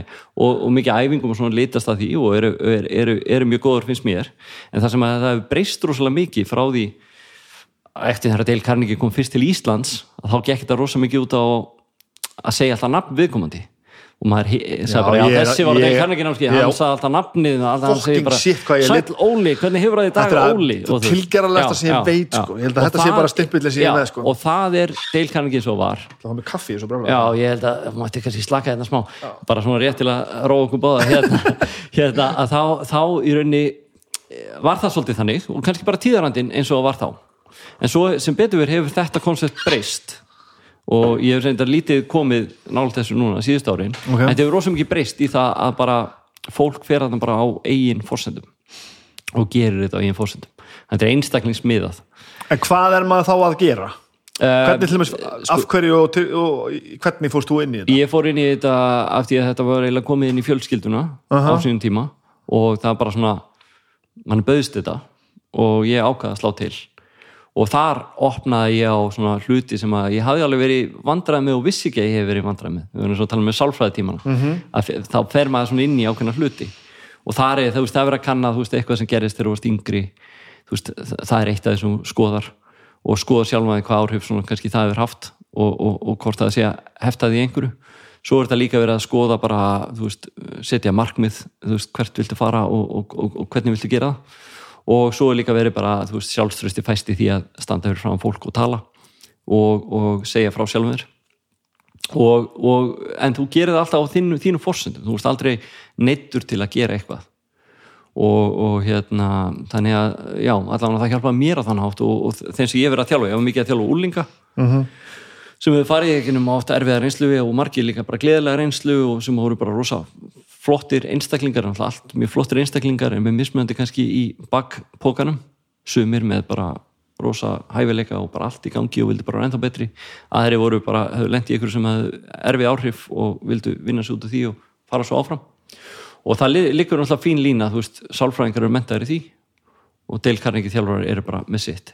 Þannig að við þurfum oft líka að taka ákvörunum og segja, nei, þetta er ekki rétt í staðinu fyrir þig. Já, þú, þú þarfst að fara þangað. Við erum ekki að veist, það var ekki verið að reyna að bjarga öllum sko. og, og eins með sálfræðinga margir segðu bara, heyrðu, þú þarft ekki kannski á þessu að halda mm -hmm. þú bara fara á deil kanningin þeir höfðu trú á þessu, margir hverjir þannig að þá einhvern veginn skilur maður þurft að vita hlutverkið sitt sko.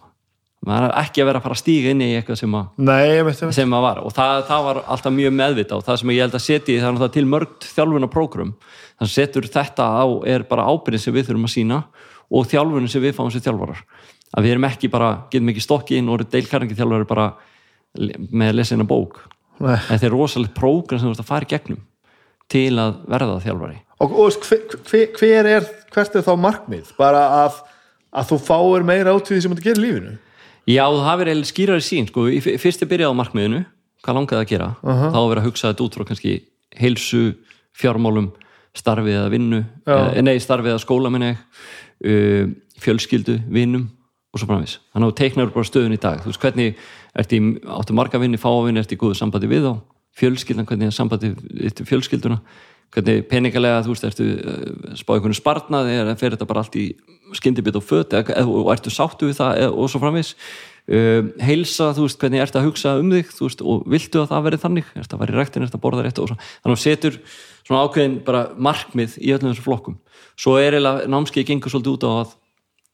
feta þau stig veist, að, veist, að það er gert tjekka upp á þú veist, já, já, að, veist, segjum að ég vil bæta sambandi við hérna, pappa minn eða eitthvað. Já, og þá þarf ég að gera grein fyrir því og ég þarf að vinna verkefnið. Semst, þannig ég þarf að fara af stað og ég þarf að gera það.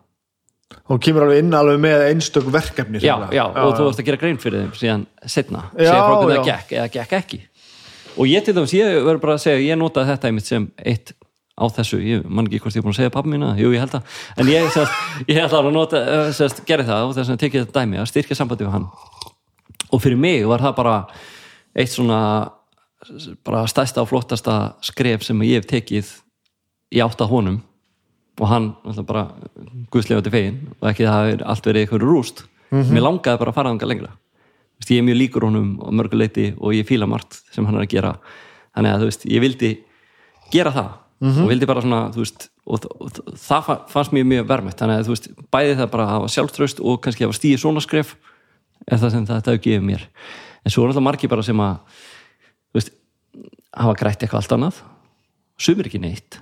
Og þú veist, það er alveg, þú veist, og við segjum við fólk ef þú hefur ekki trú á þessu og þú, þú, þú veist ekki tilbúin eða, eða þú veist, finnst þetta eitthvað skytið ekki gera þetta þannig að við erum ekki að segja bara jú, jú, kondu hérna bara og vertu En og bara maður hérna niður. sko. já, en það er ekki þannig, við segjum alltaf við fólk, byrju, heru, ég, þú ert bara ekki þú, ert ekki tilbúin þannig að við skulum bara hérna, skulum bara endurgreða þér og þú bara kemur eða ekki setna, Mhm. -hmm. eða skilur þannig að, þannig að það er þessi ábyrgð bæði að átt okkur á þú veist, hvaða keisir og förð fyrir okkur Já. og verða bara að finna einhvern annan farveg og koma svo síðar eða þú veist þú veist, eða öfugt að einhver keis sem að menn held að vera hörð komið til okkar, en þetta er bara þessi að maður þarf að sína ábyrgð í þessu, þú veist alltaf með líf mannesku sem stundum hefur lent í erfiðum aðstæðum.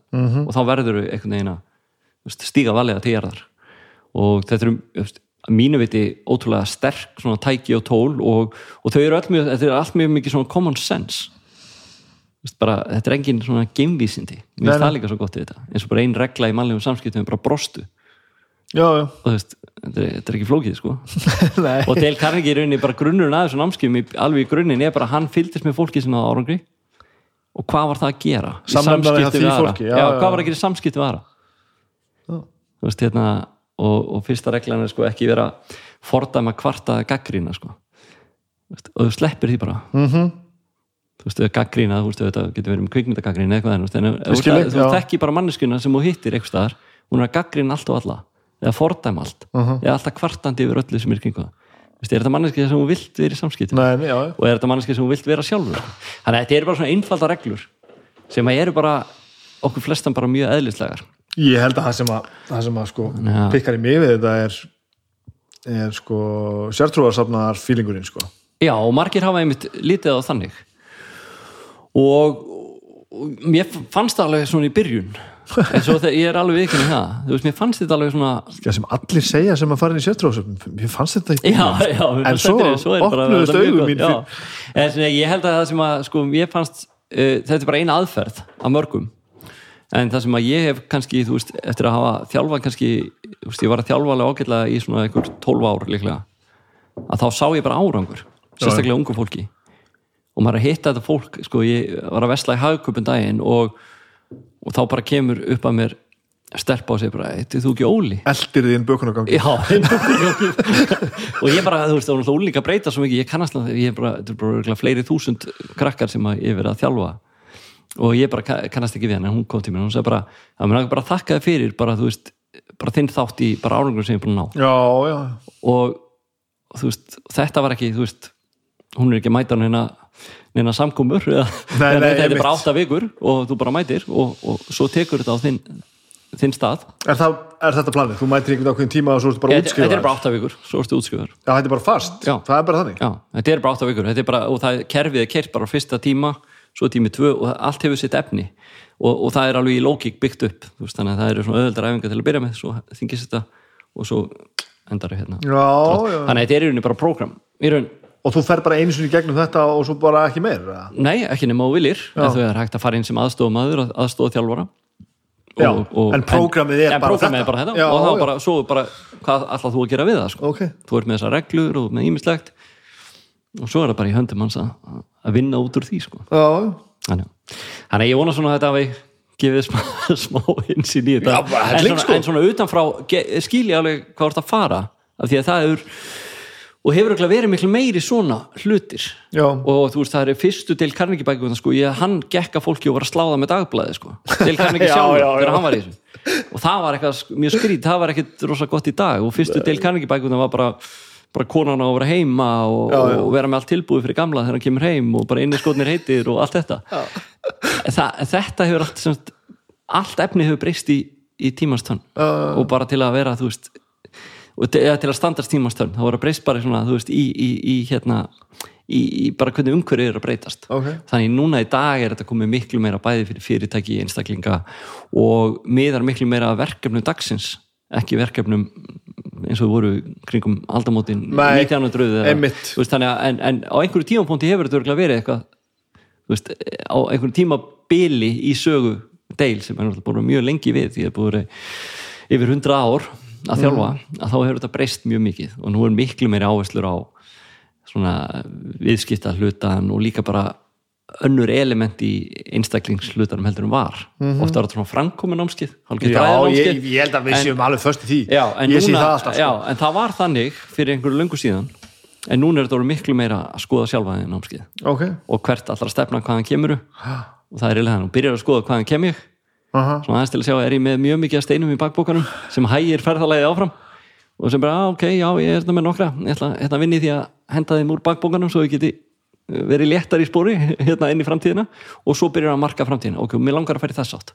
Aha. Með að fá að steina í bakbókanum og ég vil enga. Og það er raunin það sem gengur þá. Þetta er bara svona e- ökutæki til að koma þér þangað. Svo náttúrulega getur þú nýttir allskinslut þetta er bara, alltaf, alltaf snýst það því bara. Ég segi fólk bara, veldu bara það aðferð sem að hendar þér mm. þetta snýst bara alltaf um að ná veist, ég hef farið þessa leið náð grætt hellingaði ég er líka veðin eins og tölum án verið á sálfræðingum það hefur hendað mjög vel -hmm. og svo bara, að, það er bara veginn að við að sér þekkingu til já, að já. Og verða sennilega eins og með allt annað að þetta endar alltaf á því hvað, hvað þú tekur út í sjálfur sem þú átt að gera náttúrulega. Já, nákvæmlega og hérna og bara svona þekkja sjálf sig og vera bara, að, því að eins og ég sagði við, sko, það er eitthvað fóreldri minn skildu þegar ég var 12 ára og ég held bara að ég var bara að afgreða það. Ég svo fer ég bara þrítur á svona námskeið og þetta bara fattaði ég bara shit, þarna var bara, þetta er eitthvað skytið maður, Mhm. fór ég alltaf að tala um það og ég bara, wow þetta er bara, þetta var bara eins og bara hjarta er bara opnað, sko. Og ég gerði það bara sjálfur. Tilfinningamál já, það. já, og það var enginn að byggja um það þú veist, ég bara ákvaða og kom rosalega svalur með þessi inn að þetta maður, ég er lengur búin að ákveða þetta. Svo bara, bara brotnaði algjörlega saman. Já, já. og þá bara fattaði ég að þetta hafi verið eitthvað sem ég var ekki búin að gera upp. Og þú veist dagstaglega bara skiptir engum máli, það er ekkert að hugsa um þetta. En svo er þetta svona, var ég svona góðu léttir við að aðeins að bara átta sig á því sko. ég vil sé allt svona sem er eitthvað að íþingja manni, hvað sem að gerir sér grein fyrir því ekki. Og gerir maður þetta bara námski, bara deil karningin ef, ef þú vilt þú veist, þarna var það bara, þú veist, átta ég á því að þetta var eitthvað sem að ég svona var ekki alveg búin að hérna uh, gera upp og ákvaða að tala um þetta, það er ein frásögn er bara svona æsku frásögn, það sem hún segir frá okkur sem eru yngri. Já, og ég ákvaða að tala um þetta. Og ég held að það var ekkert mál. En svo þeir eru byrjað að tala um þetta, þá var bara wow, bara tárin flættu og ég bara hvað er að gerast hérna? Já, og ég bara fattaði ekki. Og eitthvað hlýtur að hafa áhrif skilur fyrst að það gerist já. ég get ekki bara kasvíli bara uh, gleift tyggjóblötu og bara verið smjattandi og talað um þetta í rólegum, bara skellbrósandi Veist, ég var ekki þar sko. Ég get það í dag, já. það er alveg ákveðin léttir sko. Og hérna, þannig að já, ég held að sé, þetta sé og kannski rammar svolítið inn svona saga sem ég stundu sagt um sko ég var eins og ég segja þjálfa ólinga og, og, og hérna og stjúpsónu minn var á, á námskiði hjá mér og þetta er rosa mikil stemming og læti og maður fær svona alveg Þetta er sértrúarsöfn, ég er að segja það, það er bara stemming og ég er, ég er í góðu gýr sko. ég er, er alveg, þú veist, er, þetta er alveg hendað mjög vel, ég er góðu kraftur og maður er alveg bara með allt í gangi. Og svo förum við heima og, og hérna og ég, og við erum bara áður við stígum úr bílnum heima. Að þá segir hann við mig sko hérna, erum að ég spyrja það einu? Og ég sagði já. Uh, okkur ertu aldrei svona skemmtilegur heima og ég bara, er góð spurning og það var, það, var, það var alveg hræðilegt að uppgöta það líka. Bara, og ég fattaði það ekki fyrir hann spurði. Að þú veist, þá gefur maður kraftinu og orkuna og allt stöðið hérna. Kemur heim kannski þreyttur eða bara orðin einhvern veginn vanur bara Já. einhverju lífi einhvers konar. En maður áttast ekki á því. Þú veist, ég hef aldrei sagt bara, já okkur er svona okkur er ég, veist, ekki að deila mér svona eins? Skilur þannig að mér finnst það mjög, mjög gott og það er svona mjög gott wake up call fyrir mig. Og hvert var það svarið við því? ég eiginlega bara gæti ekkit almennilega svaraði nema með eitthvað svona yfirbórskendu fullónu svari að ég er bara þreyttur þegar ég kem heim og eitthvað, þú veist, eitthvað þannig. En Já, þetta nú er- við, já, nú við alvöru svarið. Alvöru svarið, alvöru svarið er náttúrulega held ég jafnvægi. Að finna bara jafnvægi í því sem þú ert að gera og vera meðvitaður um hverðu þú ert. Mm. þess vegna er þess að tala um að það er svo gott alltaf að spegla sig í hinnum að þessum hlutum og byggja um þú veist já, hvernig fannst þið þetta? Hvernig, þú veist, þannig að þú svona áttið á hverju þú ert. Að það er maður er mjög fljótur að fara í eitthvað far. Mm -hmm. að því maður er með sjálfum sig þetta er bara svo ég sé oft með skrifborðið í vinnunum minni. Það er stundum eins og algjörlega eftir sprengjarós en ég labbaði á mótnana og mér finnst einmitt, einmitt. svo kemur einhver fyrsta skipti inn á skrifstofun okkar. Það er bara hvað gerðist hér? Glögt er ekki að sögja, og það er svolítið svona held ég að því að maður er alltaf með sjálfum sér Já, og svona litla breytingar -hmm. eftir mörg ár geta verið orðnar mjög stórar marga litla breytingar Já. geta verið mjög stórar -hmm. þannig að þetta er svolítið svona held ég að vera bara alltaf eh, þetta, þetta jafnvægi og svona þannig að þú sést ekki alltaf fullkomin alls þar heldur sést freka með allt í sex og skala með til tíu það skilur ég held að ég mun freka vilja vera þar frekar heldur að spila tölvuleikin á hard Já.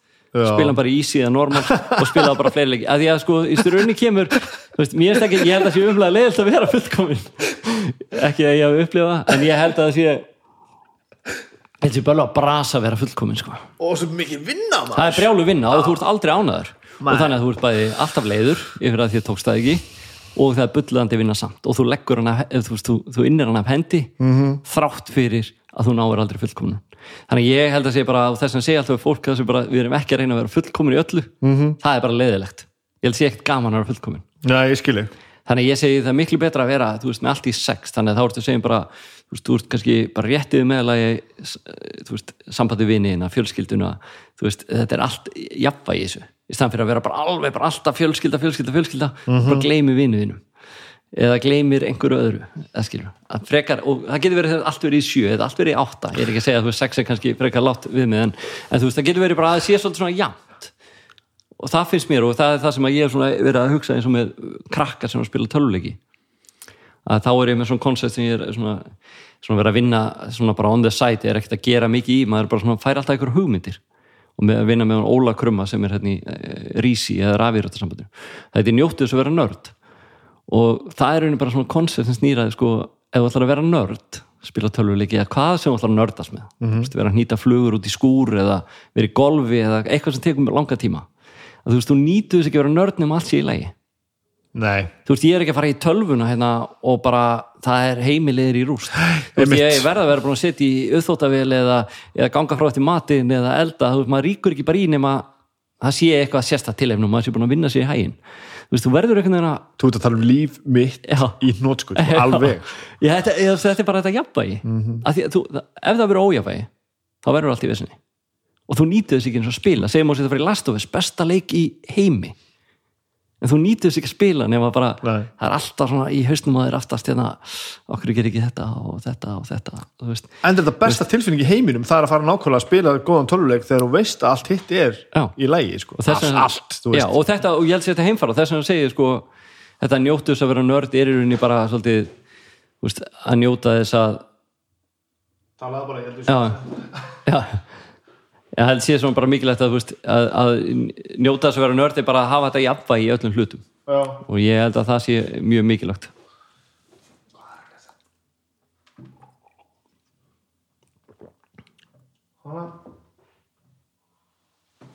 Allt í tópmálum Tæknir maður? Já, Já, þetta já, ég held að það sé og þess vegna langar við svo að, veist, að koma þeim skilabóð það þetta er stærsta vandamál í, á landinu og í heiminum í dag. Það eru úlingar, e, samfélagsmiðlar og allt svona sem glepur hugan Mhm. og dregur inn í einhvern heim að þú veist veist, oft er þetta allskins aðstæður þetta eru fóreldrar, þetta er, þetta er samspil fóreldrar og barna, við skiljum ekki heiminn sem þau eru inn í og svo framvis og hérna, þannig ég held að en þið líður aldrei vel þegar þú veist átt eftir að læra fyrir ennsku prófið á morgun Algjörlega. en ert samt að spila með félagunum bara og þetta áheld ég við um allt sem allir eru að gera alltaf Já, að það er bara fullt af hluti sem verður bara að díla við og gera sko. Já. Ég var lengi að læra það sko. Þannig að ég, já, ég veit það. Þetta er, þetta er, þú veist, þetta er ég, auðvitað er maður lengi og maður er alltaf að læra það.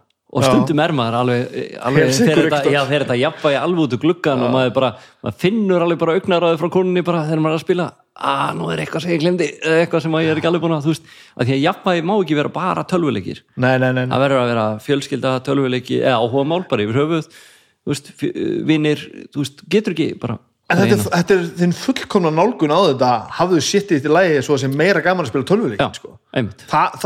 þetta ég, ég hef aldrei heyrst þetta sagt svona en þetta er alltaf briljant sko. Já, því að þá þarftu líka minni tíma til að fá fixið þetta því að þú ert að njóta þess og, já. og verður betri í því með, veist, í þannig ég held að bara eh, hafa heilan svolítið þetta er frábær hreina. kvartning að þú veist, hafið þetta í lagi svo hitt sé meira gaman sko. Já, og þarna við hefum verið svona veltast, eh, velkjast um með þetta hvað koncept ætlaði að gera við vitum það ekki þá, við, hérna, við erum eh, bara ekki búin ákveða. Þetta er bara eitthvað sem ég hef verið að bræða með í höfðun og mér í mjög langa tíma og mér hef alltaf langað að gera eitthvað með. En hvort ég ger eitthvað með það og hvað ég ger með það, það á eftir að finna sér uh, sinn farveg. Já, En það er bara, þú veist, bara, eins og maður segir lífið, það, það, maður, það er bara nóg að gera í öðrum verkum. Já, Þannig að maður er hérna, en þetta er eitthvað sem er langar að allan að skilabóðum komast út að njóta þess að vera nörd. Mhm. Veist, að þetta skiptir svo miklu máli og þetta eru öll heimilegir að, því að margir spyrja mig, hvað má hann uh, vera lengi að spila, marga klukkutíma? Og ég segi bara, bara að hann sé með allt á hreinu já, þetta er bara ekki, ekki, ekki, ekki spyrja mig um klukkutíma spurðu mig um bara, þú veist, þú veist eins og sonu minn uh, var að æfa og er að æfa fótbolta gekk vel í skóla, kærustu, vini og allt þetta var í góðu veist, og gott samband við fjölskyldun og svona en hann spilaði líka mjög mikið að töluleikim þú veist, þá er sem að, þú veist, ok en leið og jafnvægi fyrir að raskast á hinustöðunum uh -huh. Þá er þetta farin að spila mikið veist, en ekki, hvað séu, tíu tímar á viku eða 20 eða 100 tímar á viku. Skil, það, þú veist þú getur hann alltaf ekki eða þú ætlar að halda jafnvæginu góðu. En veist, en þannig ekki spyrja eins og fóldrar spyrja oft, sko, hversu mikið má spila? Það fer bara eftir einstaklingnum. Og fer líka, er hann bara með allt hitt í lægi er Já, hann að já, fá já. sínar engunir, er hann að hreyfa sig eitthvað á daginn? Eða er hann að hitta vinni sína eitthvað fyrir utan töluleikina eða bara í töluleikinum er hann að tala við ykkur hérna í fjölskyldunni? Er hann að setjast við borðið og segja hérna? Er hann bara með orkudrykki og og, og, og súkulegast ekki bara inn í herbyggi og borðar ekki neitt annað? Eða, veist, veit, eða, veist, þannig að þetta er þessi nálgun sem að ég myndi vilja að fólk myndi horfa á veist, og, og þar koma fóreldra inn í á móti börnunum. Að því ég segi sko ekki grípa inn í þegar mælirinn er fullur. Nei, þegar við lesum fréttirnar hérna já, bara ófriður og heimili lögreglan köllu til að því að mamman eða pappin tók rátirinn úr sambandi. Já, já, já. Þú veist, hvað er búið að gerast fram að því? Þetta var ekki Hvað þetta gerist ekki á korteri sko. Nei, hvað er búið að gerast og ég segi sko bara við segi, fara inn í herbyggi til veist, bara setið við liðan og bara reynið að detti inn í heim bara, bara skoðið þetta alveg, spyrja spurninga. En er þetta ekki alltaf fjandars leiðin að öllu algjörlega mér finnst bara um leið og ég er komin upp á kant sko, börnum mínu eru 6 og 30 ára sko. Mhm. um leið og ég er komin upp á kant við þau já, þá vegna að ég skil ekki hvað þau eru að gera Já. þetta er kannski aðeins á öðrum stað að því að sonum minn er 30 ára fáviti sko. já, en, en ef að ég bara tala við hann Já. um þessi fucking tíkristí sem að leikur sér með allan daginn sko, já, þá verður allt miklu betra já algjörlega, í staðan fyrir að ég sé bara brjálara þegar hann er að gera eitthvað einmitt og, og þetta einfalda minn hvati í öllu sem ég gerir réttilega sambandi við barnaðjöfnbildi er að einfalda mér lífið sko. já, og bara, herðu, ég fatt að alltaf ég bara, ég bara tala við um þann og skilja það sem þú ert að gera og þá erum við bara fyrir góðið sko. já, og það er svona bara af hverju, af hverju ertu ekki og, og líka bara af hverju óskopunum reynur ekki að spila tölvuleiki með börnunum já og auðvitað eru komið dæmið það sem að úlingar og börni bara ráð ekki við sig og eru erfið Já, dæmið já, eins og alls það að eru og þú veist og maður bara og þar eru fóreldrar bara að reyna sitt besta og gera það. En þeir allt er svona nokkuð eðlilegt en það er bara kannski mikið verið í tölvunni. Já, að reyna að skilja til þeim sem það eru margi konfliktir sem við heyrt um þú veist uh, það bara, það komið matur núna já, og kannski þetta að klára Fortnite leik og þú átt kortir eftir. Já. það segir bara það er matur eftir þetta er síðasti leikur og svo er matur. Veist, og þú getur alveg tjekka á eins og Fortnite svona battery royale það bara lækkar einn tala í hótninu og það eru hvað eru margir á lífi. Og þú kemur síðan í herbyggi hún aftur og hún há að þá er við komum búin að fara nýjan leik. Og þá Bara mástu kannski skilja inn í. bara hvað er í gangi, já. Og, segja, og ekki endilega segja bara, er það matur núna? Einmitt, og ef þú kemur ekki núna þá bara tekið rátur um sambandi. Þú getur verið að niðurlega barnið hann er kannski leik með félagunum einmitt. Svo bara allt í einu dettur út og bara offline og bara í skólanum daginn eftir, hvað gerist, maður? Er bara allir brjálæðir og, hvað, þú veist, og Já, bara eitthvað að gera grínaðir og svo þetta, er, og líka skilja bara þetta skiptir máli. Þetta skiptir máli. Þetta, er, þetta eru bara alvör hluti sko. Þú myndir ekki fara hlaupin á völlin og ná í barnið þitt með offorsin af hópultæfingu af því þú ert að niðurlega barnið þitt sko. Þetta er nákvæmlega sama, sko. þú verður að skilja það sko. og þarna kemur þessi, þessi skilningur að þú veist eins og við talum eins og Óli- Krummi Rísi og svona, segja þú veist það er þú veist, batnið þetta er kannski öliði í fótbolta. Það er bara neðsta mögulega liðið og það er bara einhverju sem bara hafa enga skilning á leiknum og eru bara eitthvað hlaupandum og eru bara í stöpuksum á grassi og ekkert endla með boltan að þar mæta fóreldrar og hvetja áfram og eru bara alveg ólinn í öllu starfi og allt að gerast. Svo þetta kannski með mann sem er að eða strák sem er bara, eða stelpu sem er að brillera í tölvuleikim -hmm. og er bara, þú veist, rosa. En þar er þetta meira svona bara já, hann er alltaf í þessum tölvuleikim Já. þannig að þú veist, þú ert all-in sko með einhverju sem að ætti að vera að gera eitthvað allt annað en í fótbolta og hefur bara einhvern áhuga á því. En það er bara fótbolti, þetta er eitthvað, þú veist, þú skilur þetta. Líka, Já. þú sérði þetta. En svo þú veist, þú veist besta efni landsins í tölulengi þá kannski jafnvel skinnir það ekki. Þannig að þetta er bara eins og segja að, bera þetta að, að jöfnu. En auðvitað, og gæta náttúrulega hófs í þessu eins og, eins og öðru. En ég held að þetta jafnvægi sél og þú veist, ég held að það sé svolítið svona hugsun hjá mér og, og svona, þú veist mér finnst skipta miklu máli að þetta jafnvægi sélagi þetta sem hún sagði ráðum að vera sex í öllu sex, mm, veist, hvort sem að sjö eða átta já, já, já, þetta er til dæmis eitthvað sem ég er held ég að þess að vera búin að hugsa svona um þetta Mm. að re- að reyna að gera meira af sko. Mhm. af því að það sem sennilega mér reynist erfiðast í lífinu er að hugsa um börni mín. Mm. bara að sjá um börn. Mhm. ég er ekki góður í, ég minnst ekki gaman. Og hérna og það vex mér í augum sko já, já, já. og, og hérna þetta, ég sem bara tala um bara núna um helgina sko að því er, er eins og ég mögulega getur hann að bæta mig því sem ég er vondur í Mhm. að hvort að Agnes vaknaði ekki með klökkunum og, og veist, við vorum bara þunn með þess að já. og ég kem svo bara fram, þú veist, á setni vaktina og hún fyrir bara inn í, inn í, rúm og leggja sig bara Mhm. þá sjaldan þetta gerist, þetta var frábært allt saman og ég kem fram og það er bara tvö börn hérna Mhm. og bara lífið um helgar og eitthvað neginn svona og, og, og mitt go-to hefur svolítið að vera bara, ég er ekki góður í þessu, ég ræði ekki við þetta ég ætla bara einhvern veginn að bara uh, að flýja þetta með einhverju ráðum bara tróða eh, einhverju tæki og eitthvað bara, sko, þú veist. En ég held að ómöð þetta hafi gett nákvæmlega þetta að prófa bara ég geri þá bara það sem ég get sko. þú veist, ég var ekki að halda neinar síningar eða hafa allt frábært eða elda þryggjar þetta mat eða fara í fjöru og allt all of the above og bara allir í sund og allt rosa gaman sko. held ég kom einhvern veginn bara og talaði bara við þau sko. Já. bara á sex og þá fattaði alltaf bara þetta er bara anskotast nóg sko. og ég held að þetta eigi bara við um rosalega margt sko. fólk, maður sér einmitt fólk sem að sko ströggla við vinnuna sína sko. þegar það kemur í vinnuna og bara þú veist, ef það er ekki allt upp á tíu þá er þú veist, þá er einhvern veginn allt í baklá sko. ég kem oft inn bara fjórum í vinnuna sko. en það er engin betri ég í vinnunum minni vegna þess að ég missi aldrei tökin sko. Ég er alltaf, ég er alltaf hana sko. Já, ég held að það skiptir máli og svo er líka bara, þú veist, þó þú sért alltaf ströggla við tíu að þá er líka bara, þetta er bara svo mikið sko bara tíma eðsla því að flestir kannski kunni ekki að meta nema átta svo er það eða sjö, já, já, eða, já. ef þeir, þeir sko bili frá sjö til tíu Já. eða átta til tíu það sér það bara enginn Nei, ég held að það sé rétt og það er líka svolítið að segja bara af hverju er eigða kannski bara 30% eða 50% af vinnunum minni að komast frá 7 til 10 og það er enginn sem kann að meta. Það mm það er ekki viðskiptavinnurinn, það er ekki samstarfsfólkið það er ekki, það er enginn sem kann að meta. Það hárið og 7 er ekki slæmt, skilur, 8 er ekki slæmt við erum ekki að tala um að slugsa í vinnunni. Nei. þú ert að gera hlutina mjög vel og það er enginn betri en þú í því og þú veist, og það, þú ert að gera þetta á þinn hátt. En þú veist ekki að reyna þá er ég að tala um, þú veist, þú skila flottri kynningu en þú veist ekki að reyna einhvern veginn bara alveg að gera hana þannig að þú takir tíu auka tími í einhverja snirtingar Akkurat sem enginn tekur eftir. Nei, nei. Og Sem að vissi. einstaka sinnum a- borgar sig og á að gera. Já, já, algjörlega, En- og það, það þú eru að velja svolítið barndagana, ef það ætlar að vera alltaf þarna þá brennur þú bara. Þú veist. A- Svo algjörlega sko. Og það skilur enginn af hverju þegar tók enginn eftir þessum 20% Nei. svo lagður auka í þetta. Og líka læra að treysta því sko uh, Já, ég veit að ég hefði geta gert þetta aðeins innan gæslega betur. Ég hefði geta gert meira En það var ekki þess virði. Einmitt. ég, ég held að það sé þannig, fyrir mér er þetta líka bara spurningu tímastjórnum sko. að því að maður er með svo hryllilega mörg játn í, í eldinu með einhvern veginn sko bara ef ég gerir þetta núna upp á tíu þá bara hitti ég börnum mín bara eftir mánuð sko, veist. Og að að læra þetta er ég set þetta í, hérna, í sama mótili og kaupir sér rámaskittar Mhm. það er mjög þekkt mótil með rámaskittar og kaupir rámaskittar upp á 50 skall. Mhm.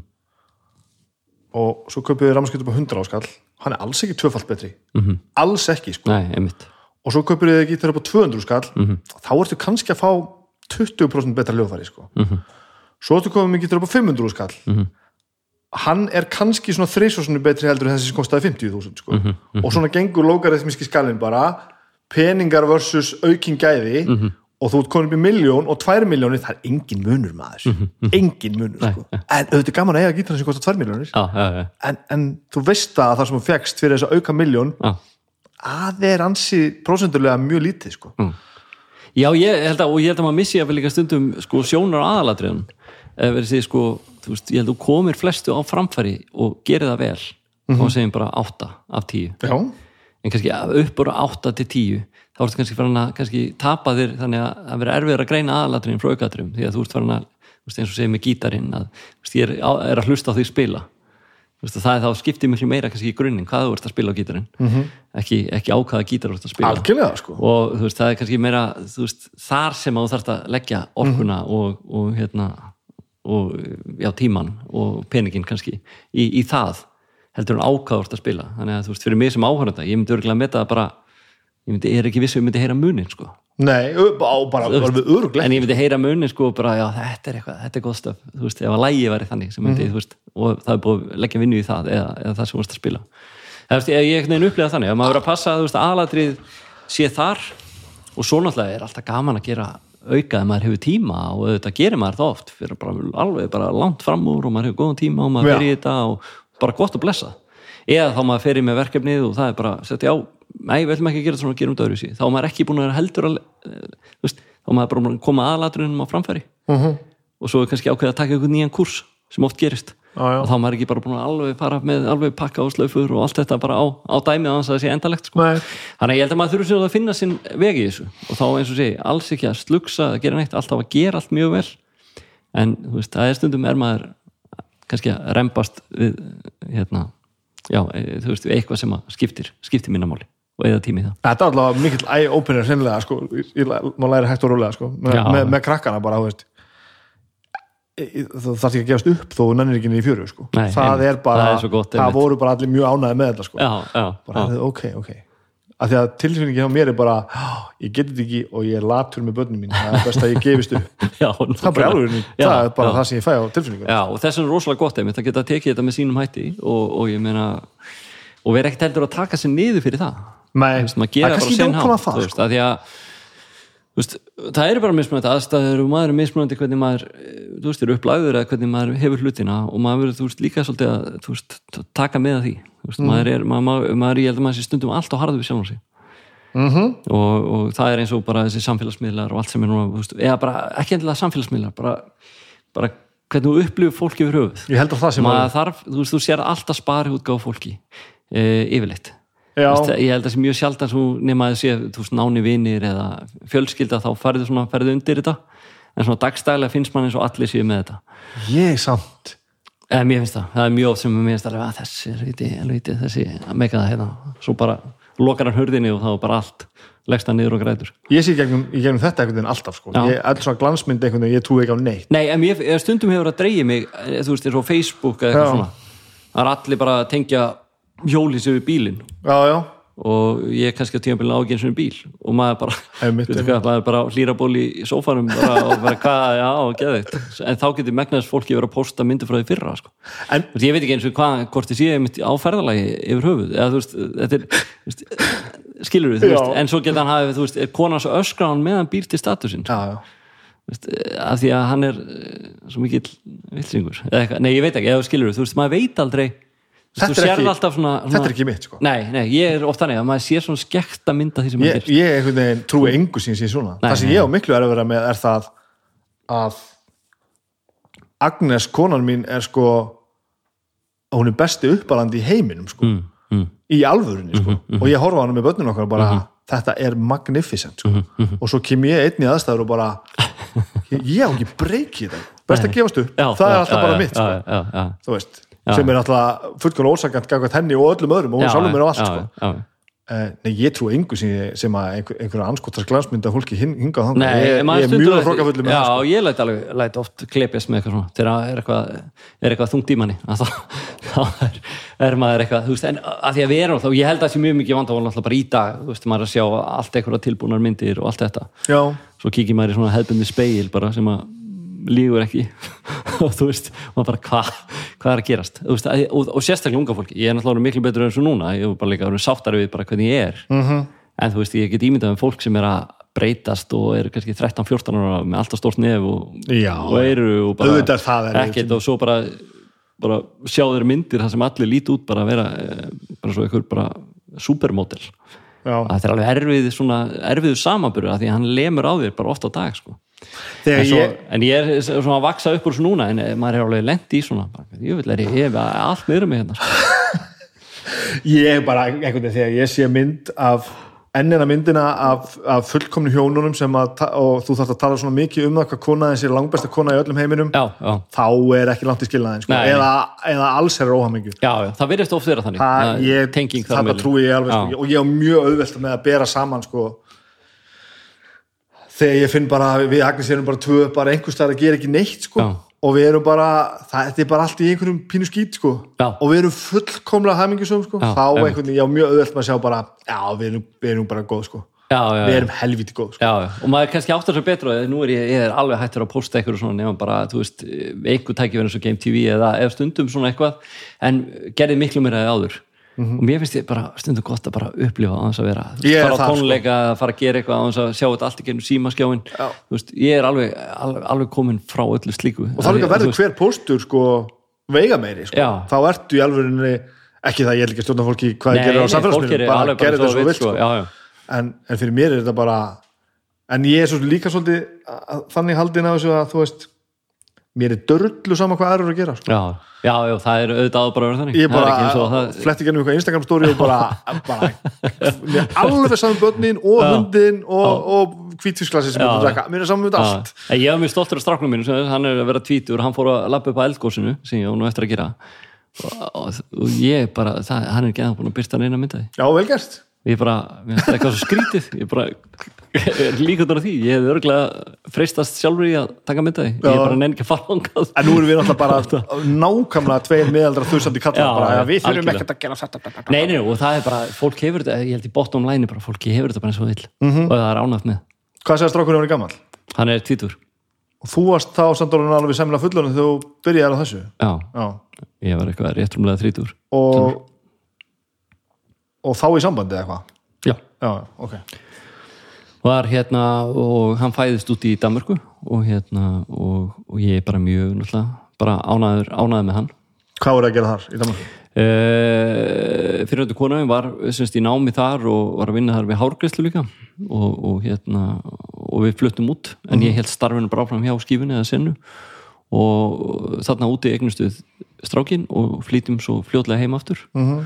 Og, og það var bara eins og segi bara mjög flott að hafa fengið hann inn og Já. það var bara algjörlega gjörsanlega dýrmætt. Og hérna og, og, og eitthvað svona magnaðast eða bara reynsla í rauninni bara sem maður getur gengið í gegnum. Og eins og segi maður auðvitað eh, já, hefur bara reynt að gera hlutin eins vel og hægt er en auðvitað eh, eins og þú segir maður stundum mistiða maður sig í hlutunum. En ég er mjög þakkláttur fyrir hann og hvernig, veist, og, og hvernig hann hefur bara borið sig í, í lífinu sko. Og hvernig þá að, þú veist, eiga bann ásaka, ég fyrir þjarma hérna eitthvað Já, og þú veist, að þú tala um skilna fóreldar þinna, Já. að skilja svo, þú veist, með þá bann í Já, og það er svo raun gerist bara á svipum tíma, sko. Þú veist, í aldurslega séð. Ég held að ég hef verið áleika gamall og, já, og, og þegar ég þarf að fara að tilkynna honum eiginlega, þannig að sagan endur tekur sig, svolítið.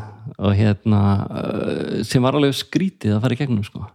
já Nefna hvað viðbröðin voru hjá honum einhvern veginn, já, ok, nú er ég þá bara eins og allir hinnir í bekknum já, já, já, veist já. þetta er svona er svolítið breytt sko Einmitt. í dag er þetta orðið miklu, miklu algengara en það var skrítið samt að vera í þessum spórum hafa annars vegar fengið fréttinnar þegar maður var kringum 12 ára Mhm. -hmm. og svo að flytja fréttinnar fyrir eitt sem var 12 ára þetta var, rétt ímynda með það já, maður. þannig að þetta var alveg svona, þetta var svona sérstakt að vera hinn, hinn með við borðið og hérna og var náttúrulega mjög mjög erfitt en en ég bara þakka fyrir þú veist bara hvernig málun hafa þróast Já. og hvernig, hvernig allt hefur blessast og bara núna síðustu helgi heldum öll saman fína útskriftavislu fyrir hann og hérna og þá sá maður bara hvað, hvað já, hvað maður bara þakkláti fyrir að allir hafi spilað sín hlutverk þú veist, út úr erfiðri stöðu, Já, spilaði vel. Og, og maður er þakkláti fyrir það. Því það er ekki alltaf þannig. Nei, fólk er að lendi í allskins og maður skilur það líka algjörlega. En, maður getur náttúrulega bara borið ábyrða sjálfum sér og hvað sem maður gerir, eða, hvað sem maður gerir og hvernig maður bregst við aðstæðan þannig að að ég var alveg mjög þakklátt fyrir það í svo útskriftafislu, það gátt allir verið saman og allir spilað höfðu spilað leikinn þannig að það gátt allir verið þar. Það hlýtur einmitt að vera þannig eh, fólk hættir ekki í samböndu með barn nema vegna þess að eitthvað er já, sem þýðir þá vandalega það ef þú ætlar að halda sambandi með allt eftir á Mhm. þá þarf að grafa einhverja stríðsaksir eða þú veist, vinna eitthvað úr einhverju málum. Það hlýtur að vera. Já, já, og það þarf alltaf báða aðeila inn í það Já. og alla til að taka þátt. Og, og, og ég bara þakka fyrir að það hafi tekist. Og það, og það er einhvern veginn bara, já, ég held að það sem maður að því að það er ekkert alltaf þannig. Maður er, fólk er að halda tvær útskiptaverslur eða, Já, já, þú veist, eða þú veist, það þarf að flækja málin. Og, og, og, og það er oft bara mjög gildar ástæð fyrir því. En ég ætla að mínu tilfelli er ég bara mjög fegin að hafa uh, já, geta spilað allavega við gotum spilað leikinn þannig að þetta er allt í góðu og allir, allir sáttir. Og það skiptir náttúrulega miklu máli. Bæði fyrir alla sem að koma að málinu og líka bara held ég fyrir hann að geta veist, notið þess að vera bara með alla í kringu sig. Já, og þurfu ekki að vera. Og hann hefur, veist, og hann er eh, bara ótrúlega, er ótrúlega ánað með, með drengi líka, hvernig hann hefur hérna, svona, tekið á, veist, hvernig hann er bara sjálfur. Bara, hérna, er mjög ánað með hann, vel gerður. Og hérna, og alltaf bara, hérna hrósaði fyrir minn þátt og þátt bara móður hans og allar sem kom í kringum hann með það. Hann hefur alltaf átt svona gott umhverfi sem hann hefur getað stuðst við og, og fengið kvartningu í því sem hann er að gera og það skiptir mjög miklu máli ég held að þessi stórpartur að ég egnaðist ekki börn fyrir allt og sent Já, ég held ég að verið sko ekkert eitthvað sérstaklega hrættu við að þú veist að skilja eða eitthvað svoleið sko. fyrst alveg bara skítáttu við einhverja svona skuldbindingu og bara einhverja ábyrð sko. Mhm. en ég held ég að alveg bara einhvers staðar svona bakfið verið hrættur um bara að verða þessi gaur sko. Mhm. verða einhver svona helgarpabbi eða svona verða fráskildi gaurinn sko. ég hætti alveg eftir langt samband en það var ekki bad. Þannig að þá er ég bara, hei, hann er á lausu í Já, staðið fyrir bara, já, þau eru skilin sko. já, já, já, ég held ég hafi bara hennilega dreigið þetta og að mörguleiti gott sko af því að lífið í dag er, er fullkomið af Já. því að, þú veist, nema ég er alltaf gamall að ég er ung börn. Já, já, það er bara svo er bara að njóta þess og þann, þann hátt, ég menn, það er bara öðruvísi. En hvað, þú veist, tengir þú tengir eitthvað við þetta, var, þetta einhver svona tilfinning bara svona, já, já, nú er ég bara um þessi kall? Nei, ég tengdi eiginlega ekki, eh, ekki þannig, ég hugsaði ekki þannig. Nei, nei, þetta bara, þetta er eiginlega bara eitthvað ferli og aðstæðu sem að maður mm, og á hverjum degi reynir að taka rétt ákvörðun. Já, já, já. Stundum tekst mann eða stundum ekki. Þannig að ef ég lít tilbaka þá er þetta bara eins og að vera, vera hanglaði þurkara sko. Þú veist, maður bara eh, snýst svolítið um og það er allskins að gerast og maður þarf bara að reyna að tryggja að maður hérna komið dúna mjúkur og, og volkur út úr þessu eins og, eins og hanglaði maður verður bara, þú veist, að maður sé bara í tótt málum, þú veist, það, en það er oft erfitt og maður gerir miljón mistök. Já, en ég hef svona litið á mistök mér finnst mistök eitt af besta sem getur komið fyrir mann í lífinu. Af því að þau þroska mann og þau fleita mann áfram ef maður er þannig þengjandi. Og þannig ég er mjög þakklátt fyrir mistök. Já, og ég oft hvet fólk bara að gleðjast yfir mistökum. Af því að þú veist ef þú- ef þú krifur þau eða ert að krifja þau þá, þá ertu í rauninni að kannski áttað á ok, þú þarna vil ég ekki fara aftur þetta gerði ég, ok, næst er ég lendi sem aðstæðum og líkir þetta svona þannig að ég er svona hvet oft fólk til að bara fagna mistökum ekki vera að berja sinni yfir þau af því að það er enginn að fara í gegnum þetta mistakalust þá er ekki nema að bara líkir undir teppi bara allavega næfi og, og bara vonaði besta ég hugsa reyndar að bara þó þú reynir það þá Já. gerir þú samt mistök Já, sko. ekki örgulega mistök Ég og held þú að það sé ekki að- hægt, sko. Nei, ég held sér ekki hægt og þess vegna er svo mikilvægt að að að fagna þeim uh, af því að þau getur verið þinn mest í fjársjóður sko, og er í rauninni við þinn mest í fjársjóður Mhm. af því að ég er náttúrulega að vera 50 núna er bara allt annar heldur en ég var og ég finn í dag, þú veist, eins og þú veist að tala um á hann og maður bara einhvern veginn gott jafnvægi fjölskyldulífi, þú veist, bara að vinna og maður er einhvern veginn bara ánaður bara vakna uh, með brosa vörna hverjum degi. Átt fleiri börn? Ég er semst konan á, já, á þennan strák uh bara einan og svo hefur náttúrulega verið að þvælast í gegn allskins uh, stjúbötn og, og fórstu genið tíðina. Þannig að maður hefur tekið alveg ábyrða á ýmsum hlutum. En þau, þau hvað er það að segja mörg svo leis Já, ég er bara eins og þetta er bara þetta er bara verið að stopna bara leikskóla hefði verið tekið þess nei, nei, þetta er sko, nei, nei, semst, nú er þetta konu mín á semst, uh, tvö börn. Og hérna, eða börn, þau eru fullotnir einstaklingar uh, í dag. Og svo, svo fyrir hann konu mín, hún átti semst, þrjú börn fyrir. Þannig að þú veist, þetta er þú veist, auðvitað maður dótt inn í þetta á allskins aldrei og þú veist, maður bara fengi að, þú veist, maður er bara þakkláttu fyrir það. Og ertu góður í þessu? Nei, ég held að ég sé ekkert alltaf góður í þessu. Ég, þú veist ég, ég held að ég sé ágætur á vissu leiti en vonlösu öðru og, og ég veit alveg og ég er alltaf að reyna að vera betri en þetta er alveg erfitt og stundum ger ég sjálfum mér það erfiðar en þarf að vera. En yfirleitt reynir ég bara að, að gera þetta vel og manni það vel. Uh -huh. en það er alveg þetta er alveg, þetta er, þetta er veiga mikið hlutverk sem að ég já, held ég stundum sint vel og annars og öðrum stundum ekki. Fjölskyldu lífi þá, Já, fjölskyldlíf og líka bara þetta að þú veist svona koma inn í, inn í, inn í aðstæður þar sem maður er bött fyrir og svona og þú veist og, og, og þú veist ég, það var örgulega betra að taka viðtal við þau öll og, og spyrja þau út í Já, það. já. en það er frá mínu bætir sem maður reynir að gera sitt besta. En maður veit alveg að maður stundum feila maður og Mm. stundum gerir maður vel. Og það er alveg fyrsta skrifi að bæta sig. En, en já, og ég er bara ennþá þar. Ég fæ alltaf bara svona tilfinningu bara, maður horfir á svona ég, mér fallast einhvern veginn bara hendur sko. Allt þetta fólk, allar þessar tilfinningar allt þetta samspil á milli, Já. milli allra sko, og maður svona einhvern veginn ætti bara svona að stinga hausnum minn og bara að, hæ, fokk Já, ég veit það. En þú veist, svona bara eh, svona er lífið, bara. Maður er einhvern veginn bara velur eh, velur það sem maður þar aðstæða sem maður fyrir inn í. Já, og stundum er það náttúrulega, mann er ofiða og stundum ekki, en, en stundum en það, en þú veist en þó að séu háið þröskuldar þá þá maður bara, eins og sé, bara liðka þess fætunar og maður geti klofað yfir það og, og þú veist, oft texta og stundum ekki. Stundum leipi bara alveg lóð beint á, á þröskuldin og, hérna, og þannig er það bara og það er ekkit ég bara, bara já, bara sumi bara, veist, ég bara, hef alltaf allavega reynt að gera mitt besta. Mhm, og ég er svona að tel mig svona nokkuð veginn ekki fara fram hann um slæmum kvötum þannig að þú veist, ég reynir bara alltaf að gera mitt besta. Maður á bara að setja uppeldi og setja upplag og það er svona ég er bara eins og ég er, þetta segja það? Já, já, já, þannig sko nema, þú veist, en nei, maður þarf að breyta sér, þú veist, en þú veist, ég er aldrei að fara neitt, þú veist, mann er mistekst. Það er ekki af því að ég ætla mér að vera eitthvað vondur. Nei, nei, mann er mistekst af því að maður er kannski, maður vissi ekki betur en svo læri maður að því mm þannig að maður verður alltaf veist, verður alltaf betri útgáfa af því sem maður er en þetta er manni út, útluta ákveðnum þú veist, eins og ég var að segja með þú veist, handabandið þú veist, nú eru allir hættir að heilsast. Já. en svo er maður í veislunum um helgin og allir afturfarnir að já, heilsast um af leið því að það er ekki handabandið er ekki bara að rétta fram hendina.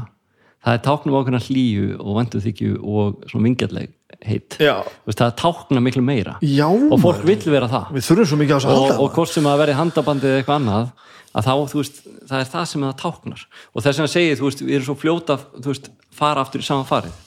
En þannig að ég segi, þú veist, auðvitað er maður eins og maður er og maður litast ofta því en maður er samt alltaf að reyna að þróa sig. Það sé svona það sem að, kannski bottom line hvernig ég reyna að lifa lífinu. Mhm. mann er gefin ákveðin spil, það er náttúrulega bara eitthvað, eitthvað raða í höfuðu á þau til að byrja með.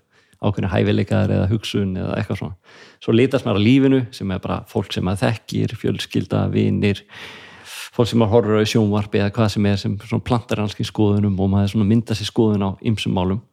Og svo fær maður eitthvað uppeldi sem að maður hérna, er líka svona okkur gildi og annað felast í. Og svo þarf maður að finna út úr öll, saman. Ég er bara í grunni, þetta er bara hausinn minn og hann hugsa svona. Mhm. allir þessir eru búin að hafa áhrif á mig utan að komandi og svo er ég alveg svona upp. Og þetta er alveg oft vesen að þú veist, finna út úr þessu öll saman er þetta deilgaurinn í þér að tala eða, þú veist? Nei, þetta er eiginlega svolítið bara ég að tala uh, átta mig á hvernig ég er uppbyggður sko. en það sem þú ert að segja núna er ekki eitthvað sem þú varst að þú veist, byrja að bladra núna um fyrir kortir síðan, þetta er eitthvað sem þú er búin að hugsa greinilega Já, ég hugsa, alveg- þess vegna er ég alltaf að hugsa og það sem ég segi, ég er alltaf að reyna að finna leiði að verða betri já, þú veist, að því að, þú veist, og ég geti talað um bara í allan dag og, og bara fleiri mánuði um öll mistingu sem ég gert. En ég get líka á sama tíma og örgulega eitt meiri tími að hvernig ég hef reyndi að endurtaka það ekki. Já, þannig að þú veist, þetta er bara veist, þannig er ég bara að reyna að vinna. Og ég er ekki að segja þessi réttleið ég er bara, ég langar ekki að vera alltaf eitthvað að gera sömu sama vesinni en með allar, þú veist nú ertu að þetta er að bara tala svona einfalt, einfalda skýringi Já, ég er já. bara þannig, ég er bara, þú veist, en maður er samt alin upp á ákveðnu, þú veist, það er eins og bara veist, amma var alveg bara rosalega bara rosalega, þú veist trúið og þú veist, og bara leggja manni góð gildi. Svo fannst manni, þú veist, kannski eitthvað þú veist, ekkert ég var hérna, aldrei að drekka og reykja og eitthvað svona, svo fann maður að drekka og maður bara, "Ah, hvað er anskoð, hvað er ég að gera hérna, veist, og amma bara var bara svo jóta, bara svífandi hérna og ég bara, "Ah, já, já, ég læt mig hafa og hérna, og þú veist, og, þú veist þetta var ákveð þröskuldur yfir, skilju, þetta er bara það sem er prentað inn í mann, já, já. og þetta er svo ríkt í manni sko. Já, þetta er svo ríkt í mann, þess að hann segir, þetta, þetta fær mann kannski til að gera síðan falla í sama farið, já, þú veist, en maður er alltaf að reyna að fara angað ekki, sko, af því að það er búið Já, að móta mann bara með einhverjum hætti, þú ert náttúrulega bara eitthvað, þú ert náttúrulega bara uppskriftin af því sem hún ferði gegnum, skilur, það er bara einhver uppskrift, já algjörlega. Veitir köku og hún bara verður svona og það er bara einhver uppskrift og þú ert það bara, það er bara 1 desilítur af óla eins og hann kom í heiminn. Svo bara þrjár teskiðar af uppeldi og, og þú veist, ég veit ekki fjóri desilítur af bara áhrifum fólks í kringu og þannig er kakan bara sem að liggur okkur kistubotni eftir einhver ár. En nú ertu þú ert að hugsa þú ert að hugsa um þessa hluti alveg fullu. Og það tala um stóra hluti hérna sko. Já, ég, þú veist, svona hugsaði þetta bara. Vaknar þú samt bara mótana og bara frekar sprekkur eða? Já, ég sko dagstaglega, þetta er ekki, ég er ekki bara ég ógeðslega hress. Já, ég reyna að vera já, já, mér langar að vera það. Og þú, ekki langar að vera það, ég er það bara. Mm -hmm. vil bara segja það, ég er það bara. Og hérna, og ég vakna yfirleitt bara mjög ánæði með daginn, sko, ég er ekki að ég vakna ekki eins og Dr. Phil, já, já, Ólafur nú þarftu eitthvað að passa endur tekja ekki mistök gerðagsins og passa að verða betri útgáðs þú veist, ég er ekki þar, ég er bara að vakna mótnana eins og ég er og þú veist, og bara rými á fætur og fæ mér þrjá kaffibólla og svo í vinnuna, þú veist, ég er bara eitthvað svona bara að þú veist, en er, rosa ánæður ég er rosa ánæður með vinnuna mína og hlutskipti mitt í lífinu núna og þú veist, og áns að vera eitthvað ofugsað svo fer ég bara ekki inn í daginn með Já. og ég, þú veist, ég er alltaf yfirleitt veist, ég held að finnir ekki mikið fólki nema kannski konuna mína stundum að ég sé mikið í vondu skapi. Nei, ég er, yfirleitt- ég er aldrei í vondu og skapi. það er þannig sem sagt. Já, já, ég er ekki mikið í vondu skapi. En stundum auðvitað eru hluti sem fari töðunar á mér og allt það, en ég reyni þá bara, þú veist, að gera sem minnst úr því. Mhm. og, og svona, og, og ég miklu meira árið miklu duglegri í því bara að segja bara, eh, þú veist, já og, og, og reyna að sína fólki skilning í staðin fyrir að fara í eitthvað fæt, sko. mér finnst það ekki bara vörð þitt, sko. Ég finnst bara, æ, þetta er og maður fattar að kannski, kannski maður er bara svona gamall að það, maður hefur bara valum að verða bara nokkuð hammingsamur já, það er, maður fyrir að fatta það einhvern veginn að það er skinsamlegra að vera hamingjusömmur sko. Já, þú getur eiginlega valið að auðvitað getur alls fyrir hluti gert fyrir þig en, en flestum ást, aðstæðan getur þú valið að minka höggið uh -huh. eða gera það að vera þú veist, Já. í erfiðum aðstæðan Já, en svo getur þú bara að segja bara roll with the punches sko, dagstælega skilur við, við erum ekki, að- við erum ekki að láta þetta hafa mikið áhrif á þig. Og ég held að það sé svolítið svona, veist, og þannig eins og þú segir upplifum sem bara glaðan, ég held að ég sé það bara yfirleitt, ég held að fólk sem bara í kringum sjá mig yfirleitt bara sem yfir glaðan. Ég er yfirleitt mæti brosandi og býð fólki í góðan daginn og svona reyna að vera þannig eins og alltaf bara eins og allir á maður daginn á milli. Já, já. en öll í öfni, já. Ekki, er, er, veist, og kannski það aldurinn og maður er að pæli í, þú veist, maður er komin á þennan aldur.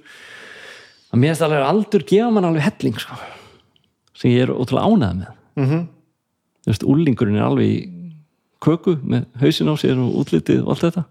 Ég er bara búin að vera þar. Mhm. búin að díla við það. Þannig að mér finnst miklu meira frelsi að vera Óli 50 þetta er Óli 14 ára sko. Ég er ennþá þannig sko, og þetta hljóma náttúrulega eins og mesta afnittunar komment í heiminum en algjörlega grínlust sko. Já, og ég spekla sjálfum mig svolítið í þér með þetta að veist uh, veist að ég segi eitt í einu hérna. Já, í grínlust er það þannig að mér hefur aldrei fundist meira gaman heldur en nákvæmlega núna sko.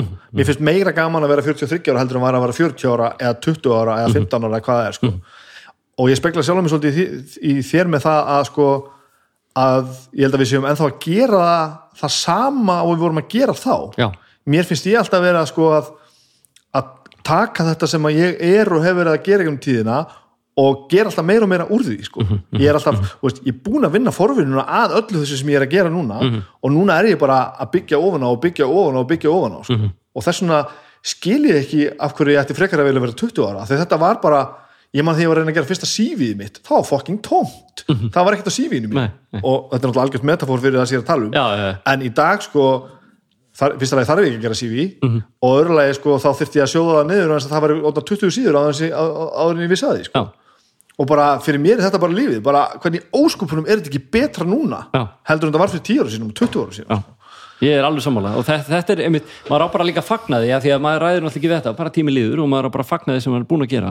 Og þess vegna var að tala um, maður er að hugsa eftir sjá og svona, mm -hmm. þú veist, ég nenni ekki að vera þar, þú veist, ég, kem, ég, ég kemst ekki þú kemst ekkert aftur til að breyta því, nei, en þú getur lært náttúrulega, en, en að dvelja í einhver eftir sjá er, er eitthvað sem ég, það kannski hjálpa mig líka til að vera svona bara, líta bjartari augum á lífið já, að vera ekki að láta það draga mig. Af hverju ger ég ekki þetta, af hverju, þú veist, eins og að tala um að vera leikari. Þú veist, af hverju ger ég það ekki? Ég er bara fullkomlega ánæður í dag í minni vinnu. Ég mitt og hún líka hefði örglega ekki gerst hefði ég tekið í húnin í Vestló sko, og opnað hurðina. Nei, og nei, þá hefði ég hugsanlega farið bara að smitast einhverju bak- bakteríu og bara farið þangað. Þetta eiga svona moment, já, bara eitt en, moment. veist, en, en, ég, en ég er ótrúlega ánæður í dag. Ég er Já. að fá fullt af spennandi verkefnum. Ég er að gera fullt af hlutum sem að ég, ég hérna, geti nýtt mína hæfileika í. Og ég er ótrúlega þakklátt fyrir það þannig að þú veist, og fjölskyldan þú veist, mjög ánæður með hana og þú veist, það er svo margt sem maður hefur til að vera þakklátt fyrir og þetta er ekki bara að segja ég er bara í, í, þú veist, í fullri einlægni er það -hmm.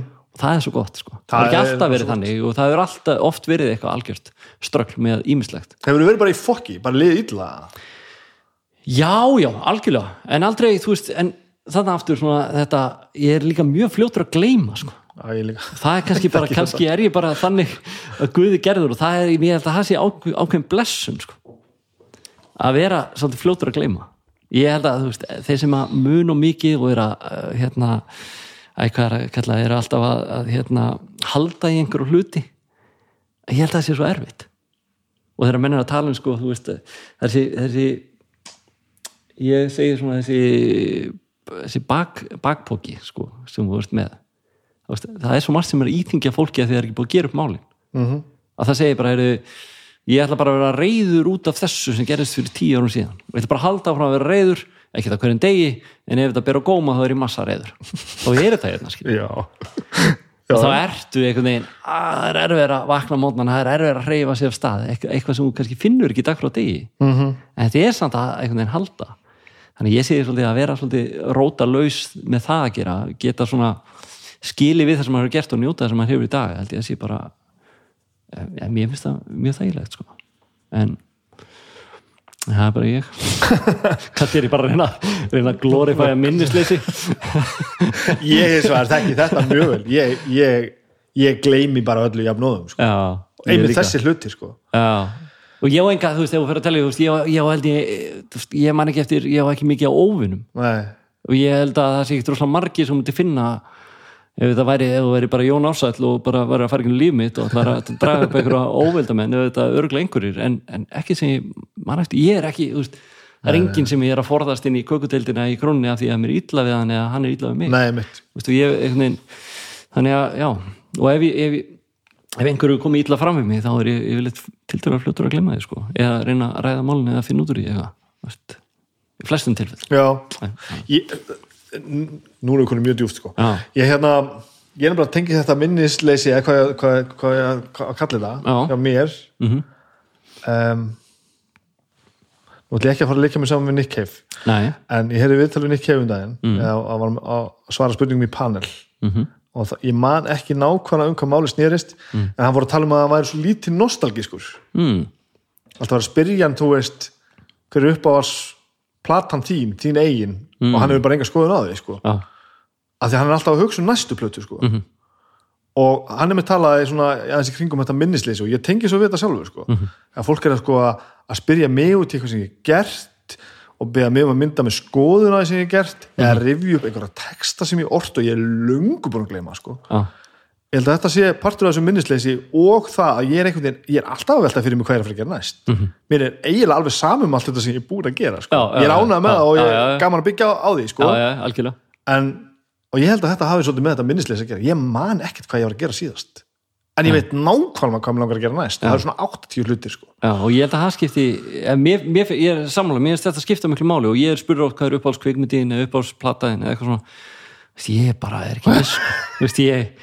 og Veist, ég er. Veist, veist, bara ég er einhvern veginn á erfitt með að festa svona hluti sko. ég er einhvern veginn bara þú veist, ég fór á mynd á morgun og það er bara mér finnst hún geðveik en er hún besta, hugsanlega ég, ég veit ekki þú veist, ég er alveg þar sko. ég er bara, eina sem ég veit að ég horf á, þú veist, fíla alla myndir með Adam Sandler eða flestar og það, það og það, og það er mjög skrítið þú veist, en, en þú veist, en það en, uh, þú veist, en ég er ekkert pælið, þú veist, já, guðfæðurinn ég man nú alltaf, þú veist, hvernig hún er sko, það er mjög langt sem ég hana. En ég, það, er, hún var mjög góð, ég man það en, en þú veist, eða Lord of the Rings allt með fína myndir. Já. ég var mjög erfitt einhvern veginn að fara einhvern veginn að rifja upp eitthvað allt sem ég er búin að sjá um æfina því ég er bara meira og meira búin að glemma því. Já, þannig er ég bara, eh, bara þúsund prósent með þér Já. og einhvern veginn að byggja svona skoðun á mína á einhverju sem ég, ég bara, ég Nei, þetta er, er svakalegt hérna, taktu mig í gegnum hérna vinnuna hérna frá því að byrja og þá, hvað ertu búin að gera? Í, í sennu eða frá því skífunni að búðin fór á hausinn. Já. Hva, hva, Sko, ég var áðan einn sem verslunarstjóri hjá skífunni á lögavegi 96 þar sem hljóðfarahúsi var. Já, og var á efri hæðinni þar með megabúðina og var verslunarstjóri þar. Og þá voru töluleikir í risastórum pakningum og, og, hérna, og þar voru sástu hverju spilaðu töluleiki þeir bara komu eins og vampýrur út í dagsljósi til að köpa sér nýjan leika því þar var ekkert internet til að downloada það neitt.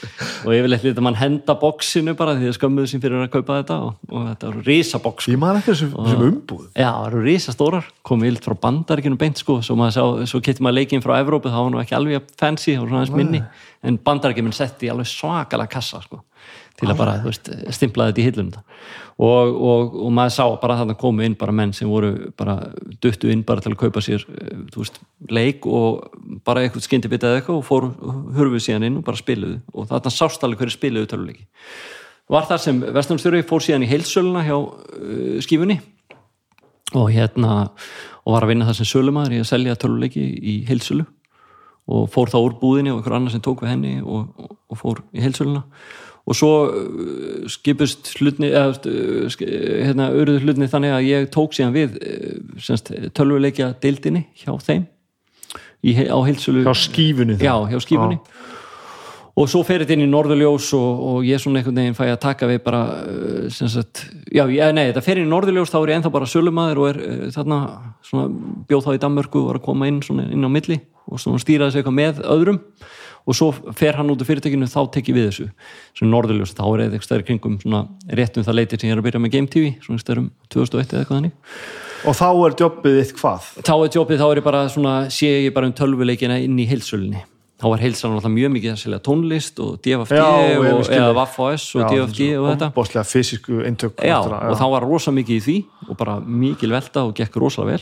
Og þá rauninni fer, fer ég bara í að sjá um tölvuleikina innan þess, þessara heilsölu já, svo í rauninni bara þróasmálinn þannig að ég já, fer í það svo við út úr norðurljósum, hruni kemur og allt þetta og, og sena verður svona, kemur út úr því sem svona sjálfstætt fyrirtæki -hmm. og þá í rauninni uh, teki við uh, semst bara heilsölunni hjá þeim og er svona sölustjóri í rauninni bara þá yfir, yfir öllum formatum, bæði tónlist og, og geislat og hérna DFT og það er basically að koma draslinn til landsins og koma þessi búður Já, Að- eða svo- ég sá meira bara um að koma í búðir. Já. Þa, þá varu aðrir svona útgáfustjórar með íslenska efnið og svo voru einhvern sá um erlendu tónlistina og svo voru einhverju kvikmyndadeildin að panta inn og við vorum meira að komast út í búðir og framstillingar og svo fremst, þannig að þetta var svona sölu hlutin og já, svo er ég bara búin að vera í því heil lengi, svo náttúrulega bara fara þessi fís, físisku uh, svona format út og, og sena selu frá sér tónlistadeildina yfir til Öldu Music og, það, og ég tók svolítið þátt í því ferli þegar yfir færslu og var svolítið komin í tónlistamálinn svolítið þar var það þannig? var, var sem sagt Alda keifti draslið af senu. Já, kaupir í rauninni katalógin semst allan katalógin og, og, og, og hérna og þá vantilega út, útgáfu samninga á hana sem fór, fór bara allt yfir til þeirra og þeir rauninni kaupa bara alla tónlist út úr senu. Vá, já, nú sannlega, ætti nú að vita þetta betur í ljósi þess hver ég er, ég, mér, mér fannst veginn eins og þetta hefði bara þetta hefði bara verið klófið einhvern veginn. Nei, þeir eru rauninni koma bara að þessu. Þetta er bara nýjir aðeins Já. sem kaupa draslið Já, og þeir koma ok, bara inn og segja bara ok, við viljum bara gera nýja hluti og gera þetta með nýjum hætti Já, og, og, já. og, og, þurfti bara grunninn af því að það er mikill katalógu sem var inn í senu að þessum, þú veist, bæði þessum svona klassísku sem við verið til í áratugí og, og svona nýlega eh, hérna, upptekinni tónlist útgefinni. Og, og þeir kaupa það bara út og þá er það farið.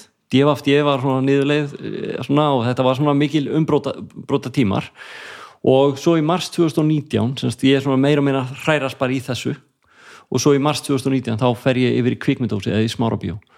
Og tek við sem framkvæmtastjóri bíósins. Já, mars 2019 og sé þar um uppbyggingu á skemmtisvæðinu. Við erum með svona einhverja spilakassa og VR leiki og allskyns uh, svona skemmtisvæði sem eru leysitak og Mhm. sem er karaoke. gamli vetragarðurinn Já, í rauninni, þar erum við búin að breyttum því öllu, heldum bestu spilakursunum og keiftum nokkra nýja bjökum til algjörlega nýtt svona VR-plattform sem er með átta hjálma og getur farið inn í flóttaleiki í VR, verið sex saman í sama leiknum og síða hvort annað og tala saman og sleppa út af fangelsi eða draugahúsi og svona, mjög, mjög skemmtilegt konsept. Og svo erum við karaoke og leysitak tvær tegundir af því eh, á sem stað líka. Og þetta er svona er að vinna ágætlega með bíóinu. Bíó er að þróast bara eins og allt annað. Já, þannig að, að í mars 2019 tekið þarna við og við, við erum með góðum hópi fólks förum í að keira þetta upp og, og lonsa þessu. Og svo núna bara fyrir uh, ykkur tíman já, februar 2020 þá fer ég alveg út úr bíónu svona þetta er orðið COVID náttúrulega litað þetta allt saman síðan í kjálfarið og, og fer ég út úr bíónu í februar cirka 2020 og fer á einblíni alveg á skemmtisvæðið. En ég er alltaf með tölvuleikina Playstation og allt hérna alltaf, það er alltaf, fylgir mér alltaf það er svona eina sem varð eftir að heilsulunni þannig að ég tók það alltaf með mig hversin ég fer. Hva, hvað felur það í sér núna? það er rauninni bara Playstation aðalega umbúðið er stæðst þannig að vélar og auka hlutir og svo erum við fullt að leikja framleiðendum en auðvitað er það náttúrulega bara eh, síðasta physical formati til að fara niður. Já, Eh, og er svona nánast er komið langt allavega í því ferli en er ennþá að seljast og, en við erum þá komið aðra auka hluti eins og bara tölvuleikja stóla eða tölvuleikja borð eða fullt af headsetum frá öðrum en Sony eða líkla borðum, Já, já, þannig að við bara breyttum svolítið um og fórum að svona tókum svolítið annað kurs í því sem er bara fínt og það gengur bara mjög vel. Og þið eru að flytja mikið af því inn? Já, flyttum Já, mikið að því inn og er svona, það, það er það sem ég manið og hef alltaf gert alla mína tíð. Þannig að þegar ég flutti upp í smárabí og þá er ég með það líka svona on the side, tók það bara með inn í það. Og náttúrulega var fullt af góðu fólki það sem að tók svolítið þá bara á móti mér eh, þetta dagstælega -hmm. og var, var mikið í því að ég sinti töluleikinum og, og, og hinu með og svo byggjum við upp þetta svæði ég segi skilja við bíóið í februar 2020 og, og fer bara einblína á skemmtisvæðið af því að við vildum láta það bara, bara vaks upp og aðrir komin í bíóið og, og, og er síðan líka með Playstation og, og hérna og, og heilsöluna og þar er ég búin að vera núna síðan bara, já, cirka februar 2020 og svo núna bara í þessum, þessa mundir er ég að breyta enn og aftur um starf innan fyrirtækisins. Þannig að, að hérna, og er að fara svona vinna í að koma með nýtt sölu svið innan fyrirtækisins. Það sem heilsalan er náttúrulega svona stærst. Og svo erum við náttúrulega með senu live með tónleika og við erum með viðbyrða hluta og ráðstefnu hluta og við ætlum að gera svona sölu svið þar sem að við getum verið svona sala til fyrirtækja.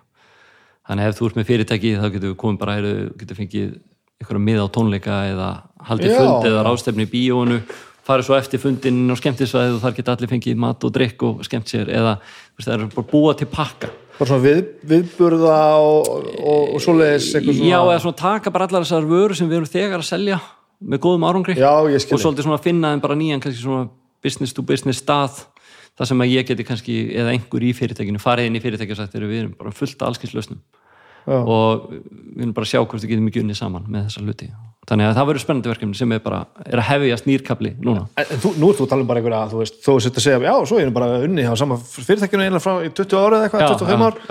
Þetta, þú ert að gera eitthvað allt, allt annað heldur en fyrir 10 árum síðan. Já, þannig að ég bara, þú veist, byrjað sem vestlórstjóri svo er bara að þvælast hingað og þangað og það er unni yfir haldið starfinu rosalega fersku Já. ég er alltaf að fá og ég vil segja bara já, af því ég er alltaf til í að gera eitthvað nýtt. Mér finnst það gaman. Og finnst þið bara fint núna að vera bara að fara að, að selja fyrirtækjum miða í leys, leysitak þegar að, þú veist, þegar þú varst bara að lifa hræðast í töluleikum fyrir 10 árum síðan. Já, já, og ég er náttúrulega með töluleikin en þá Já. Playstation og ég fæ alltaf mínu útrást þar. En svo er náttúrulega núna bara, þú veist, ég er mjög gaman að vinna með fólki. Þannig að nú gefur þetta með tækifæri til að fara að hitta mér á fólki og fara, fara þarna út og eiga fleiri samtöl og, og þú veist, og vinna með fólki á staðinu þegar kemur við fyrirtæki sitt og Mhm. þetta er smá svona skemmtana stjóra gýri að, að bara láta fólki líða vel Já, já, já. og mér finnst það mjög gaman Að þú nennir þess alveg. Já, mér finnst það, ég var sko skemmtilegustu gigin, ég var að smíða uh, með hérna, þessum hóp upp skemmtisvæði en ég naut mér alltaf best þegar ég var að taka sjálfur á móti hópum ég finnst það alveg gaman ok. þegar maður kemur inn og sér fólku upplifa það og, og maður getur svona, þar nýtir maður svona það stand-up element í sér Já, já. maður dettur í gýrin og maður svona er að tryggja að fólk skemmtir sér mér finnst það mjög gaman. Þannig ég held að ég fái meiri útrás fyrir þannig fyndið. Þannig að ég er mjög spenntið fyrir þessu nýja verkefni. Þannig að 25 ár en alltaf eitthvað að gera nýtt. Þannig að maður, ég held að það líka sé líkillina því að halda sér lengi á sama stannum að fá nýjar áskorunir og, og vera tre, treyst fyrir nýjum hlutum Ertu í 9-5? Þú veist, mæ- mættur bara núna þess að dagana bara upp í bíó og ert þar í vinnunni? Já, ég var þar og nú fer ég bara að mæta henni í senu aftur Já. og nú bara, þú veist, og ég skil rosa bara sáttur við bíóið þú veist, það er að- að ná sér vel núna upp eftir COVID og skemmtisæði alveg í byllandi siglingu núna og maður er bara ánæði með það sem að þann stimpil sem maður hefur sett þar inn og núna fer ég bara að mæta á skrifstofunni, já. Þú verið að þú Já, já, Það er þannig? já, Já, þannig hefur verið að vinna bara, þú veist, þú verið svolítið 9-5 eða mætti kalla það þannig já. og, og já, þannig að ég hef almennt verið bara uh, þar Og ef þú ekki að streyma fram á nótt þá ertu bara að vinna já, Á venjulegum ég- tíma? já, já. Þannig að ég er svolítið já. en þannig já, það svo, þetta er maður svona auka verkefni eins og streymið núna og sem bara, meira bara eins og áhugamál sko. ég Mhm. geti verið heima bara, sumir eru heima að prjóna, að hekla og þú ég hef reynda, það var ekki auka fyrir mig þannig að streymið, þetta var betur Gerðu þetta bara heima? eða? Já, Þetta streyma? já, þetta byrjaði í COVID og, veist, Já, og við já, færiðum okkur eins og Game TV var þetta byrjaði áður Mhm. Game TV var svolítið komin í skuffu þegar Kristján Einar sem er með mér í þessum núna Mhm. uh, kemur til mín Og vinnu með mér? já, og vinnur með þér og hann svona fyrir að sína svo áhuga og hann í rauninni sparkar verulega fast í mig og úr verður Já, já, já. og, og hann í rauninni á stóna þátt í endur vekja Game TV eftir að það var svona vorum svona að það er komið í smá lag vissum ekki hvað ættum að gera með það og hvaða skrefið ættum að taka. Mm -hmm. þannig að ég er mjög þakkláttu fyrir honum að hafa dottið inn á ratarinn og, og sparka vel í mig. Ég er mjög ánægð með þetta. Þannig að, já, þannig að mér finnst það bara þægild að hafa eitthvað svona auka og, og kona sínur þessu mikið skilning. Hérna, þannig að ég finnst að þú veist, þarna nýt ég minn mjög vel. Mér finnst það bara, þetta er eins og ég er margir bara prjóna peysu eða, eða púsla eða gera eitthvað þá finnst mér bara gaman að standa í þessu. Og hvað, þú veist þú, þú ert kannski ekki ósvipa mér með þetta að vinna en er svolítið það sem þú ert. Mhm. þú ert svolítið bara, þú veist en, áttu áhugamál sem eru bara áhugamál Já, ég er, semst, er, er reyna að fara í golf eins mikið og ég get. Ok, og það er svona kannski helst áhugamáli mitt núna. Uh, já, ég held að sé og svo náttúrulega spila tölvuleiki er náttúrulega stórt áhugamál hjá mér en svo er það líka hluta vinnunni þannig að, að ég held að það sé að tven, uh, svona tv- tvennt í þessu. -hmm. þannig að skrítið að velja samt svona golf, þetta er mjög pyrrandi áhugamál. Ég var ekki settur á þess að gjör til að spila íþróttir eða, eða sinna þeim að neinu. Þannig að þetta, alveg, þetta verður svona eiliða verkefni. Já. ég minnst ég alltaf búin að vera í golfi ég hef búin að vera í síðustu ár en ég er alltaf á sama stað með forgju og, og, ég, og hún er mjög há. Þannig að hérna, þú nær að gera þetta sem áhugamál og þú veist, þú ferð til þess að fara veist, skemmta þér skilur. já, já, mér finnst það mjög gaman. Fara á, þetta er alveg fjóru tíma náttúrulega að fara átján hólur og, og þú veist, og mér finnst það gaman í góðum félagskap og eignast marga góða og, og, og hérna, fína vini í gegnum það sem finnst gaman að fara bara út og aðeins. Og konan er komin inn í þetta líka og það er gott líka að geta varið tíma í svona með, með henni. Þannig að mér finnst það, þetta er mjög skemmtilegt áhugamál með það að gera. Ég finn nefnilega fyrir, ég er að tala um fólk sem er að gera svona svipaða hluti kannski og við erum að tala um hérna sko, Já, að það er svo auðvelt að fasast yfir það að eiga engin alvöru áhugamál að þú ert alltaf, þú ert að vinna með það sem þið finnst skemmtilegt sem, er, sem er náttúrulega best í heiminu já sko. það er alveg frábært. En það kemur samt að því að þú veist, þú fyllir tíman af því sem er svo skemmtilegt. Mhm. en það er svo þægilegt að vera bara að vinna með það sko. að þú kannski ekki pínu pening fyrir það og, og með eitthvað verkefni, bara herrið, ég á hérna tvo tíma lausa í viku, best að búa til eitthvað verkefni því mér finnst svo gaman að vera til, ég, ég er svo frábær. Og þá enda með því sko bara allt sem þú gerir er af einhverju kvöð. Mhm. þú ert aldrei eins og ég get ímyndað mér og ég öfundaði ekki af með tölvuleikin á þig. Ég get ímyndað mér að þú eigir ekki mjög mörg, mörg moment þar sem þú sest virkilega niður bara ég ætla bara að gera þennan, spila þennan tölvuleik að því mér langar geðveikt til þess og ég hef nógan tíma. Þú veist. Já, það er alveg rétt. Það, er, það kemur eitt eitt þannig sem að gerist og, og eftir því sem á hefur liðið að þá verða það sem betur fleiri og fleiri þannig. Mm. Eins og ég var að spila núna Resident Evil Village eða nýja Resident Evil og ég hef bara, það var bara, þá nöyti ég mér bara að fara beint í hann og ég er ekki að stríma honum með að Nei. segja neinum frá honum Einmitt. þetta var bara mitt moment og ég er bara að Akkurat, spila. Og það finnst mér rosa gott og þá er þetta svona alvöru áhámál og þú nærði, að búa til tíma til þess að gera það og, og bara ró. Já, og kláraði nýja God of War sko, byrjaði honum fyrir, þegar hann kom út mm kláraði hann bara fyrir nokkrum mánuðum síðan. Og þú sko, veist, þá byrjaði hann bara frá byrjun og þú veist, og þá þá er ég að gera bara til fyrir mig og fá út úr því sem Já. ég vil. Ekki neitt tengt neinum vinnu eða kvöð eða neitt þannig. Og golfið er svipað, veist, er bara þetta er bara eitthvað sem ég er að gera bara í stæðan fyrir að fara í göngutúr eða veist, vera aðeins úti og, og þetta er alveg skemmtilegt. Og þetta er svona, það er einhver, einhver áskorun í þessu. Og þó þetta liggi ekki vel fyrir mér þá finnst mér þetta gaman veist, og ég hérna, er bara að reyna að spila þetta á mínum forsendum. -hmm. þó maður oft pyrrist á því að ná ekki pari sem er bara eitthvað skrítið af því að ég minna að meina atvinnumenn sem spila þetta bara allan daginn er ekki alltaf á ná pari sko. þannig að hvernig að ég er að ná pari það er bara að vera eitthvað skrítið. Þannig, hérna, uh, já, þannig að ég bara er, veist, er að læra líka að njóta þess að vera í golfi. Ekki hugsa alltaf um bara veist, það er alveg kunst að ég, að ég er ekki að fara að brauðfæða fjölskylduna sko með einhverju velunum fyrir golfi.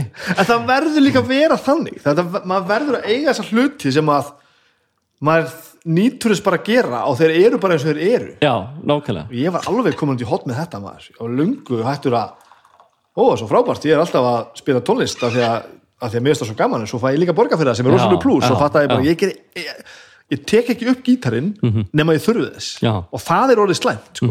það er ekki gaman og hvað, ertu búin að gera eitthvað í því?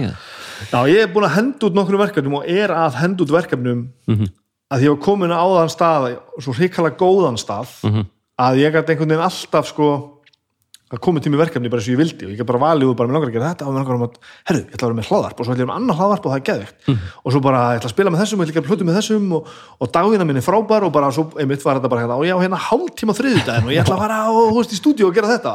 Já, og fattaði bara ég, ég, ég er að brenna alla enda að að ég gerir hlutina bara þegar ég þarf þess á í krafti þess að það sé svo frábært sko. og það er alveg eitur sko. já, þannig að ég er bara núna er ég bara, ég er bara svolítið harkalega að bara að fasa át hluti sem að ég bara ætla ekki lengur að gefa mig tíma að gera til þess að geta notið þess að gera, gera hitt sko. og ég- þetta er það- kunst sko. Já, algjör. Og, og eins með golfið, þú veist, þetta er eitthvað þú veist, alltaf að kepp eitthvað og, veist, og, en, en þetta er svo erfitt einhvern veginn að sleppa því bara njóta. Keppniselementinu. Já, já, af því að maður er ekkert að keppa nefnir bara sjálf á sig já, þetta bara gengur út að lækka fórgjöf og, og, það, það er rauninni bara keppnið sjálfa þig ekki láta pyrra því að einhver í hollinu er miklu betur en þú eða Nei, gerir þetta miklu betur. Þú, ert bara sjálfur og, þín, og ég er miklu betri í þessu. Veist, ég var orðin þannig á golfveitur ég bara þorði ekki, veist, ég vissi að það var eitthvað ókunnu með í hollinu já, það bara setti mig á hliðina. Já, og ég bara, ok. ja, hann hlýtur að vera rosa góður og hann hlýtur að vera svona og svona og gaf mér jafnvel fyrirfram einhverjar hugmyndir svo var þetta náttúrulega bara yfirleitt vænsta kona eða maður sem að ég hitt á æfinni og bara allir rosa stiðandi og góður og já, ég bara, bara halinn og hotnin bara hurfu bara eftir nokkra hólur sko, sem ég er búin að setja á þetta fólk. Að, veist, og það er rosa erfitt að, veist, ég þurfti að fara yfir þann fráskuldur og tala alltaf um að reyna að bæta sig. Aha. og ég fó bara yfir það og núna bara skiptir ekki máli hver er hérna, nú bara mæti ég og bara gerum við besta og mér finnst það rosa, það er mjög frelsandi árum, að því ég ætla að enda á tala um töluleiki, við þurfum að já. tala um töluleiki og bara þá ætla að kitta að koma heim sko. já, eh, talandi um þetta, þú ert að tala um þetta og sér búin að gefa fyrirfram einhvern veginn að fólk sé einhvern veginn eh, en nú ertu búin að vinna svolítið með hvernig á ég að orða þetta á þess að vera bara tekina lífi sko. veist, þessi gósar sem þú ert að vinna með mm. sem eru svona eiligar unglingar sem eru, þú veist, svona töffara sem eru með vissala útastætti og eitthvað svona dót, sko. eh, þú ert ekki alveg svona gaur þú ert ekki alveg þessi FM-gaur svo ég kalli þetta nú bara FM-gaur ég veit ekki alveg hvað ég er að fara. Nei, ég átti, ég var einu svona FM en ég, hérna, en ég held að ég- sko, ég held að ég skilji hvort að fara. Það, þú veist, fólk já nei, líklega ekki, þú veist, það er bara ég held ég hafi bara ekki alveg hæfileikana í það. Og það er bara ákveðin hæfileikar að vera þú veist, á þann hátt. Og geta og haldið sér ferskum, geta gert hlutina, þú veist, reglulega og vel og svo framvis og við erum að tala um fólk sko, sem er búið að gera þetta kannski sko, í einhverja ára tugi að verða. Og þar hef ég aldrei, þú veist, mér oft langað að vera. Það var einmitt já, Þú vilt vera þessi gaur, mér hefur oft langað til að vera það. Að því ég þólið ekki sko. en ég hef ekki tekið ég, nei, en ég hef ekki tekið stökkið þangað. En ég var við Sverri Bergman voru með morgun þá til Mario á, á FM 957 já, og þá fekk maður alveg svona að bræða á því skilu, vor, ég, já, ég, með morgun þátt var þarna og svo var ég með þegar FM 95 blöð þá vor, var alltaf nýjir hóstar á hverjum degi þá var þetta alla daga vikunar já, já, þá var ég með Jóni Gunnar Geirdal á, mann ekki á hvaða degi með, á FM 95 blöð þá voru, það var milli fjögur og sex á fimmtudöfum eða eitthvað, við áttum einn dag, ég man ekki hvort það var fimmtudar en miðgudagur, ég man ekki hvað var Þannig að þú, þú ert alveg, þú veist, ein, einhver partur að þér er það Já, mér hefur langað og ég var út af stöðinu sólinni með, með svalaðan þátt og, hérna, og ég hef alltaf verið viðriðin svona hluti í rauninni þú veist, uh, þú veist, að gera eitthvað svona vilsvi. Þá vorum við með sketsa og hét, þá þurfið gaman sem er guðana að með góðum vinni mínum hérna, Haraldi sem að kynntust í Vestló og, og hérna er nú einhver safnastjóri á, er safnastjóri á Akureyri og okkar maður, alveg grótarur og hérna, og það við vorum með hérna, mjög skemmtilegan, það, svona sketsa þátt það sem að, okkur fannst allan mjög gaman að vinna. Hann. veit ekki hvort öðrum að finnst það skemmtilegur. En þá vorum við þar bara og, og hérna vorum að gera sketsa og, og þannig ég hef alveg verið þarna. Og mér er oft langað að vera þarna og þú veist, prófa þetta. En ég er ekki vissum að ég bara hafi úttaldi í það sko ég held að ég sé ekki alveg, alveg þar En þú ert rosalega auðvelt með að veist, vinna með þessu fólki og þú að búa Já. til hluti já, já. og hljómar þetta sem ég sé til illum fólk Nei, sem, nei, sem ég er ekki að gera að Nei, nei, þetta er mér bara mjög, ég dáist þessu fólki sko. Mér það en- mjög gaman að vinna með þessu fólki ég þarf að passa með þess að eiðilega ekki bíli minn ef einhver stilti á, á FM og ég er ræsan sko, Já. og leiðu ég heyri þetta þá triggerast eitthvað í haustum á mig sko. Já, ég er ekki þar, mér finnst það gaman og ég hl- hlusta oft uh, sko, uh, þegar ég er að keira í skólan á mótnana, þá, þú veist krakka í skólan, þá hérna er ég oft með bylgjuna mm -hmm. stundu still ég á FM, það er hérna hvað er það, brennslan, já, á FM og mér finnst það alveg bara stundum bara Já. Bara að heyra talað í útvarpi. Stundum fæ ég nóga þessu frétta svona alvarleika eins og er oft á bylgjunni og fer yfir í þetta, Já. skilur ekkert eftir kannski en mér finnst alveg það skemmti mér. Já, það gerir þú veist, það bara eitthvað svona umræður um ekki neitt. Já. þú veist, ég, ég mér er út af sögu mér finnst það bara mesta bara free comedy bara í veröldinni Það er nú á öðrum forsendum já, algjörlega, á öðrum fórsendum en þú veist, en, eh, þú veist, ég hlusta á bara mjög mikið svona talað dæmi. Já, já. Og, og mér finnst þetta bara svona mér finnst bara svo gaman að fólki sko. Mér finnst, svo, mér finnst þú svo fyndið Já, velkomin í þáttu minn Tal, Taldu um að hafa gaman að fólki sko. Mér finnst þú svo fyndið crossbreed af þessu þú veist uh, Þú ert einhver svona hugsandi lúði sem að samt einhvern veginn ert með annan fótinn í, í, sko, í dalnum sko. já, já, já Þú veist, á, á, þjóðartíð já, sko. Það svo heillandi þetta, þessi blanda sko. Já, það fór síðan bara fyrst á þjóðatíð sko þegar ég var færtu, Já, nei, 45 sem við ára trúum eitthvað. mjög vel sko. þannig, að, já, ég held að það sé alveg þannig maður hefur oft langað og hort í fjarlægð en það er þórað, kannski að fara þangað. En ég hefði örugglega ekkert í hann á einhverjum tíum búti spjara með þar. Þú veist, með við hugmyndar og hausin á mér hvernig hann vinnur. Þér finnst þetta heillandi? Já, ég, ég, mér finnst þetta, ég hlust ofta á þetta og, og hérna eins og FNI blöð til dæmis, mér finnst mjög gaman að þeim og þú veist, og, og ég er mjög gaman að þessu. Já, og mér finnst alveg mjög svona ég var alveg til í að hefði á einhverju tímapunkti verið til í að taka mér að þátt í því. Já, en svo þú veist eins og við vorum hérna morgun þátt veist, ég hafði bara ekki tíma, ég var aldrei tilbúin að fórna Mhm. vinnunni fyrir morgun þáttin nei, ég skilji. Þú veist, hefði ég sagði bara ok, nei, ok nú ætlum ég bara að hætta þessu 9-5 kjaftaði. Og ég ætla bara að fara að gera sjálfa mig út sem skemmtikraft. Ég, þú veist ég ætla að segja að þetta snúist ekki lengur um þór mm þetta snúist um bara að vera búin að átt að sjá hvað mann virkilega langa til að gera. Bara forgangsröðum já, já, já, og það er ekkit endilega út á öryggi það er bara því ég nýt mín vel það sem ég er núna. Mér finnst gott að geta gripið í veist, og þess vegna er ég að finna útrás fyrir þetta eins og ég segi, mér er skemmtilega að taka mútið hópum. Þar fæ ég bara útrás fyrir þú veist, ég meina hvað er sá sem er á FM eða í útvarpinu eða stand-up grínisti, hvað er hann að gera? hann er að láta fólki líða vel. Bara host, vera host Já, hann er bara að lí- láta fólki líða vel. Láta hlæja, láta brosa láta fara út og segja, vá, þetta var skemmtilegt. Mhm. -hmm. Þar fæ ég mína leið og ég fór þessum ekki vera söktur við því að hafa ekki orðið stand-up grínist eða leikari. Þú veist bara með bara hérna, þitt fjaramanna kráti víjarleik og ert að koma þeim í góðan gýr já, já, já. fyrir leikinn, selja þeim hugmyndina búa til heiminn og segja ykkur á nokkra heimskulega brandara einn á milli og, og svo bara fer fólki skellbrósti frá þér. Er þetta eitthvað öðruvísi? Mér finnst það ekki. Nei, einmitt. Hvort sem ég er, þú veist, að taka Shakespeare eða, eða vera upp á sviði í þjólugus kjallarannum hérna með einhverjum, þú veist, í stand-up eða hvað, hvað sem er. Mér finnst þetta í lengi munur í dag að því að sko bottom line hjá öllum fyrir utan alltaf, þeir búið til pening og ég er náttúrulega að gera það líka um vinnunum minni en bottom line er bara að láta öðrum líða vel. Það finnst, ég held að ég með að langa svolítið til að fara í það bara til að skemmta fólki. Það held ég að veri kvatin minn. Ekki sko endilega, þú veist, ef þú tekur ramman í burtu -hmm. rammin, stand-up grínisti leikari, útafsmaður eða eitthvað, þá held ég að þú tekur alla ramman í burtu, það er bara, þú veist, ástæðan fyrir að mér langaði að gera þetta og bara að mér langaði að láta öðrum líða vel. Þú veist, láta öðra fólk hlæja eða brosa eða, eða bara skapa skemmtilega minningar. Þú veist, og það, það getur sagt alveg fullri einlægni og þess vegna er ég í Game TV Þú veist, að því að við erum með chat í hérna, streymin okkar og það finnst þetta mjög gaman þeir sem mæta aftur og aftur og aftur. Og ég er svo ánæður þegar fólk gerir það. Þú veist, fólk finnst þetta fyndið, finnst þetta gaman og segir það þá finnst mér ég einhvern veginn hafa náð markmiðum mínum.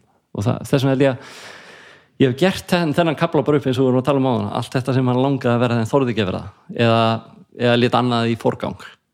Að ég nýtist bara núna því að ef maður hugsa þetta ekki römmum heldur hugsa bara, veist, ég get gert þetta þar sem ég er núna.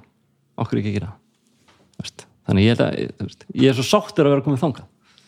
Að því ég, ég er alveg að fá útrásina en bara með öðrum hætti ég þarf ekki að vera með make-up hérna, læt fólki líða vel. Þetta væri náttúrulega besti endur og viðtali heiminu sko. Já. en ég, bara, ég, get ekki, ég get ekki hægt að tala við fyrir við tölum aðeins um förum hérna eh, ég, og ég dáist að þessu sko. ekki, ég held að ég sé að að klippa á því bara, þetta er bara, eh, þetta er bara svona já, ég er bara að segja það sem ég hugsa. Þú bara, lætur mann segja það sem mann hugsa það er okkur ég hef ekki sagt þetta, held ég, aldrei upp á tíðavel Nei, einmitt. Þetta er mjög heilandi en töluleikir tölvuleikir maður, já, hvað er að byrja á þessu? Hefur þú graviterir í einhverja ákveðna tegund á tölvuleikim eða ertu, er, ertu nógu mikið á kafi til þess að geta pikka út bara þetta er gott og þetta er gott? Samanber það að ég til dæmis kvíði að spila Cyberpunk af því að ég hef aldrei fílað fyrstu personuleiki sinni spilaði bara Doom já. 2 sko. Ég er tiltölu opinn en ég á mér uppáhalds uh, gerðir. Og það er eins og Last of Us, Uncharted þriðju personu, svona sögu æfintýraleikir Já. og Resident Evil átta er reyndar í fyrstu personu en er samt svona uh, spilast á þann hátt. Þannig að það trubla mig ekki. Mm -hmm. þannig að mér finnst saga skipta miklu máli og karakterar. Þannig að það sé, ég sé að detta inn í einhverja veröld það sem að vera eitthvað uppá og endir. Og á sama tíma finnst mér gaman í multiplayer með skemmtilegu fólki eins og við erum að gera Game TV en, en myndi ekki nennaði mikið einn einn að fara í Call of Duty og skjóta alveg fullu, Já. ég er ekki endast þar. Þannig að félagskapurinn þar. Já, en ef við erum með strákarnir erum að, þú veist, bara fýblast og erum að spjalla saman og allt þetta það finnst mér, þú veist, mjög gaman. Þú veist, það bara, það er eiginlega félagskapur og leikurinn er eiginlega bara svona faratæki að fara setjast inn í bíl með félagunum og við erum bara að spila þú veist, leik í stæðan fyrir að vera rúntaði niður lögavegin eða eitthvað. Þannig að ég held að sé á, ævintýra sögu leikir er svona það sem ég heilast mest af. Og mínu uppáðsleikir eru Last of Us Uncharted serían, God of War Final Fantasy þó þessi smá roleplaying þá er það samt rosa mikið sögu element. Þannig að þetta er svona mínir Já, mínir uppáðsleikir bara, þú telja upp bara mitt library sko, það er ég á sko, já, alveg, mér, mér finnst það, fyrir mér er þetta bara eins og setjast niður og horfa á góða bíómynd og, og, og, veist, ég, þetta eru þessi element sem kalla á mig. Aha. þannig að, já, þannig að það, það þarf svolítið að vera þannig, ég er ekki í League of Legends sem að þetta er bara alltaf Nei. eins og að spila skák, voru að velja réttu karakterana og til að ná árangri og læra alveg ógeðslega mikið inn á dýftina eða World of Warcraft eða allir Einmitt. þessi leikir eða Counter Strike það sem að spilar í dag þurfa að þekkja bara hvern einasta pixel á borðinu, þau eru búin að sömu borðin bara í ára tíu ég er ekki þar Nei, nei. og mun ekki vilja vera þar. Ert meira svona casual. Já, bara casual, segðu mig góða sögu Já. og mér finnst hryllingur hefur alltaf einhvern veginn kallað uh, hátt til mín. Silent Hill stöffið og það Silent Hill, já, borderline af of surrealist Resident Evil er ég að fíla þó að sé alveg surrealist ég hérna, elska þá það er svona einhver bæðið þrautir og hryllingselementum ég er gaman að láta bregða mér í svona leikjum. Og ég alveg slekk öll og er með headsetið alveg it, ég er og þá er ég stundum og ég er bara, þú veist, er, er að kippast við í stólum bara alveg hérna, Þetta verður svo fárálega skeri maður. Já því að þú ert sjálfur að ráða ferðinni. Bíómynd náttúrulega bara Það er líður fjandarsmálið, og það þú stjórnar þessu, sko. já, og þú getur stoppað og þú veist að þú ert að fara að lendi í ykkur og þú getur alveg bara svona sækað upp í eitthvað og svo heldur áfram og þú veist aldrei hvernig það gerist og þetta er, það er, hryllingsleikir eru ég finnst þeir, þeir hafa svo mikil áhrif á maður Já, ég finnst það mjög gaman. Þannig, en, en já, ég er svona eins og þú í söguleikjum og, og ég get ekki beðið eftir nýjustu svona söguleikjum eins og nú er komið Horizon út. Mér finnst það skemmtilegur, Já. hann er svona vitsir leikur. Zero Dawn er alltaf æðislega leikur. Já, aðeinslegur, það er leikur sem ég kláraði ekki og Red Dead er ekki Að. Red Dead er rosalega langur og mér finnst hann svolítið Ég fasaðist aðeins út úr Red Dead sko. Já, mér finnst svolítið end, alltaf sama fannst mér Já, og það var rosa mikið að kempa hestinum og fá á sér að borða og þú veist, ég af hverju er ekki bara búið að Gaman í tóta, Já, gaman kannski upp undir viku Já. Svo er maður bara, ég gæti verið að gera eitthvað annað núna sko. já, og ég er að spila á leik sem heitir Days Gone það er rosa mikið, þú veist að passa þessu með nóg bensín á mótjólinu og ég segi bara hverju er ekki bara tankurum fullur? Það er bara vesen ég, sko, svo er ég bensínleys út í ykkur öðun og ég er kannski svona korter að sko íta hjólun áfram með löpunum til að finna næstu bensínstöð og ég segi bara, hverjum datt á einhverju tímapunkti að þetta geti verið nokkuð tíma skemmtilegt. Veist, að, ég veit ekki, veist, þannig ég eh, en ég er mikið fyrir svona leiki. Ok. Days Gone er líka bara svona opin leikur eins og, eins og þessir sem við nefndum á hvað hérna, hvaða þú veist tölvuleiki áttu fortíðin sem er einhver svona algjört svona einhverju svona staples í þess, bara eitthvað sem að og mannst bara alltaf eftir og bara eittir endalusu tíma og bara gerði eitthvað fyrir þig. Já, það var þetta fyrsti leikur sem ég kefti það var Manic Miner á Sinclair Spectrum. Já, og hann spila hann mjög mikið. Og þetta voru held ég tíu borðið eitthvað eða hvort það voru 20, ég maður ekki. En hann var mjög svona eitthvað sem var mjög mikið með mér á þessu tíma og, og var svona minn uppáðsleikur og kannski mann maður líka því að maður fyrsti leikur sem maður kefti já, já, því mann bara ennþá í dag þegar ég labba út úr heimilstækjum þeir eru leikir kassettuna? Það er bókum og brag og heimilstækið svona ólíklegustu staðir í heimi til að ná í tölvuleiki með kassettun í litlum bóka og þú veist að fara heim í strætó og bara býða, get ekki beðið eftir þessu sko þannig að hann á alltaf svona stóran staði í hérta minu og svo er það í rauninni fyrsti gott og fór að ég, þegar, þá er ég að vinna á skífunni náttúrulega, eins og allar minn feril og við, við fengum svona testiska svona kannski þrem mánuðum eða fjórum jafnvel upp í hálfu ári ári leikundum kom út. Svona preview útgáfur sem fór til blaðamanna svona. og við vorum með sérstakka gerðir að pleysinu til að geta spila þetta. Fu- fullar útgáfur eða? já en samt gótu verið svona böggar það voru ekki alveg endalegar en yfirleitt þannig að það voru spilanlegar en bara á ákveðnum vélum? Uh, já þetta voru svona sér þetta er svona debugging units sem gáttu spila þetta þannig að þú er ekki geta fengið diskin hjá mér og spila hann bara í playstation tölunniðni það þurfti sérstakka svona playstation debugging vél til að geta spila hann.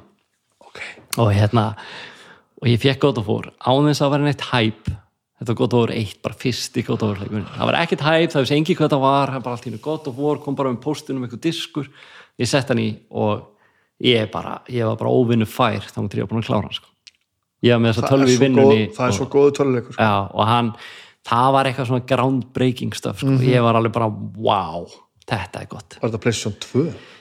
Já, var þetta ekki PlayStation 2? Ekki PlayStation held, Nei, þetta var PlayStation 2, PlayStation 2. Þetta- Já, ég held að það verið PlayStation 2 Grafíkin ekki sérstök, var karakterinn maður. Já, þetta var, veist, þetta var hann hafði einhvern veginn allt já. Kratos er bara flottasti karakter í heiminum sko. Ég held það, hann er bara veginn og, og líka bara gaman hvernig er hann á þróan og gera í nýjasta leiknum. Já, að, að þið skildu gera þetta svona vel á þess að fokka þessu upp. Já. það er svo mikla breytingar sko. Já, já. Og það gengur allt upp, það er svo er veist, þetta er eitthvað þetta, mann fannst það skrítið í byrjun en svo gengur þetta allt upp. Allt og maður getur ekki beðið bara eftir næsta sem vantarlega er á næsta árið eða eitthvað. Já, með að við tísið Já, þeirra dettin og svo er annar leikur það Final Fantasy 7 uh, og það er merkilega við hana ég fekk hann líka svona, svona testdisk. Já. og þá voru svona NTSC sjónvörp í bandaríkjunum og PAL sjónvörp hérna. Og þetta kom frá bandaríkjunum. Þetta var NTSC útgáfa. Og ég var bara með PAL sjónvarp fór með þetta heim, vélina, debug vélina hérna, og sett hann í og bara kom hann í svart Já, kom allt greis, gráskeila já, og, já, og það var engin litur. Nei, en ég spila eitthvað. já, og var svona grófar einhvern veginn grafíkin að því voru færri held í minni upplösni Mm. og, og ég spilaði hann allan í svartkvítu og í svona, svona hálf blöraðan það er bara svo góður þar voru karakterar, sagan. Ótrúlegu töluleikur já, og, ég, og ég spilaði remakeið Ég núna og það var svo þú veist, svo, að, var eitthvað Það kallað fram frábært, frábæra, að því að þetta er, þetta er ekki leikurinn alveg, en þetta er svona kallast á við Og svo- þetta var svo vel gert, já, þetta var ótrúlega með gert. Þannig að ég hérna, mér er það svona vel hefna þetta var ekki bara að stíga í sömu fótsporin þetta var svona sömu karakterar og svona, þetta var svolítið svona kallaðast á við hinleikin, þú veist, Mhm. auðvitað var svona margt svipað en, en var ekki alveg eins mér finnst það mjög vel hefna þannig að þetta er svona í leikindi sem að eh, svona, kom, eh, koma upp í hugan þegar ég hérna, er að rifja svona upp það sem ég spilað Og það er það- Það er ennþá í PlayStation 2 sko. Þannig að það er ekkert svona eftir það sem að Jú, svo er hann alltaf Last of Us fyrir, fyrsti, eða fyrir Last of Us leikunum var alltaf algjör bara, bara sko löðrungur í andlit. Er ótrúlegu byrjunin á þeim leik, hann gjörsanlega hún, að- ég mun aldrei gleyma hvernig upplifunin var þar. Algerlega maður. og það er svona dæmi um eitthvað sem að bara tölvuleikja formið hefur fram yfir önnur form eh, þú veist, finnst mér að maður er svona meiri þáttakandi og mér fannst maður einhvern veginn allan að byrjun og hún hafði meiri áhrif mig heldur en okkur bara en svo talað út fyrir mínu brjósti sko. ég, hann er svona í setni tíma hann og Uncharted serían af því að það er bara mjög fíla karakterina bæði fyndnir og mér finnst hann skemmtilegur. Eða þeir leikir, Eru. sérstaklega fjögur ég er mikill aðdáðandi þannig að Uncharted fjögur. Er, hann, er, það, hann er bestur að þeim sko. já, hann er náttúrulega tæknilega flottastur og líka með sagan bara er ganga mjög vel upp já, og hérna, hérna þetta finnst mér svona í setni tíð þessi leikir svona söguleikir og náttúrulega gott að fóra nýji og bara, þú veist, uh, hann er að því að hann á bara eitthvað svona Kratos er bara minn maður, hann er eitthvað neginn allt sem ég er ekki. Hva, hvað er það sem að gera það að verkum? Og að því var nú, ég myndi að hugsa svolítið mikið um töluleikja því við, vorum hort tala saman.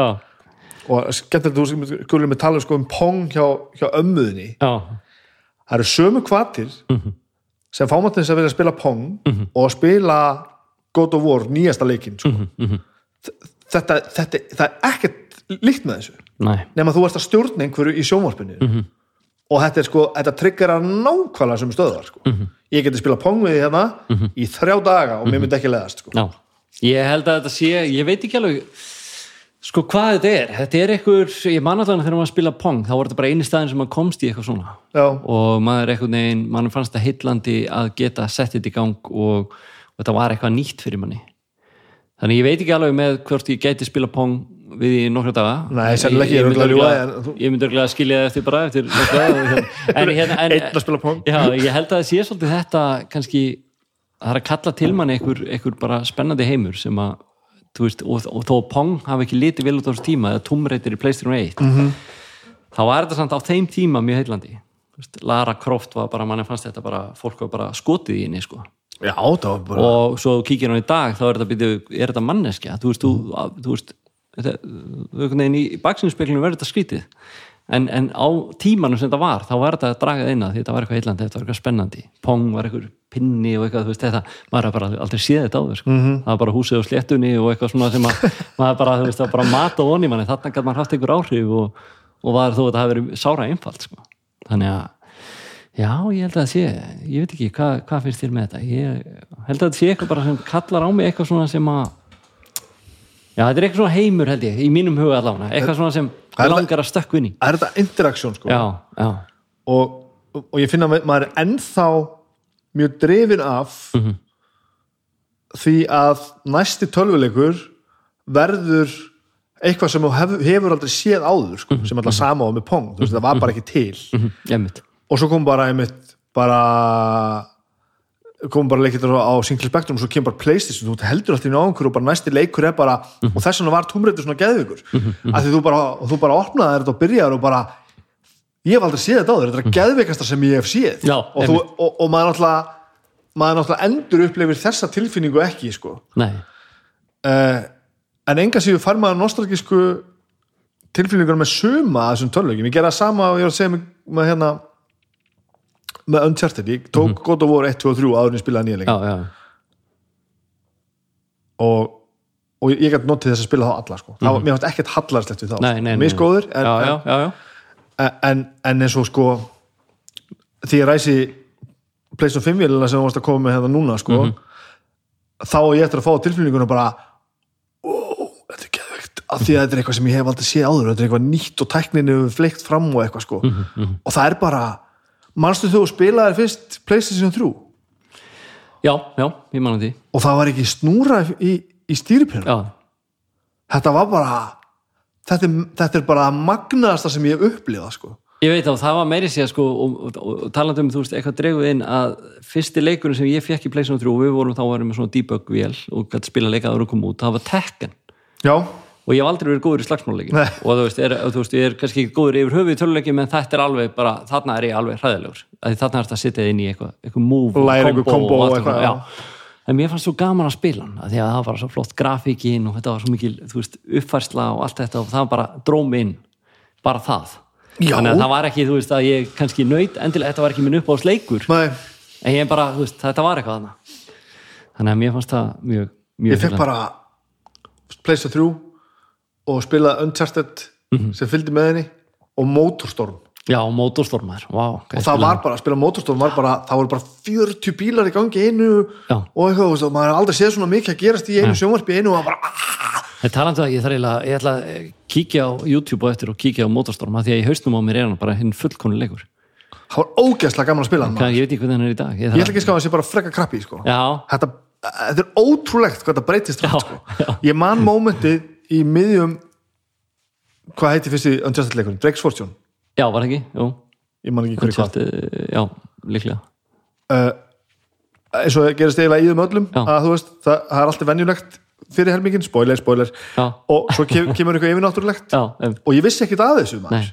er og ég er bara að labba inn einhvern gang Já, og svo kom einhver hljóð Já. og þetta kemur hlaupandi á móti mér. Og ég bara, já, ég, fyrsta lagi skýtstressaður og öðru lagi bara hvernig getur þetta verið að gerast? Já, hvernig getur þetta verið að gerast?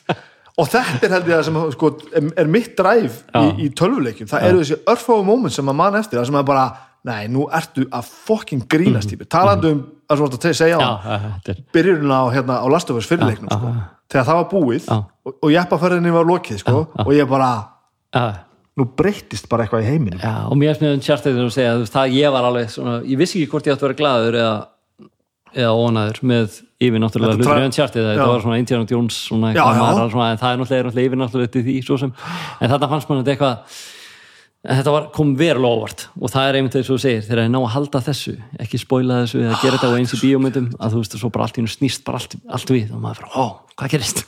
Þú veist, það er mér finnst það alveg ótrúlega heillandi. Þannig að, hérna, og mér finnst gaman ég ná því að halda hlutunum eins og með Assassin's Creed leikina, ég veit ekki hvort þú spilað þá að þú veist, Jú, maður, maður vissi ekki að þú veist, það var ekki gefið upp í fyrsta leiknum að það væri eitthvað svona síndaveruleiki síndarveruleiki Já, þú veist, Assassin's Creed er að þú ert að fara inn í eitthvað svona hérna.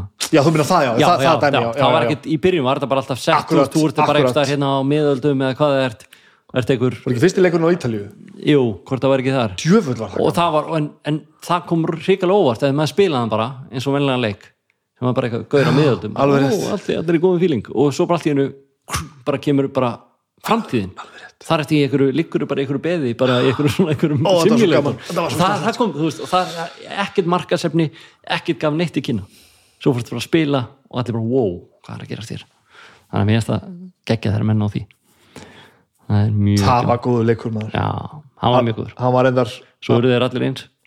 Sá leikur leiður reyndar fyrir það að, að vera hérna hann var rosa repetitive já, og bara spila einu svona helmingin á hann þá varst bara að klifra upp í helvíti marga turna sko. já, ég hætti, hætti að spila Ég hann kláraði- of ég kláraði þann leik sko. ég var að, var að horfa á Arnar vinn minn spila nýja Assassin's Creed Já. heyrðu, þetta er bara 15 eða eitthvað já, hann er mjög flottur enda nýji hann er já, bara allir tala ógeðslega íslensku og þetta er Já, allt góða skipti einmitt. já, hann er- hann, hann Já. hvað heldur að veri veist, þú lítur að hafa einhver einsýn sem við hinn höfum ekki svona einhverju þú veist, hvað verður áfram? Hvað gerist núna? Sko það er eftir að bara meta það en ég held að staðista byltingin verði streymi, þú veist þá er ég að tala um að streyma leikin bara beint -hmm. frá annarkort að hafa eitthvað box eins og Playstation eða, eða bara beint í sjónvarp eða, eða hvar sem þú statur símaðin eða úr þar og þetta hefur að reynd en þetta er náttúrulega, þetta er kapp við bandvít og þetta er kapp við, þú veist, að gera leikina flottari. -hmm. og veist að spila Warzone og svona multiplayer leiki þá mátt ekki missa á þessar millisekundur. Út af hverju Já, eða neitt þannig, það er kannski minna í Uncharted tekur minna eftir einu og einu hiki sko. þannig að ég held að það verði miklu stærra af því að þeir eru líka að fara að streyma svona, þú veist, og, og vera með eitthvað skí þá getur að vera miklu fleiri leikmenn að spila í einu getur gert miklu meira og flóknari hluti. Af því að þá er tölvan sem sko, keiri leikin getur verið bara bara eins og háhísi í New York sko, hún getur verið bara hrikalega flott. Og hún er að keira leikin og svo, þú veist, þannig að ég held að möguleikinni liggi í því að, að, að bæði fjöldi leikmanna saman í einu leik -hmm. og líka bara hvernig svona leikin verið dreift til okkar eftir að breyta miklu. En hvort að leikir þróist mikið ég bara veit ekki, mér finnst leikir kannski ekki hafa auðvitað hafa þróast valmyndir og, og er orðin svona aðgengilegri. -hmm. En það er ennþá þessar sömu hérna, sömu tegundir leikja sem að er ennþá og ég veit ekki hvort að það er mikið eftir að breytast eða bætast, eh, bætast í það. Já, við að erum og kvikmyndir. við erum að gera nákvæmlega sama í Uncharted 4 og við gerðum Já, í, í 1 það bara breytist þið bara aðgengileiki, valmyndir, grafíkin, tónlistin og svo fræmis um, og, og ég held að þetta er eftir að breyta miklu hvort sem að leikjatölur, ég veit ekki hve, hve, hvernig þróunum verður nákvæmlega þar en við sáum náttúrulega Google reyndi reyndi að vera með svona streymis tölvu eða Það Stadia, já, og Er það gekk, ha, það er ekki alveg út en það gekk ekkit allt og vel Nei, með ok. að hvað þetta er stórt fyrirtæki.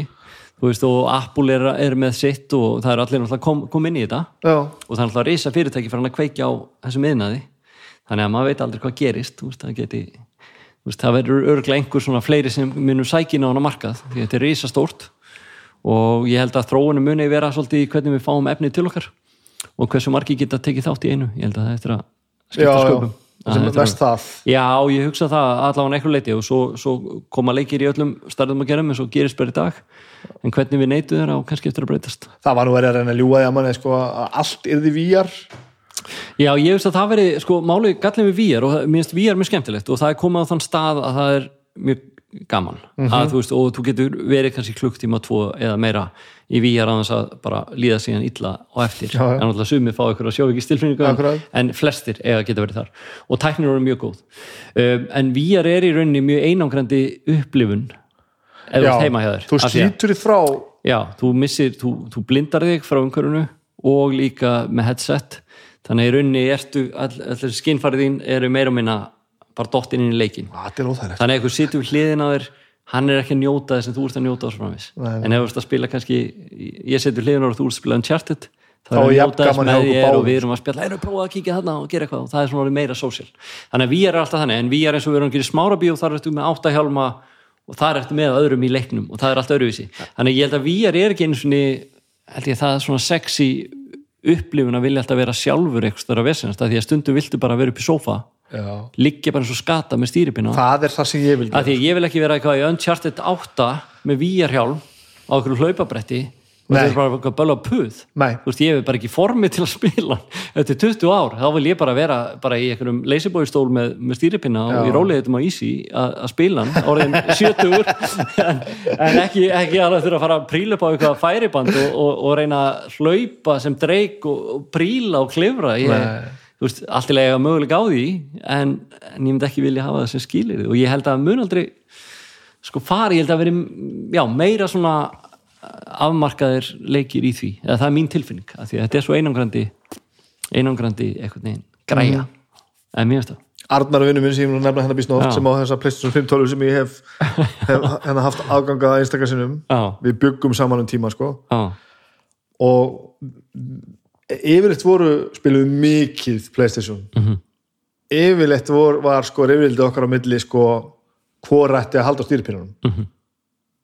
og hann vildi að ég gera það og ég vildi að hann gera það af því það er bara auðvöldar fyrir mig að sitja bara, við vorum alveg mikið að spila leikið og hann var að stjórna sko. Mhm. já, já, já. og þetta er bara þe- þetta sko, mm. þetta eru bara mín bestu moment sem ég man eftir, það er bara einhvers stað þunnur, pizzan á leiðinni Já. Og, og hann að spila gott og vor og ég að horfa sko, bara hversu gott sko. Já, það er algjörlega og það er, þá, þá eru báður að spila leikin Já. og annar haldur stýripinu og þetta er bara, og þetta er bara mesta interaction sem við getum gert, bara farðu þarna og gerðu þetta. Talingum um að spila GTA sko, það sem allt var opið sko. Já, já. og bara, förum og eitthvað, gerum eitthvað þægilegt eitthvað fáralega nákvæmlega, og það, það er einmitt bara mjög gótt einmitt, að, að þú veist geta notið svona og þess vegna eru töluleikir svo mikið sósíal og eru eiga að vera það, finnst mér þú, þú, þú áttu að að spila á einnig og vilt en þeir eiga líka að geta að opna á þetta. Og þegar fólk er að tala með þessu úlinga að þeir eru bara alltaf online en þeir eru online með vinnu sínum í flest Mhm. tilfellum, spilandi Fortnite eða Warzone eða og það er ekki alls slæmt.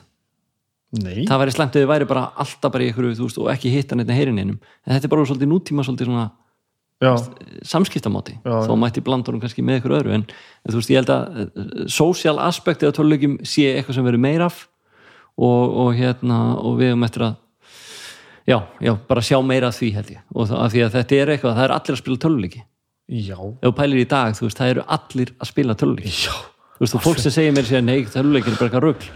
Svo ferðaði síma sinn og, og fyrir Candy Crush eða leikja kapal eða eitthvað. -hmm. það er allir einhvern veginn með snerting og sömu kvartina sko. Já. alveg, og svo alveg. er annað sem er að breytast líka nú er bara konur að koma full force inn í þetta. Já. og það mun hafa áhrif á sem sagt bara líka bara svona þessi samfélag eins og við erum að sjá eins og með Game TV þú veist og, og, svona það sem er í kringu það að bara það eru miklu fleiri konur komin inn í þetta og það er ekki einu sem að að spila eitthvað öðru þessi leiki en það kemur bara svona meiri svona bara, bara fjölbreyttari blær bara á þetta og það eiga allir að gera það er bara stelpur að spila Warzone Mhm. bara frábært það er ekkert að vera að spila, spila bara Sims eins og var hérna Nei, akkurat, það er bara, sko, það skiptir þetta. ekki máli bara Nei. njóttu þess og bara, þú veist, ef við gaman að þessu bara go for it, sko Mhm.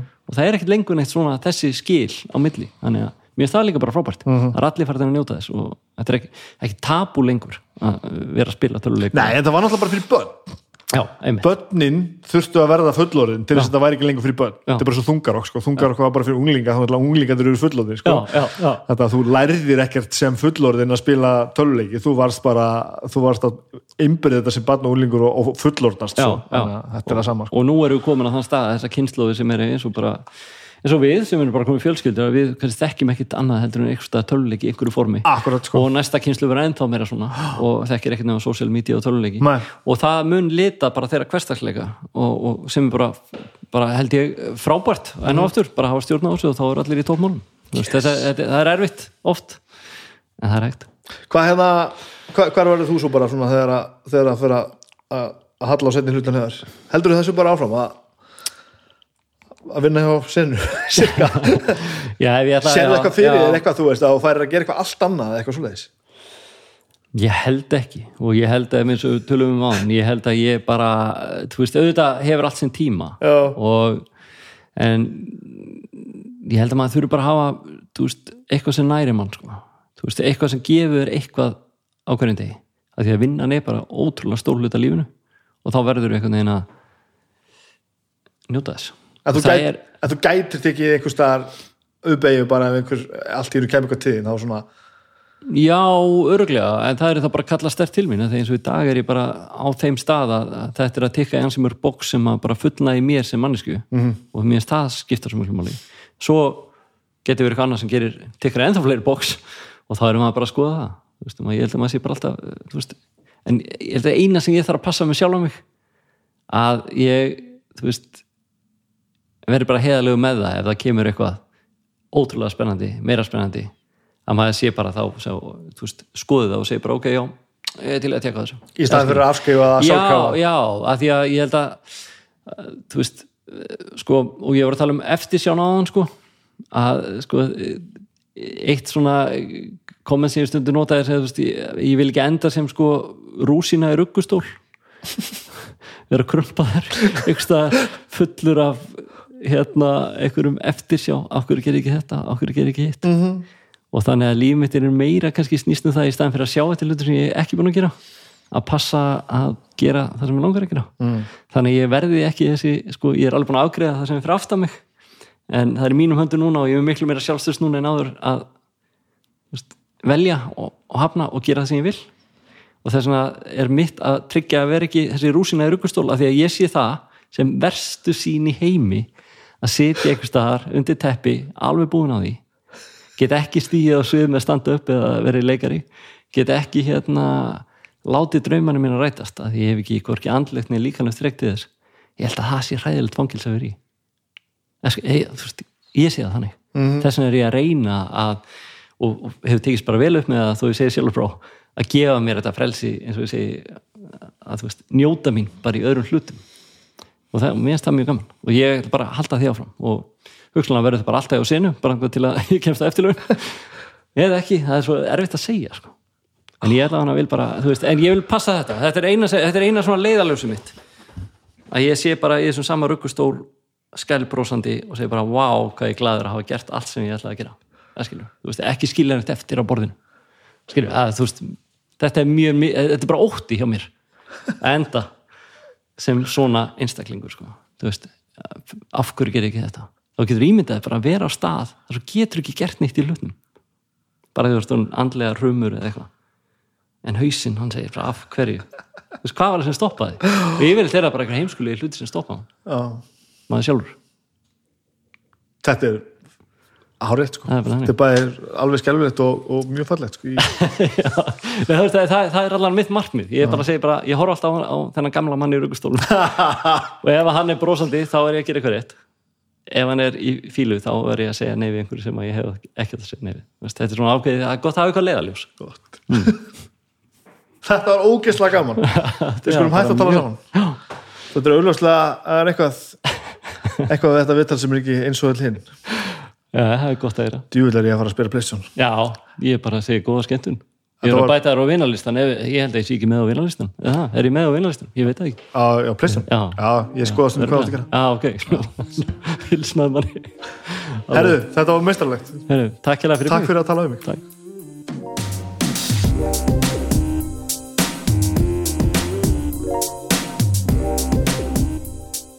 Þannig er það, ég ætla bara að minna ykkur á það að þið verðið að eiga PlayStation 5 þetta er ekki kost, kosta, kostu fæsla á nokkur hátt, ég borgaði tölvunum minna eins og allir aðrir og, og, hérna, og þetta hefur ekkert með það að gera en ég er að segja ykkur að þetta bjargar djöfull er þetta skemmtilegt sem fyrir segir, límitt er frábært munið að lótu halvvitandar á hattinum 17., 18. og 19. ég er að tala á bókmenta músikfestivali online sem heitir Louder Than Words Festival 17. júni klukkan 6 sem er í dag þegar þessi þáttu kemur í loftið. Um, Vídeóið við lægið okkar uh, fyrir samgangustofu smellum saman, Króli og Rakelbjörg það verður frumsitt í kvöld á Rúf og fer í spilun eftir það allstaðar þar sem þið hlustuð á músík og horfið á músíkvídeó. Um, Þetta er allt ekkit eðla gaman. Um, Simin Pay, bónus, takk fyrir að taka þátt í þessu með okkur. Og á morgun er besta platan eins og venjulega besta platan nummer 92 og það mun vera besta platan með Queens of the Stone Age og það er meistarvekkir Songs for the Deaf. Þetta var óveinu góðu dagur. Var, verður. Þetta er allt gott, ég veit ekki hvað ég er að segja. Þetta, ég þarf að fara að finna út úr í hverju ég þarf að dömpa til þess að rúma allt þetta skemmtilega sem að kemst, svo allt þetta skemmtilega það komist fyrir í lífinu þetta blara, þetta er frábært. Við heyrjumst í næstu viku, takk fyrir að hlusta, bye